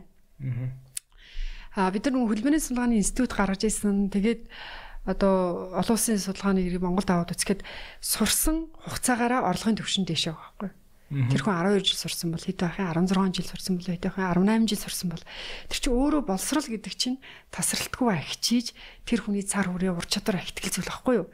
Тэгэхээр ер нь бол нөгөө юм нэмж олно гэдсэн хямлан сайд нар хамгийн чухал юм тэр ахлах сургууль байхгүй юу. Тэрвээ та зөвлөх байсан. Тэгээд тэр ахлах сургуулийг маш сайн болгоод элстээр өрхөй шалгалт гэдэг имийг нэг өдөр ингээ хоороор нь суулгаж чад ингээ авдаг биш. Яг энэ элстээр өрхөй шалгалтын одоо ингээ элстээр өрхөй шалгалтаа одоо босрлын үнэлгээний төвийн захирал өнгөрсөн жил ингээ амар гоё мэдээ ярьж байгаа байхгүй юу. Одоо элстээр өрхөй шалгалтыг ингээ өгөөл дүн гардаг. Ингээ харахад хүмүүс айгүй гоё таалагдж байгаа хөөстө хурдан юм байна мэн. А гэтэл ямар одоо жишээ нь TOEFL шалгалт өгөхөр хэдэн хоногийн дараа хариу нэртэй. Мэдгүй. Хамгийн багадаа нэг 30-аас те 2 сар болж байгаа үстэй. Саад ч юм уу ингээд. Ядагч үлээ. Одоо сая ингээд манай хүүхд ингээд нэг юм олон улсын олимпиадад туршиж орж үзэж байгаа байхгүй юу? Тэгээ тэр чинь нэг цаг өгж байгаа. Доктортаа л ирдэг шүү дээ нэг. Тэгээ тэр чинь өөрөө 2 сар юм уу сар болж иж за чиний хариу юм байна гэдэг зүйл яригдж байгаа байхгүй юу? Тэр чинь яагаад ямар шалгалтыг гэж тэр дороо дүн гардаг вэ гэхээр хүний тань мэдхийн төвшин гэж яваад үзэх юм сэргэн сан хойлох төвшин. Аа. Тийм үгүй юу? Зөв үү буруу юу? Аа юу бэ юу? Аа юу бэ юу? Энд тохирох нь аль нь вэ? гэдэг шалгалт чи хүүхдийн ур чадрыг үнэлэхгүй байхгүй юу? Шалгахгүй. А яг энэ кейс дээр одоо шин тэр 2018 онд авсан песагийн шалгалтын үнэлгээ чинь сая 2020 онд хэвлэгдэж гарч ирж байгаа байхгүй? Тэр чи өөрөө те маш олон талын анализ юу болоод яаж байгаа гэдэг юм.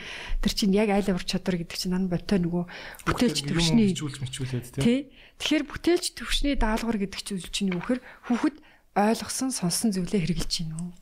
Тэрийг ашиглаад анализ үнэлтэд гаргаж гин үү. Тэрийг амьдралдаа нөгөө жинхэнэ ур чадвар болгож чадж гин үү гэдгийг үнэлж байгаа байхгүй. Тэгэхээр тэр ур чадрыг үнэлэх тэр үнэлгээний шалгуур нь өөрөө өөрчлөгдөх хэвээр.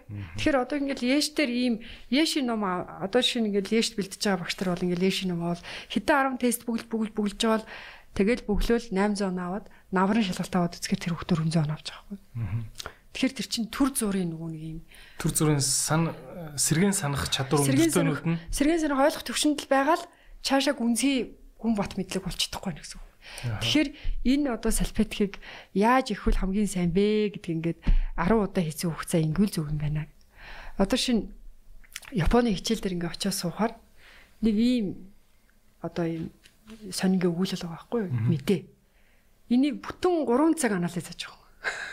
Тэгэхээр ч энэ дотор байгаа тоо баримт яагаад яасан тэгээд тэрийг математик дээр бодлого болгоод ингээ хийсээр хагаад би нэг ингээд хүүхдэд зэрэгцээ бодож байгаа байхгүй юу.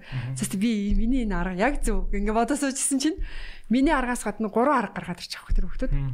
Тэгэхээр чин тэр хүүхд тэр чин ингээд яах юм те. Тэгээ би бүр гарч ирээ те. Яг бидний нөгөө сур данс юм нэг л юм хийчихэл за энэ зөв гэж сууж байгаа байхгүй. Тэгэхээр бид нар юухэр яг нөгөө цөм хөтөлбөр хэрэгжүүлж чад бас багш нарт одоо эцэгчүүд бас ярьдаг. 3 дугаар ангид байхдаа 5 дугаар ангийн бодлого очижсэн. Манай хүүхдүүд мундаг юм а гэх тэр мундагтай биш байхгүй. Агуулга гүнзгэрч чинь Гэхдээ ур чадвар гүнзгэх хэрэгтэй. Тийм учраас би завхны нэг нэгдүгээр сургуулийн менежертэй ярьж байгаа таад яг математик төр хүүхэд өгүүлбэртэй бодлого зохиодог. Тэрийг олон аргаар боддог арга зүйг туршаатгачаа гэд. Тэгсэн чинь хүү манай хүүхдүүд 32 аргаар боддог болсон л гин 18 аргаар боддог болсон л гин сонсохоор ээ бурхан минь үнэн үү гэд тэгээд очисон байхгүй юу. Тэгээ би за харъя танаа нэг олон аргаар одоо хүүхдүүдийг харъя гэд харсан. Тэгээ тэр нэг хугацаа авахгүй учраас би 10 минут өгье. Нэг өгүүлбэртээ бодлого бодоод тэгээд тэрийгэ олон аргаар гаргаад ирэнгүүт хамгийн дээдлэн тэр 15 минутанд нэг охин 15 аргаар гаргаад ирж байгаа. Тэр чимээ арга, тэрний арга, тэрний арга гаргаж ирээд тэгээ 15 арга 15-аас нь гин тайлбарлаж байгаа байхгүй болно. Энэ аргыг ингэж байгаа учраас энэ арга энэ хоёр хоорондоо ялгаатай. үзэл гэдэг чинь сууж Тэгэхээр боловсролт тим орж ирж ич миний хүүхэд таны хүүхэд бидний хүүхэд өөр болох хэрэгтэй байхгүй. Тэгхгүйгээр би бол юухэр багш нарыг битгий те хүүхдийг битгий ингээд зовоогод байгаа чи. Тэр 5 дугаар ингийн имийг нааш нь авчир зааж яах гээд байгаа юм те. Үйлдвэртээ бодлого эхлээд өөрөөж бодлоо. Бодлоо. Тэрний дараа зохиолоо өөр аргаар гаргаж ирлээ. Тэр нь амьдрал дээр яаж хэрэглэх юм? За чи энийг одоо шиг гадаа байгаа температур, гэрт байгаа температурын зөрөө энэ дэр юу болох юм те? Энэ дэр юу болох вэ? Тэ хүн яг энэ үед тэгвэл ямар уцтай гарвал хүн биеийн халуунаа дулаанаа алдахгүй байх юм ч гэдэг юм уу? Ийм амьдрал дээр өөр юм хийвэл хүмүүс чи ядчил хувцаа хаан тохирож юм сурна гэжтэй те. Тийм те. Вау. Тэгээд тэр багш нар айгүй хөөрхөн байсан. Тэгээд ер нь бол ингээд би ингээд ялангуяа нөгөө цөм хөтөлбөр ингээд хэлж яхад хүмүүс ойлгож байгаа болов ойлгохгүй болов ингээд аюу санаа зовлт байна. Тэгээд за та хэд нэг нэг туршаад үзээд гэж гэл ингээд тэгээд нэг багшийн одоо ирээдүйн 3 дугаар ах сургууль гэдэг лөө уянга гэдэг багш дээр би сар болго очиж суудаг. За. За энэ багш хичээл үүний юм болсон дараа нь ямар болсон яасан хийсэн гэд.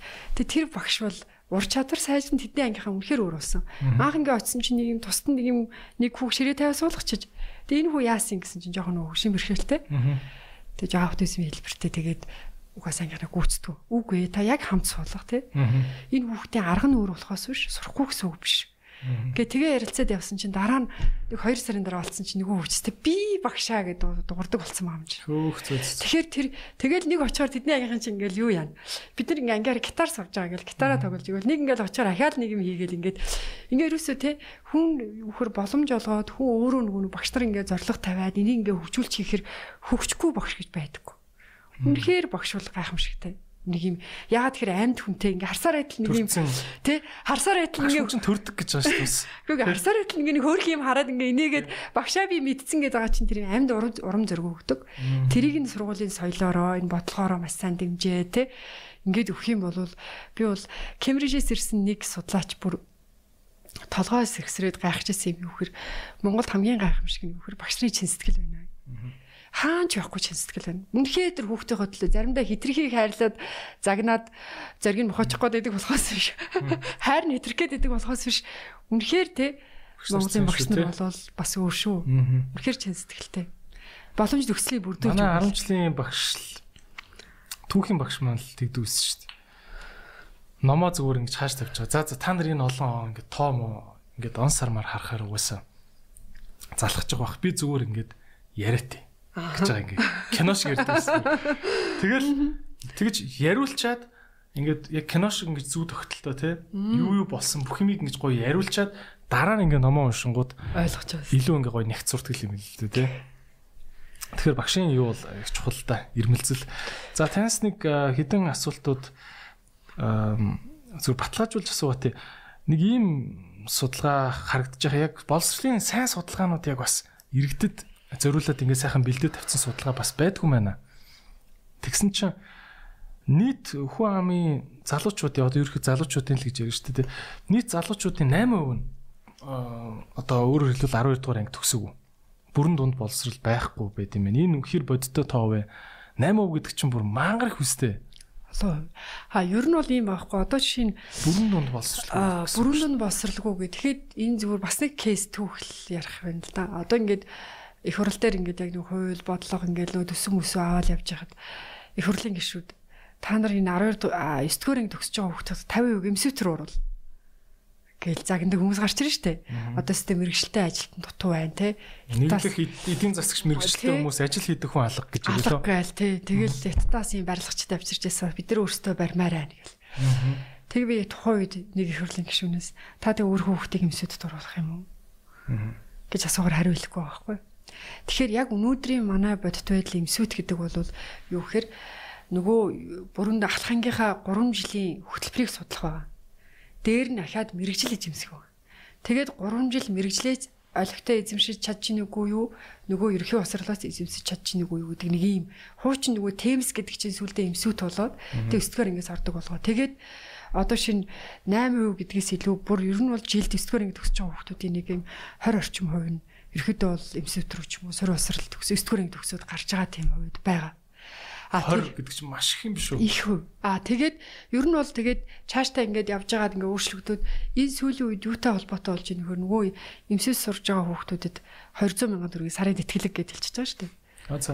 Тэгээд сая би тэр эмсэс сурж байгаа хүмүүсээс судалгаа аваад үзсэн чинь 45 хүртэл насны хүмүүс эмсэс сурд юм байна. А за. Тэгээд тэр нийт суралцагчдын 20 орчим хувь нь 24-өөс 45 насныхан байх юм. За. Тэгээд ер нь бол ингээд тэрийг ингээ харахаар Бүгш ах нар гэсэн үг шүү дээ тий. агч нар бас юм хитэн хүмүүс бас байна янз янз чихлээ. Яг мэдээж мэрэгчлээ олохгүй явж байгаа юм ч байгаа. Тэр тэтгэлэгт ороо явчихж байгаа ч хүмүүс байгаа. Тэгээ ер нь бол би бол юу гэхээр нэгдүгээр эрхээ усраж услаар эмсүүд чинь болохоор миний ойлгосноор ахлах сургуулийн гэхдээ илүү жоохон хөдөлмөр хөдөлмөрийн хичээл талын мэрэгжлийн одоо шиг гагнуурчин, засварчин мэрэгжил эзэмшүүлж гаргаж байгаа мэрэгжлийн сургалт ер нь бол дунд сургуулийн ахлах ангийн хүүхдүүдэд мэрэгжлийн сургалт тий. Ерөнхийдөө бол тэнд тэгэхэд хэдэн хувь нь одоо нас биеинд хүрсэн бүр ингээд том 20% нь 24-өөс 45 насныхан байна. 20% за окей за. Яг гоо тэнд ер нь бол ахлах ангийн төгсөөд 9 дугаар анги төгсөөд орж байгаа. Гэхдээ ямар ч чинсэн хүмүүсээ сурж болно л доо. Ирхэн нээлттэй. Тэгэхээр тэр нөхцөл байдлыг хараад одоо Японы нөгөө Койсан гэдэг яг 9 дугаар анги төгсөөд 5 жил сурдаг. Мэргэжлээ сайн эзэмшдэг одоо нөгөө яг Японыг босгож ирсэн гэж үздэг байхгүй яг инженер технологийн хүмүүсээ яг тэндээс бэлдсэн 5 жил үнэхээр сайн болоод тэгээ цаашаа хэрвээ сайн байвал их сургуулийн 3 дахь курс руу ороод сураад сэлжээд ингээ явчихдаг шатлсан сургалт. Тэгэхээр бид нар эмсүүтийг өөрчлөхгүй бол яг үндэ нэг э, жил хагас жилээр сурж байгаа сургалтууд байгаа. А тэр жилээ сургалцаа сургалтнууд дээр насан туршид төрхтөө сурж байгаа гэсэн үг. Одоо шиг агнуурчин бол яг үл нэг жил сураал тэрийг аваад явж байгаа тиймэрхүү сарын ч юм уу жилийн тэр нь ялгаатай юмнууд хөтөлбөрүүд байгаад байгаа. Тэгэхээр гол зүйл нь юу юм вэ гэхээр яг тэр эмсүүдтэй одоо шин төгсөж гараа тэр хүмүүсийн хэдэн хувь нь ажилтаа болж байна гэдээ ингээ харахаар мэрэгчлэр ажиллаж байгаа хүмүүс нь 60%. Ахаад тэр дотор нөгөө ажлын байраа маш хурдан сольдог хүмүүс нь бүр нэлээ их хувьтай. Нэг 2 жил ажиллаж байгаа л ажлаа орхиол өөр юм руу шилждэг. Тэр нэлээ өндөр хувьтай байсан. А харин ихтэй сургууль төгсөөд эмсүү төгсөөд хүмүүсийн нөгөө доктортой ажлын байр. Одоо шинэ эмсүү байгаа хүмүүс их нь улирлын ажлын байртай байгаа. Тэр чинь тогтмол орлогогүй гэсэн үг шүү дээ. Тэгээд тэр нөхцөл байдлаасаа болоод тэр орлогын төвшин доошоо нөгөө нийгмийн те халамж эрхтэй хэсэг рүү орох морох гэл ингээл олон тийм нөлөөлийн судалгаанууд байна л да. Тэгэхээр ер нь бол яг үндэ бол тэгээд Эмсүүдийг хүмүүс ингээд нэг улс төрийн одоо би тэр улс төрийн шийдвэр гаргаад одоо тэр эмсүүдийг бол одоо 200 мянга болгож ийн гээл сайдууд нь зарлал, тэ засгийн газар нь зарлал. Тэрийг зарлаад хийж байгаа хүмүүсийн хүүхдээзээ ч эмсүүд зорохгүй байхгүй. Гэтэл эмсүүдийн чанар ямар байна гэдэг одоо нэг хэсний зүгээр нөгөө нүглийн дэдэг гурлаар хураал тэдэн мэрэгчлээ ажилтан байна уу байна гэл ингээл яриад байгаа байхгүй. Тэгээд тухайн үед одоо шинэ нөгөө босрлын яамд эмсүүд нь байж л 13 онд а евро хөлбөрийн яам руу шилжчихсэн. Тэгээд одоо ингэ нөхцөл байдлыг харах юм бол уг нь бол юуны мягны хөгжлийн сорилтын сангийн маш олон сая доллар бас эмсүүдийг бэхжүүлэхин төлөө орсон бэлээ. Олон төслүүд одоо тэр яг нөгөө тоног төхөөрөмж юм сайжруулахын төлөө хөтөлбөр мөтөлбөр уг нь маш их юм дэмжлэг орсон. Тэрний үршим гарахгүй. Үршим гэдэг чинь юу гэхээр яг ямар үед нь одоо тий хит богнохон хит халтуурны байна гэж тайлж уу? Үрдэн бахтай. Аха. А тэгэхээр эмсүүтэд үнэхээр яг байхын зөв орох юм бол бүр хоншортой 5 жил эмсүүттэй сураад 5 жил яг сураад мэрэгчлээ эзэмшсэг эзэмшээд нөгөө бүрэн дунд босрлооч эзэмшээд. Одоо цаашаа тэр хүн хүсэл сонирхол байвал дээд босрлоо эзэмшээч явдаг ажлаа хийгээч байна. За одоо тэгвэл ингэж ингэж 10 дугаар ангийн хүүхэд. Үгүй би одоо ингэж энэ хичээл зоохгүй би илүү хөдөлмөр талын хүн болно гээгүүтээ одоо хөдөлмөр гэж хэлэх зөв ч юм уу? Яг би мэрэгжлийн мэрэгжлийн одоо мэрэгжлээ эрт эзэмшчмээр байна. Одоо шин тий 12 дугаар анги төгсөөд яг дээд усар шаардлагагүйгээр нэг өсний коллежийн босрал гэсэн үг л тий. Тэгээ 11 дугаар ангитаа орох байж байсан хүүхэд шууд эмсүүт рүү яваад орчлоо штэ. Тэнгүүтээ тэнгүүтээ жил хагас сурангуудаа яач тийм үү те шууд ингээд хөдөлмөрийн зах зээл дээр гараад ирд юм. Ер нь бол 9 дугаар анги төгсөө 10 дугаар ангид орж байгаа.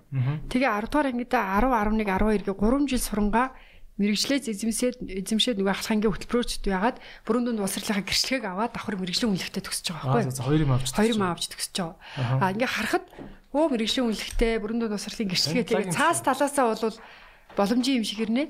Тэр чинь өөрөө юу хэлээд байв гэхээр цаашаа ажиллаж байгаа ур чадвар те яагаад хүмүүс хэрвээ тэр хүмүүс боломжийн бол те боломжийн чадртай байгаад байгаа бол тэр чинь нэг хэсний тэр мэрэгжлийн ур чадвараараа өөрөө ажлын байраа бий болгодог те олон талын ур чадвар юмнууд гарч шүү дээ. Тэгэхээр тэр хангалтгүй байна л гэсэн үг. Аа. Яг төгссөн хүмүүсийн датаг ингээд анализ хийгээ үзэхээр те та түр юу гэж хэллээ би бас тоогийн дахиад тодруулах тий. Тэгээд төгссөн хүмүүсийн 60% дандаа юм докторгүй санхүүгийн докторгүй амьдралтай болчиход байгаа юм одоо тий улирлын чанартай байна л гэсэн үг байхгүй юу? Яг одоо шууд ингээд оюутлахад гагнуурч нар очиж чадахгүй байгаа юм. Чадахгүй гэсэн үг. Ер нь бол одоо шин тэгээд ойдлогоо ч юм уу гэд ингээд хүмүүс бол одоо маш сайн ажилтнууд одоо шин орон нутгийн ч гэдэг юм уу хүмүүсийг авъя гэл янз янзын өөрсдөө мэрэгжлийн сургалтууд хийж штэ. Олон талаасаа хийгээл яваад байна гэдэг чинь тэр компаниуд улам л олон мэрэгжлийн сургалтууд хийгээл ингээд яваад байна гэдэг чинь манай эмсүүд ямар чанартай байгаа гэж харуулж байгаа. Үнэхээр эмсүүд чанартай болвол те жихээ шалгаруулж байгаа тэрийг авах хэрэгтэй л дөө. Улсад ер нь хэдэн эмсүүд үү? 60 гэсэн баха. Тийм үү. Дандаа тэгээ улсын байгууллагууд яг л улсын сургууль. Ер нь хувийнх бас байгаа. Хувийн эмсүүдээс байна. Ер нь бол одоо нөгөө хуучин социализмын үед яг нөгөө мэрэгчлээ ажилчин бэлтгэх гээд аймаг болгонд байдаг тийм ирж шихээр байгаа гэсэн үг юм. Ойлголоо. За аа нийт бас залуучуудын судалгаа ингээ харахаар нийт одоо нас биеийн төрцөө явж байгаа, ажил амьдралаа өөрөө аваад явж байгаа залуучуудын 16% нь гэр бүлэд хижээх чадваргүй байна гэж хэлсэн байгаа байхгүй. Гэдэг чинь одоо одоо баг ихнэр ихнэр ихнэр хүүхэдтэй одоо тийш дээ.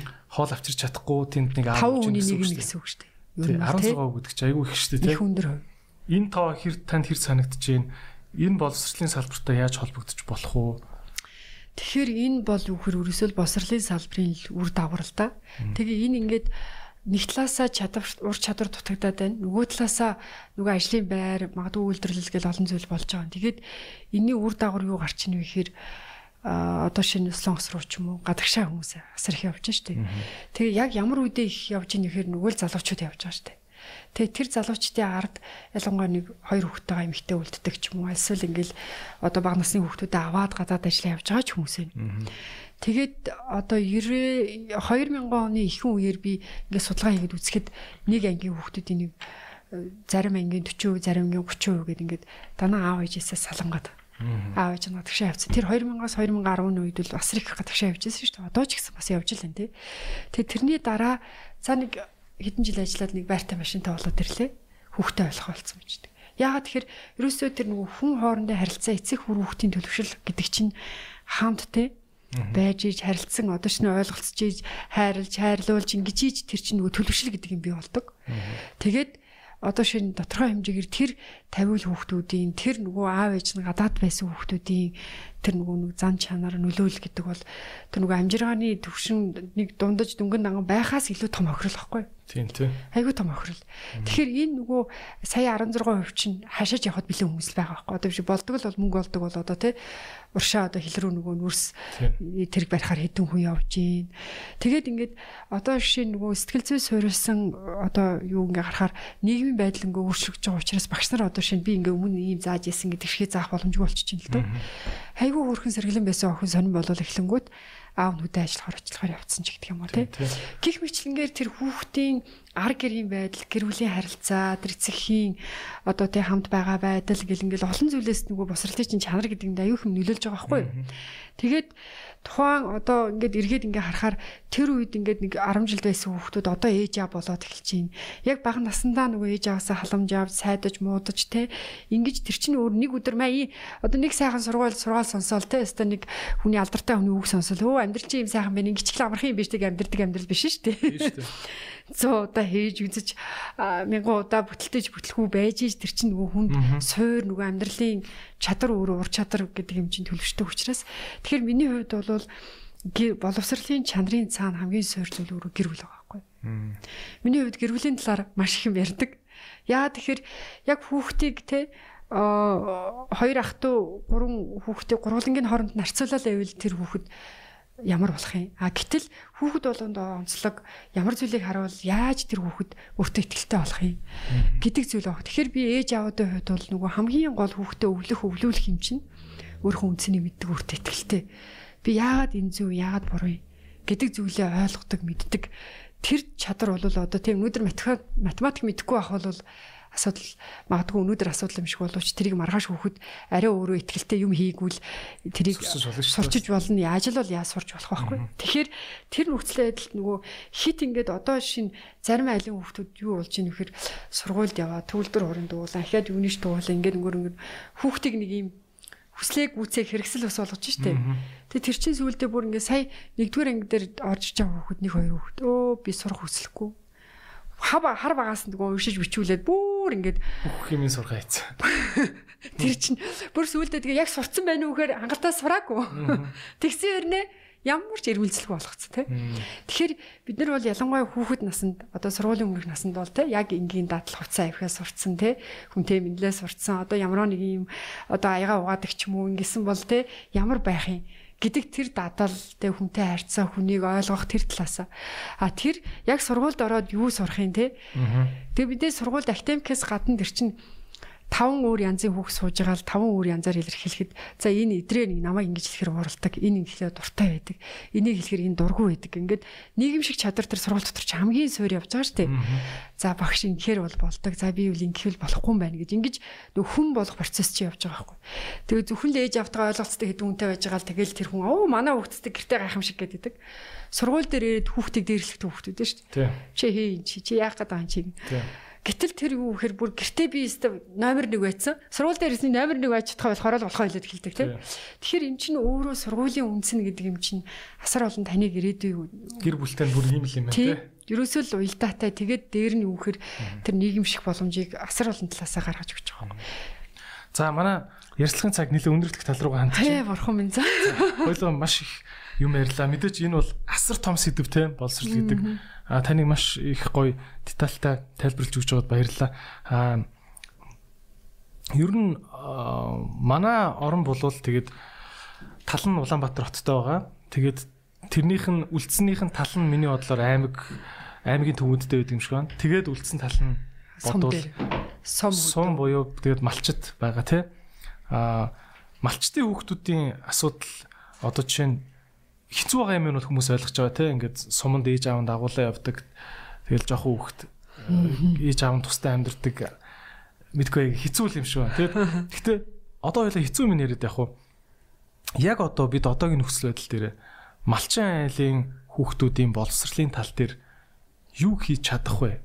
Та одоо жишээ нь боловсролын сайд байсан бол тийм жишээ би бол яг малчин айлын хүүхдүүдийн төлөө яг ийм л юм хийх үсэн гих гих одоо шийдлээ хэлээч яг манай төрсөн дүү болохоор малчин. Яг манай миний доотлын дүү. Тэднийх одоо дөрөв хүүхэдтэй болчихоо. Тэг яг л одоо ингээд би бүр хин нэгний тухай биш яг л ингээд өөрийнхөө дүүгийн дөрөв хүүхэд гэл ингээд харж штэ тий. Тэгэхэд тэр чин нөхцөл байдал малаа гэхүү хүүхдээ гэхүү гэдэг нөхцөл байдал байна. Тэгэхээр тэн дээр хамгийн гол боломжтой хувилбар бол одоо бид нэгдүгээр ингээд одоо шин 6 настай уруул нуруулахгүй гэл тэгдэг. Гэхдээ 6 настай элсэх өстой ч гэсэн 7 настай бас өгж болдог. Одоо улсын статистик ингээд харахад жилд нэг 3000 хүүхэд ч юм уу те нэг 7 настай элсэн юм нөхцөл байдал байгаа. Тэн дээр бол уян хатан элсэх насыг ээж аваас нэг 6 юу 7 юу гэдгийг бас сонгох боломж нь бас байгаа юу байгаа. Гэхдээ тэрийг бас шин орон нутгийн засаг дарга амраа сургалтын хувь гээл нэг юм ажлын шалгуур тавьчих штэ. Тийм учраас бүх хүүхдээ 6 настай үгүй шаарддаг юмнууд бас оромцогт байдаг. Тэгэхээр эхний ээлжинд нэг 6 юу 7 юу 7 настай болоод эхлэхээр бас арай өөр. Аа нөгөө талаасаа юу гэхээр яг энэ тодорхой хэмжээний технологийн хөгжлийг ашиглаад яаж уруулж болох вэ? Аа тэгээд энэ нөгөө энэ ихний уйлралд одоо шинэ яг энэ уйлралд одоо тодорхой хэмжээгээр ингээд хүүхдүүд чинь нэг сумын төв хүүхдүүд сураад идэ хөдөөний хүүхдүүд хөдөө яв алга болчихвол нөгөө хүүхд чинь ирээл ахаал дутуугийн мэдрэмжтэй би байхгүй нь гэдэг тэр зүйл байна. Тэгэхээр аль ч талаасаа ирсэн малчин айлын хүүхэд аав ээж нь малчин байлаа гэхэд босрлоос хоцорч болохгүй. Аа тэгэхээр тэр боломжтой хувилбар нь юу гэхээр дотор байр байгаа. А дотор байрыг одоо шинэ нэг дотор байрны багшийг нэмэх гэдэг нэг гарц байдаг. Одоо шинэ үхээр энэ дөрвөн хүүхдийг энэ багш халамжлая гэдэг. А тэгээд тэр халамжилж байгаа дотор байрны багш нэг юм э, цагдаа шиг биш те. А миний хүүгээ тэрвэрэд унтах үед нь унтдаг те. Одоо шин манай 6 настай охин нэг найрамдлын явсан чи багшаа 2 хоног унтчаал ирсэн шиг те ингээл нэг юм тодорхой хэмжээгээр шүү аав ээжт нь одоо хүүхд нөөрхөнтэй хамт унтж гарч байгаа. Үгүй яг айгаад багштай унтаа гэсэн багш нь өртлөө үзээ хөөргөн багш ахгүй юу. Тэгэхээр одоо шин дөрвөн хүүхдийг тэгээд одоо сумын дотор байр ингээ ороход нэг юм ор. Ингээ нэг хорангийн систем шиг те. Одоо энэ ингээ өөрөө байлах нэг дөрөв ор. Тэгээд бид нар чи хаанаа тоглох юм? Хаанаа те? Гэр шиг биш те? Гэр шиг биш. Тэгэхээр тэр дотор байрыг тогтой байх. Тэгээд тодорхой хэмжээгээр ээж аав те. Одоо шин 6 настай хүүхдээ бол нэг сумын төвөөс одоо нэг тэдэн километроос холгүй байгаад хагас бүтэн сандаа хүүхдээ ирээд аваарай гэдэг ч юм уу нэг 2 жил бас тэгж ямар боломж байна. Мэдээж ингээ отор нүдлийг явах тэр чинь айл болгоо ямар сумын төвөнд тойроод үлжээ аварчаатай багш хэцүүлдэг. Гэхдээ боломжийн үйл те а одоо ч сургуулийн те тодорхой хэмжээгээр нэг юм унаатрыг байдаг тэр нэгээд нэг хүсчлээд хүргээд өгчдөг авчдаг ч юм уу. Тийм боломжийг нээх хэрэгтэй. А өвөн малчны хүүхд хэцүү байна.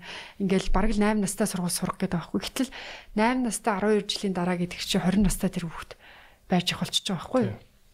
Тэгээд ингээ хараад үзэх юм бол тэр хүүхдүүдийн босрал эзэмших эрх гэдэг талаасаа хүүхд талаасаа харуул босор чухал. Аа тэгээд дээр нь үүхээр одоо энэ нөгөө малчны хүүхдтэй холбоотой ингээл нөгөө аймгийн төвүүдээр сумын сургуулийн хүүхдүүд аймгийн төв рүү ихээр сурч байна. Тэгээд өргөт толгоос хүүхдийн асуудал гэж маш их байна бас.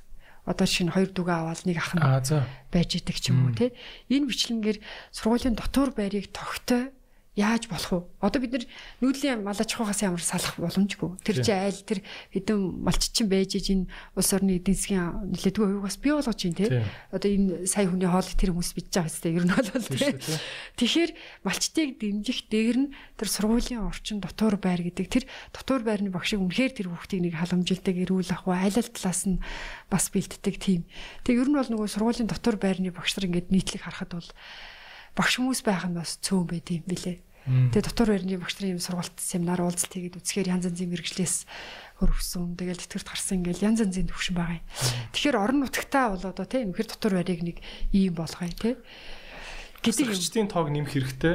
Дотор байрыг илүү гоё гэр шиг гоё болгох хэрэгтэй. болгож өгөх хэрэгтэй. Тэгээд тэр дотор байранд байгаа тэр нөгөө нэг хүүхэд нэг гэрте байгаа юм шиг байж. Тэг яг зарим нэг юм дорноовын нэг юм айгүй гоё дотор байраа. Ингээд Дорноговын аймгийн сумын сургуулийн дотор байраа айгүй аятайхан хүүхд ингээ орж ирэх нэг татаа тухтай. Тэр байгаа нөхцөл айгүй аятайхан ашигласан байсан. Очиод харахад бол те хүүхд болгонд нэг жижигхэн шүүгээтэй ширээтэй те хүүхдийн нэг морон зай бий болох боломжтой.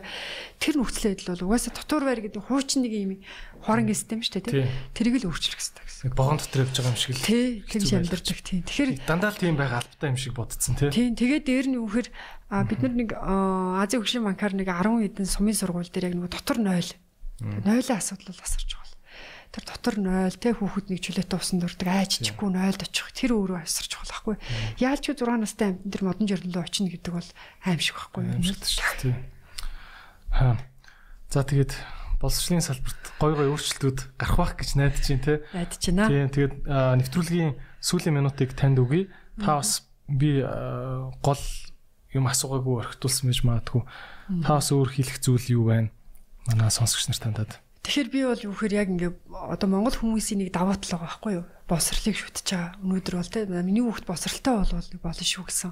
Хөдөө хотхүү нэг нийтлэгээрээ тийм хандлага байгаа нь бол Монголын маш том хөрөнгөр болт байхгүй юу?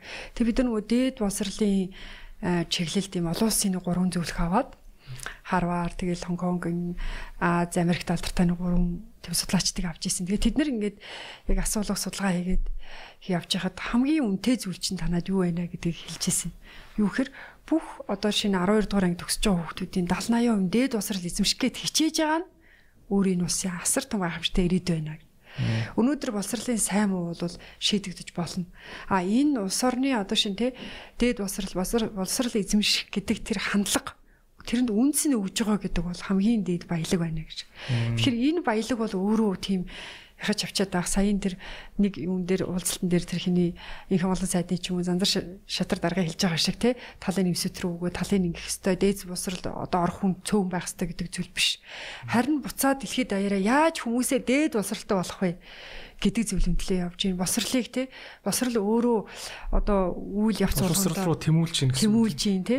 Тэгэхээр энэ өөрөө дэлхийд дахинд энэ технологийн хөгжил, энэ глобал өөрчлөлтийн тэнцэж амьдрах энэ одоо 5 жилийн дараа яаж өөрчлөгдөх мэдэхгүй. Бид нар яг одоо 2 жилийн өмнө ийм болоод ингэнэ гэдэг төсөөлж байгааг шүү дээ. 17 оноос хойш химэл оюухан яаж хурдтай өөрчлөгдөж чинь те. Юу болж байгааг бүүн болж чинь те. Гэтэл яг энэ өөрчлөлт тохирч зогсож амьдрах боломжийг бол хүн бол сургууль боловсрлоос л авдаг. Мэдээж хүн биедээ сурдаг. А гэхдээ тэр боловсрлын систем гэдэг нь өөрөө судлалын шинжлэх ухаан гэдэг чинь хүнийг яаж сурах юм, хүн яаж сурдгийг гэдэг юм а тасралтгүй судлаад хөгжүүлэх гээд алдаж онооч гэсэн явж байгаа учраас энэ бол маш том давуу талаа. Тийм учраас боловсрал тайртай байх те боловсролыг хүндлэх наад зах нь те эцэгхэндээ багшаага хүнлээ тарцж байгаа эцэгтэй бол багш яаж иж байгаа л учраа болохыг хичээдэг. Тэгээ тэр хүндлэл одоо тийм мэдээж боломжгүй зүйл байх юм саналаа хэлэх хэрэгтэй л дээ. Гэхдээ нэг юм одоо шинэ хувийн сургуульд бол би төлбөрөө төлсөн юм чинь гэдэг нь хандлага. Улсын сургуульд бол одоо энэ хүүх энэ багш минийг тех өстөөч гэдэг юм нэг юм хандлага биш те. Нэг юм харилцан биенийг хүндэлдэг. Аа тэгээ төрүүний нөгөө хэлсэн босрлын салбар хоорондоо хуваалцдаг. Үнэхээр тэр хуваалцах гэдэг бол Финланд дээр ч очисон, хааж очисон тэр бол ерөөсөл хөгждөг газар ах. Түүнээс биш нэг нэг багшлын баслагдсан жор тий. Жор. Нэг газар авчи 5 өдөр баахан лекц уншуулад баг сайхан болчдөг бол одоо ямар хурдан сайхан болох вэ тий. Тэгэхээр тэр соёлыг тухайн орон нутаг дүүрэг те нэг хэсэг бүлэг ингэж хамтарч хийдэг хуваалцдаг байвал тэгээ буцаал ингэж тавтамжтай явж ивэл Монголын боловсрал бол яг нэг юм би боддог юм аа нэг 8 юм 10 жил яг тууштай ингэж нэг те за энэ чухал шүү гэд явхад бол үнэхэр багш руу өөрчлөгдөн сургууль өөрчлөгдөн. Тэгээ хүмүүс юу гэдэг вэ гэхээр яг үндэ ингээд нэг 2008 онд байсан математик 2012 онд одоо математикийн хөтөлбөрийг ингээ харах юм бол тодорхой хэмжээгээр яг агуулгын жоохон гүн зэрэгэл гарч ирж байгаа. Гэтэл Америк хятад Монголын математик гэж тустай юм заахгүй байгаа шүү дээ. Тийм шүү дээ. Тэгэхээр тэр чинь ингээл хүмүүсийн өөрчлөлт тодорхой хэмжээний нэг өөрчлөлт тухайн үед гарцаагүй улс төрчид сайд болдог Тийм учраас тэр улс төрч чинь бас нэг хийсэн юмтай байхын тулд арай нэг юм дөвөлгээд хилдэг. Тэрийг өөрчлөе гэж хараад энэ боловсрал болохоо байлаа гэж яриад байдаг те. Тэгэхээр яг нийтлэхээр бол 80 90% нь яг үндсэн суурь юм явж байгаа. Тэн дээр одоо шинэ нэг номоос хөтөлбөрч гэдэг юм уу арай өөр те. Бид нэг ийм зүйлийг ингэж хийх шүү гэдэг ч юм ингээд олон зүйлүүд тодорхой хэмжээгээр өөрчлөлт хувьсэл явж байгаа. Тэгэхээр бид нар бол нөгөө би Монголд алдагдаад байгаа хамгийн үндсээс нэг ихтгэлцэл гэдэг имийг болчвол айл ал салбартаа явуул үнэхээр боломжтой. Тэгээд нөгөө нэг э, сум аймгийн тэргүү морь бүхэд өгдөг бай шагналыг босрол руу өгдөг болчихвол нэг магадгүй нэг 50 сая төгрөг ч юм уу тэр аймагт нэг бооцоо байгаа бол нэг 10 сая төгрөг ч юм бооцоо байхад сайн туршлага хуваалцсан багшд тий өгдөг тий. Тэгээд нэг одоо физикийн ч юм уу сүүлийн маш сайн лаборатори ингээ гаргаад өгөхөд тэнд ямар олон хүүхдийн тэр сэтэл тэмүүлэл болох уу? Одоо хүмүүс инженер болохгүй байх гэдэг нь тэр чинь хүсэхгүй дээ биш байхгүй юу яг 10 жилийн сургалт нь яг нөгөө техник технологи юмтай ноцтолтож тэрийг гараараа мэдэрч хийж ингэхгүй учраас тэр инженер болох те тэр ур чадвар тэр хүсэл сонирхол гэдэг чинь би олж чадах байгаа л гэсэн үг л те За тэгээд Монголын боловсрал улам өдөө хөгжин дэвжих болтойгоо. Тэгээд За баярлалаа. Насан баяр А боловсрал би яг зөв хэлэхгүй бол боловсрал судлалын доктор цолтой. Тэгээд 22 жилийн турш боловсролын салбарт ажиллаж байгаа а гурван хүүхдээ ээж ийм эмэгтэй өнөөдөр бид бүхэнтэй ярилцлаа. Баярлалаа. Нөхөртэй шүү. Тийм тийм. Нэг нөхөртэй. За баярлалаа. За баярлалаа. За амжилт хүсье их баярлалаа.